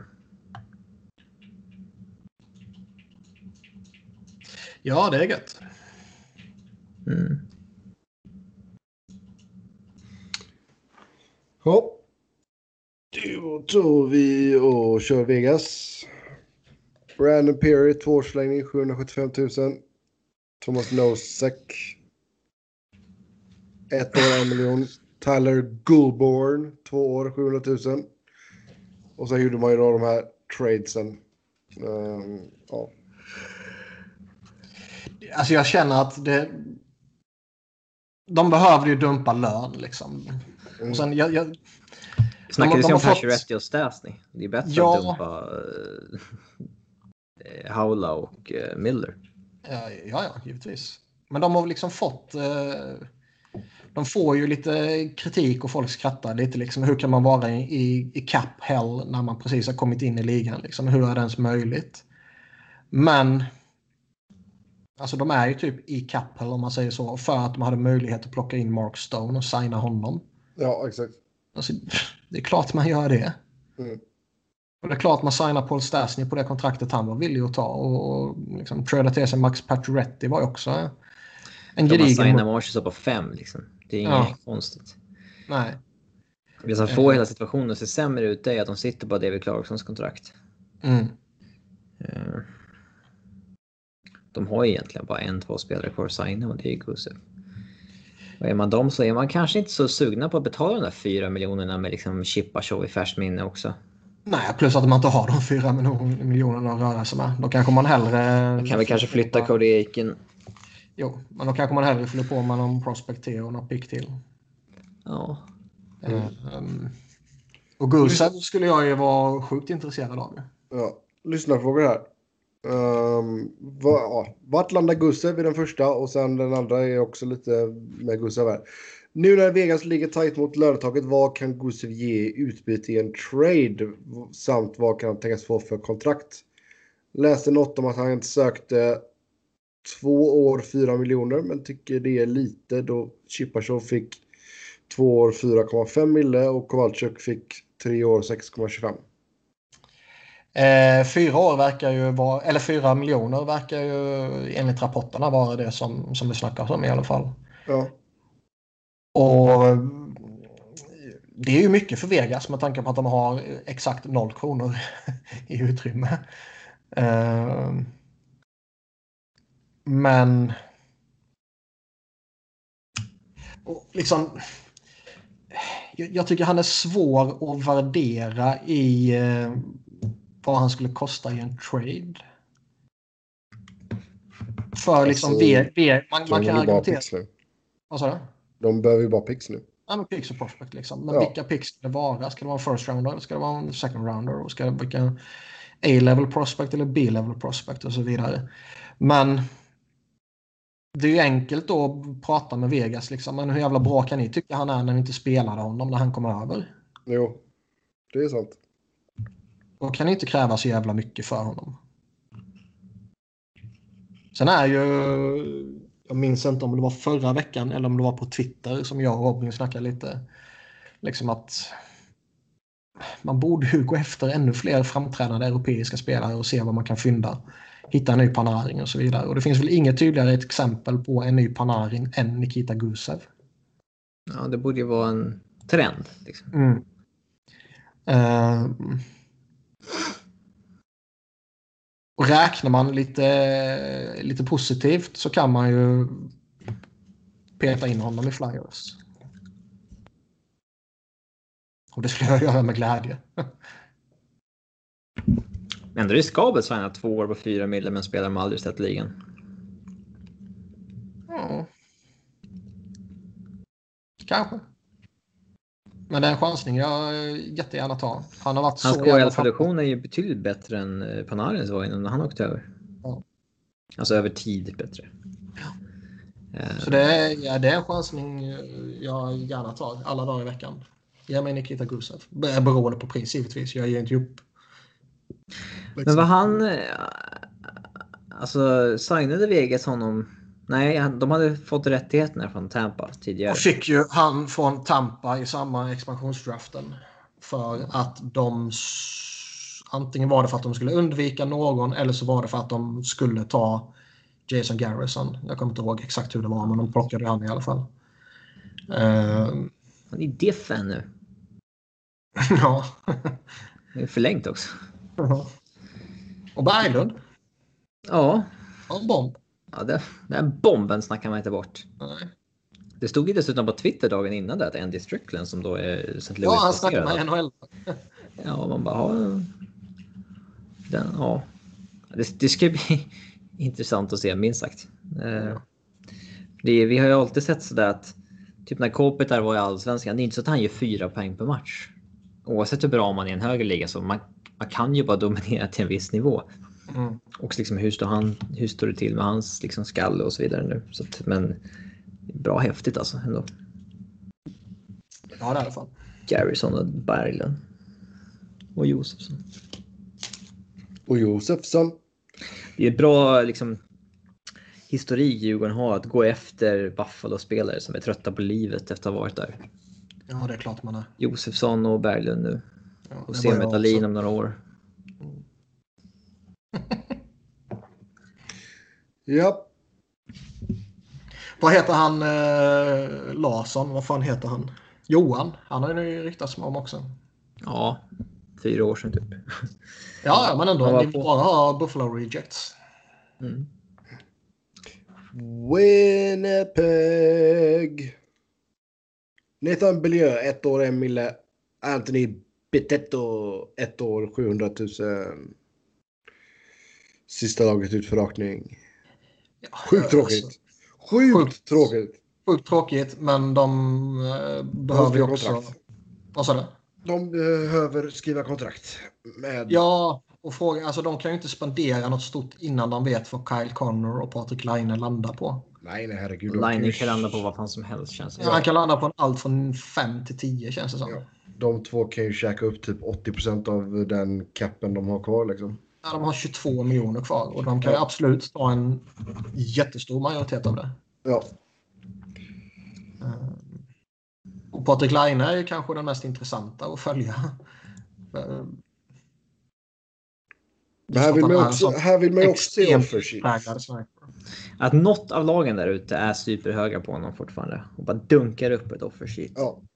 På ja, här... Köttar på med liksom 11 miljoner. Mm. Det kan ju vara ett kort kontrakt också för då är de ju fast vid det på ett qualifying offer sen. det är svårt att sänka den lönen. Mm. Nej, det vore skoj. Och det som sa innan. Sjukt skoj man ser offersheet. Jag hoppas det blir ännu mer. Jag förstår inte varför egentligen varför inte fler lag utnyttjar det. Uh, I synnerhet kanske på uh, inte de absolut dyraste spelarna. Mm. Det vore ju kul om något lag som liksom har en stark koppling, alltså stark uh, allians att säga, kommer överens om att vi offersheetar Line och Connery båda två samtidigt. Ja. att liksom, uh, inte vet jag, Philly tar Line och Nashville tar Connor eller något sådär. Alltså två lag går ihop och gör det. Ja. Typ men alltså, alltså typ... Winnipeg har ju tappat. Nu sa vi att Myers inte är så bra, men det är ändå liksom. Det men alltså en, en, en högersida med Truba, Big Buff och Myers är ju ändå en solid högersida. Ja, verkligen. Och nu har de tappat två av de tre. Ja, och Big Buff är ett år äldre. Ja, och sen har de Josh Morrissey, vilken i och för sig fin back, absolut. Men det är för svagat där alltså. Mm. Och den de försöker försöka lösa cap-problemen med att trada in Nikolaj Ehlers. Liksom. Ja. Men visst, alltså det, det har ju ryktats lite om att han typ Ehlers till, till Keynes mot någon av deras backar. Och det, det kan man ju absolut se att Winnipeg känner att man behöver göra. Att de behöver få in en, en till back. För utöver Big Buff och Morrissey så är det fan inte sexigt där alltså.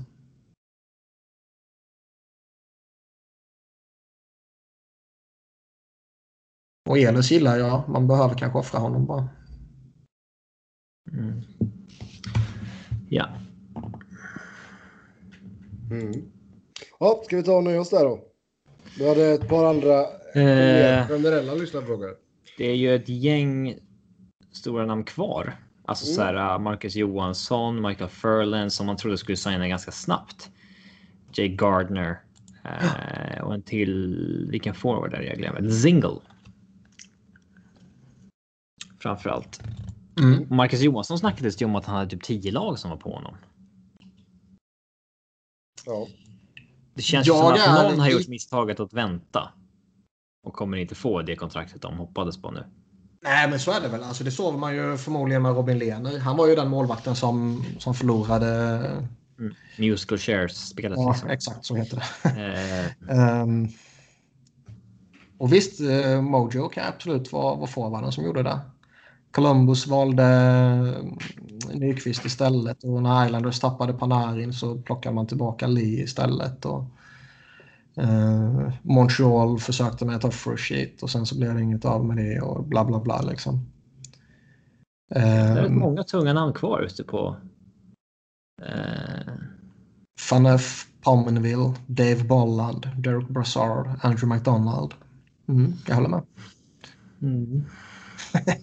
Alltså man, man, man trodde ju att Fernaf skulle signa någonting ganska snabbt ändå. Men icke. Ja. Fast det Johansson han... tror jag. Alltså, det, Johansson, The Single och Furland. Det känns som att de har gjort misstaget att vänta. Alltså det... Någon av dem kommer få bita i äpplet för det alltså. Jay Gardner, han, han, han borde inte oroa sig. Han är fortfarande den överlägset bästa backen på marknaden. Och Men han borde gå första juli. Ja, ja, absolut.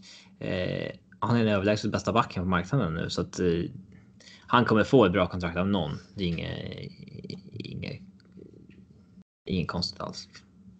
Nej, det skulle förvåna mig jättemycket om han inte får. Mm. Um, Van Neuf, det beror på lite vad han... Alltså... Äh, gå på ska... han är fortfarande tillräckligt bra för att skaka fram ett kontrakt i ligan. Toronto hade varit kul. ja. Alltså på League minimum. ja. Men frågan är vad, vad han vill ha och vad han förväntar sig. Alltså, ska han fortfarande ha ett, ett, ett kontrakt som man ska ha om man är back på free agency, då kan han ju få vänta. Men när han är redo att signa ett billigt ettårskontrakt någonstans, då borde han ju ha ett kontrakt nu. Kan man tycka. Mm. Ja. Uh, Dan Gerard har vi kvar också. Ja, men sluta. mer allmänna lyssnarfrågor som vi fick in. Tror vi att det blir fler offer sheets? Nej. Nej. Det hade varit kul. Kanske, kanske om Montreal liksom, vad fan, vi måste göra någonting. vi, måste, vi måste göra ett riktigt offershit. Ja. ja. Men det, kän, ja, fan, jag kän, det känns bara som att de ville visa för sina supportrar att de försöker. Och så mm. försöker man och så liksom hypar man upp det här. Och liksom, ja, ja, de valde att matcha, men titta här, vi försökte så jävla hårt med det här jättebra offersheetet som egentligen var så jävla skituselt. Sen, man... eh, sista frågan här då. Vilka lag är vinnare och förlorare efter den här free agencyn som det ser ut just nu, om ett år och om tre år? Här med att titta framåt tre år i tiden, det är lite svårt. Men eh, vi kan väl ta just nu. Det känns som att det, det är väl det som är mest relevant. Jag tycker att Vegas löste sina problem bra. Oh ja. Man, man gav upp saker som man absolut kunde ge upp och man behöll sina bästa spelare. Sen får återstå att se vad som händer med Nikita Gusev då givetvis. Mm. Um, lyckas man skicka iväg en Riley Smith typ och lyckas skriva med Gusev då kanske det är det jag tycker är bäst. Men skickar man iväg Gusev och får något riktigt bra för det så kan det givetvis vara, vara bra också såklart. Um, jag tycker ändå Toronto har löst det här jävligt bra. Ja. Man får in uh, Tyson Barry som är en riktigt fin offensiv back på 50 procent. Det ska bli kul att se hur hans anseende påverkas ja, det, när alla ja. ögon är på honom. Liksom. Ja, det kommer ju sjunka. Ja.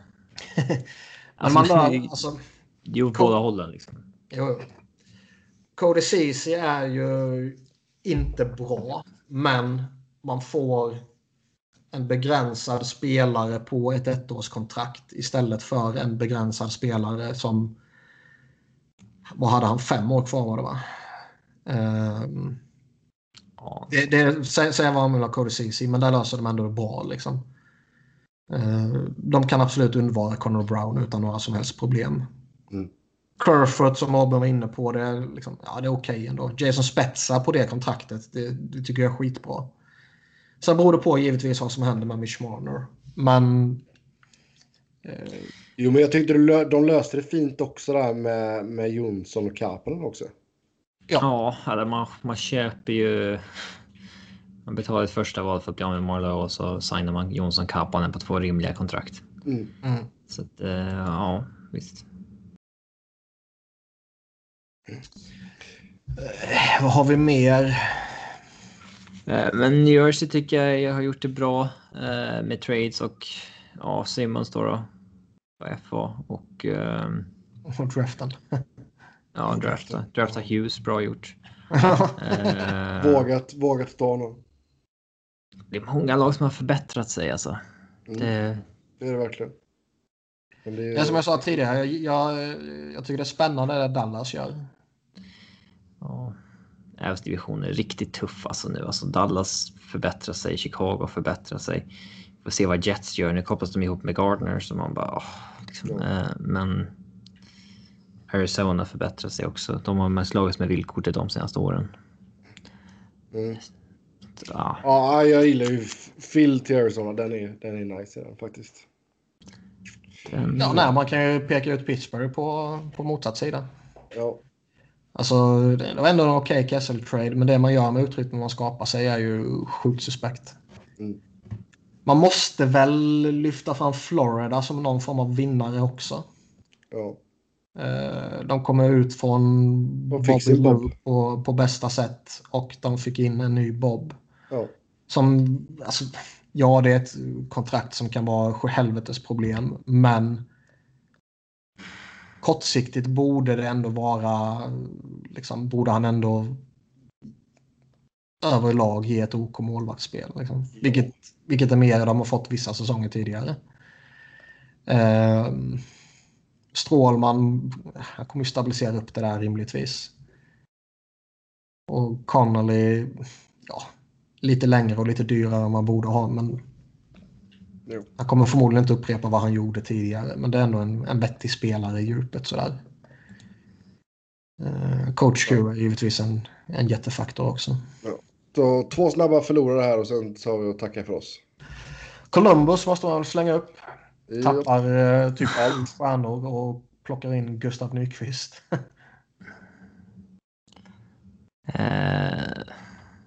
Och jag skulle inte bli det minsta förvånad om de tradar för Jonathan Quick i typ november. Nej. Det är få förlorare, det är det ju. Alltså det är få som tappar spelare utan att signa nya. Winnipeg kan man väl peka ut också. Ja, som tidigare. Tappar, tappar de backarna där. Men visst får de in Jake Gardner då så, så kompenserar det ju för, för en del givetvis. Mm. Um... Ja, med det då så tar vi och säger tack och hej för den här gången. Som vanligt kan ni köta hockey med oss via Twitter. Men hittar ni på ett Noren, Niklas på ett Niklas Wiberg, Niklas med C, Wiberg med enkel V och Robin på R underscore Fredriksson. Tills nästa gång, ha det gött, hej!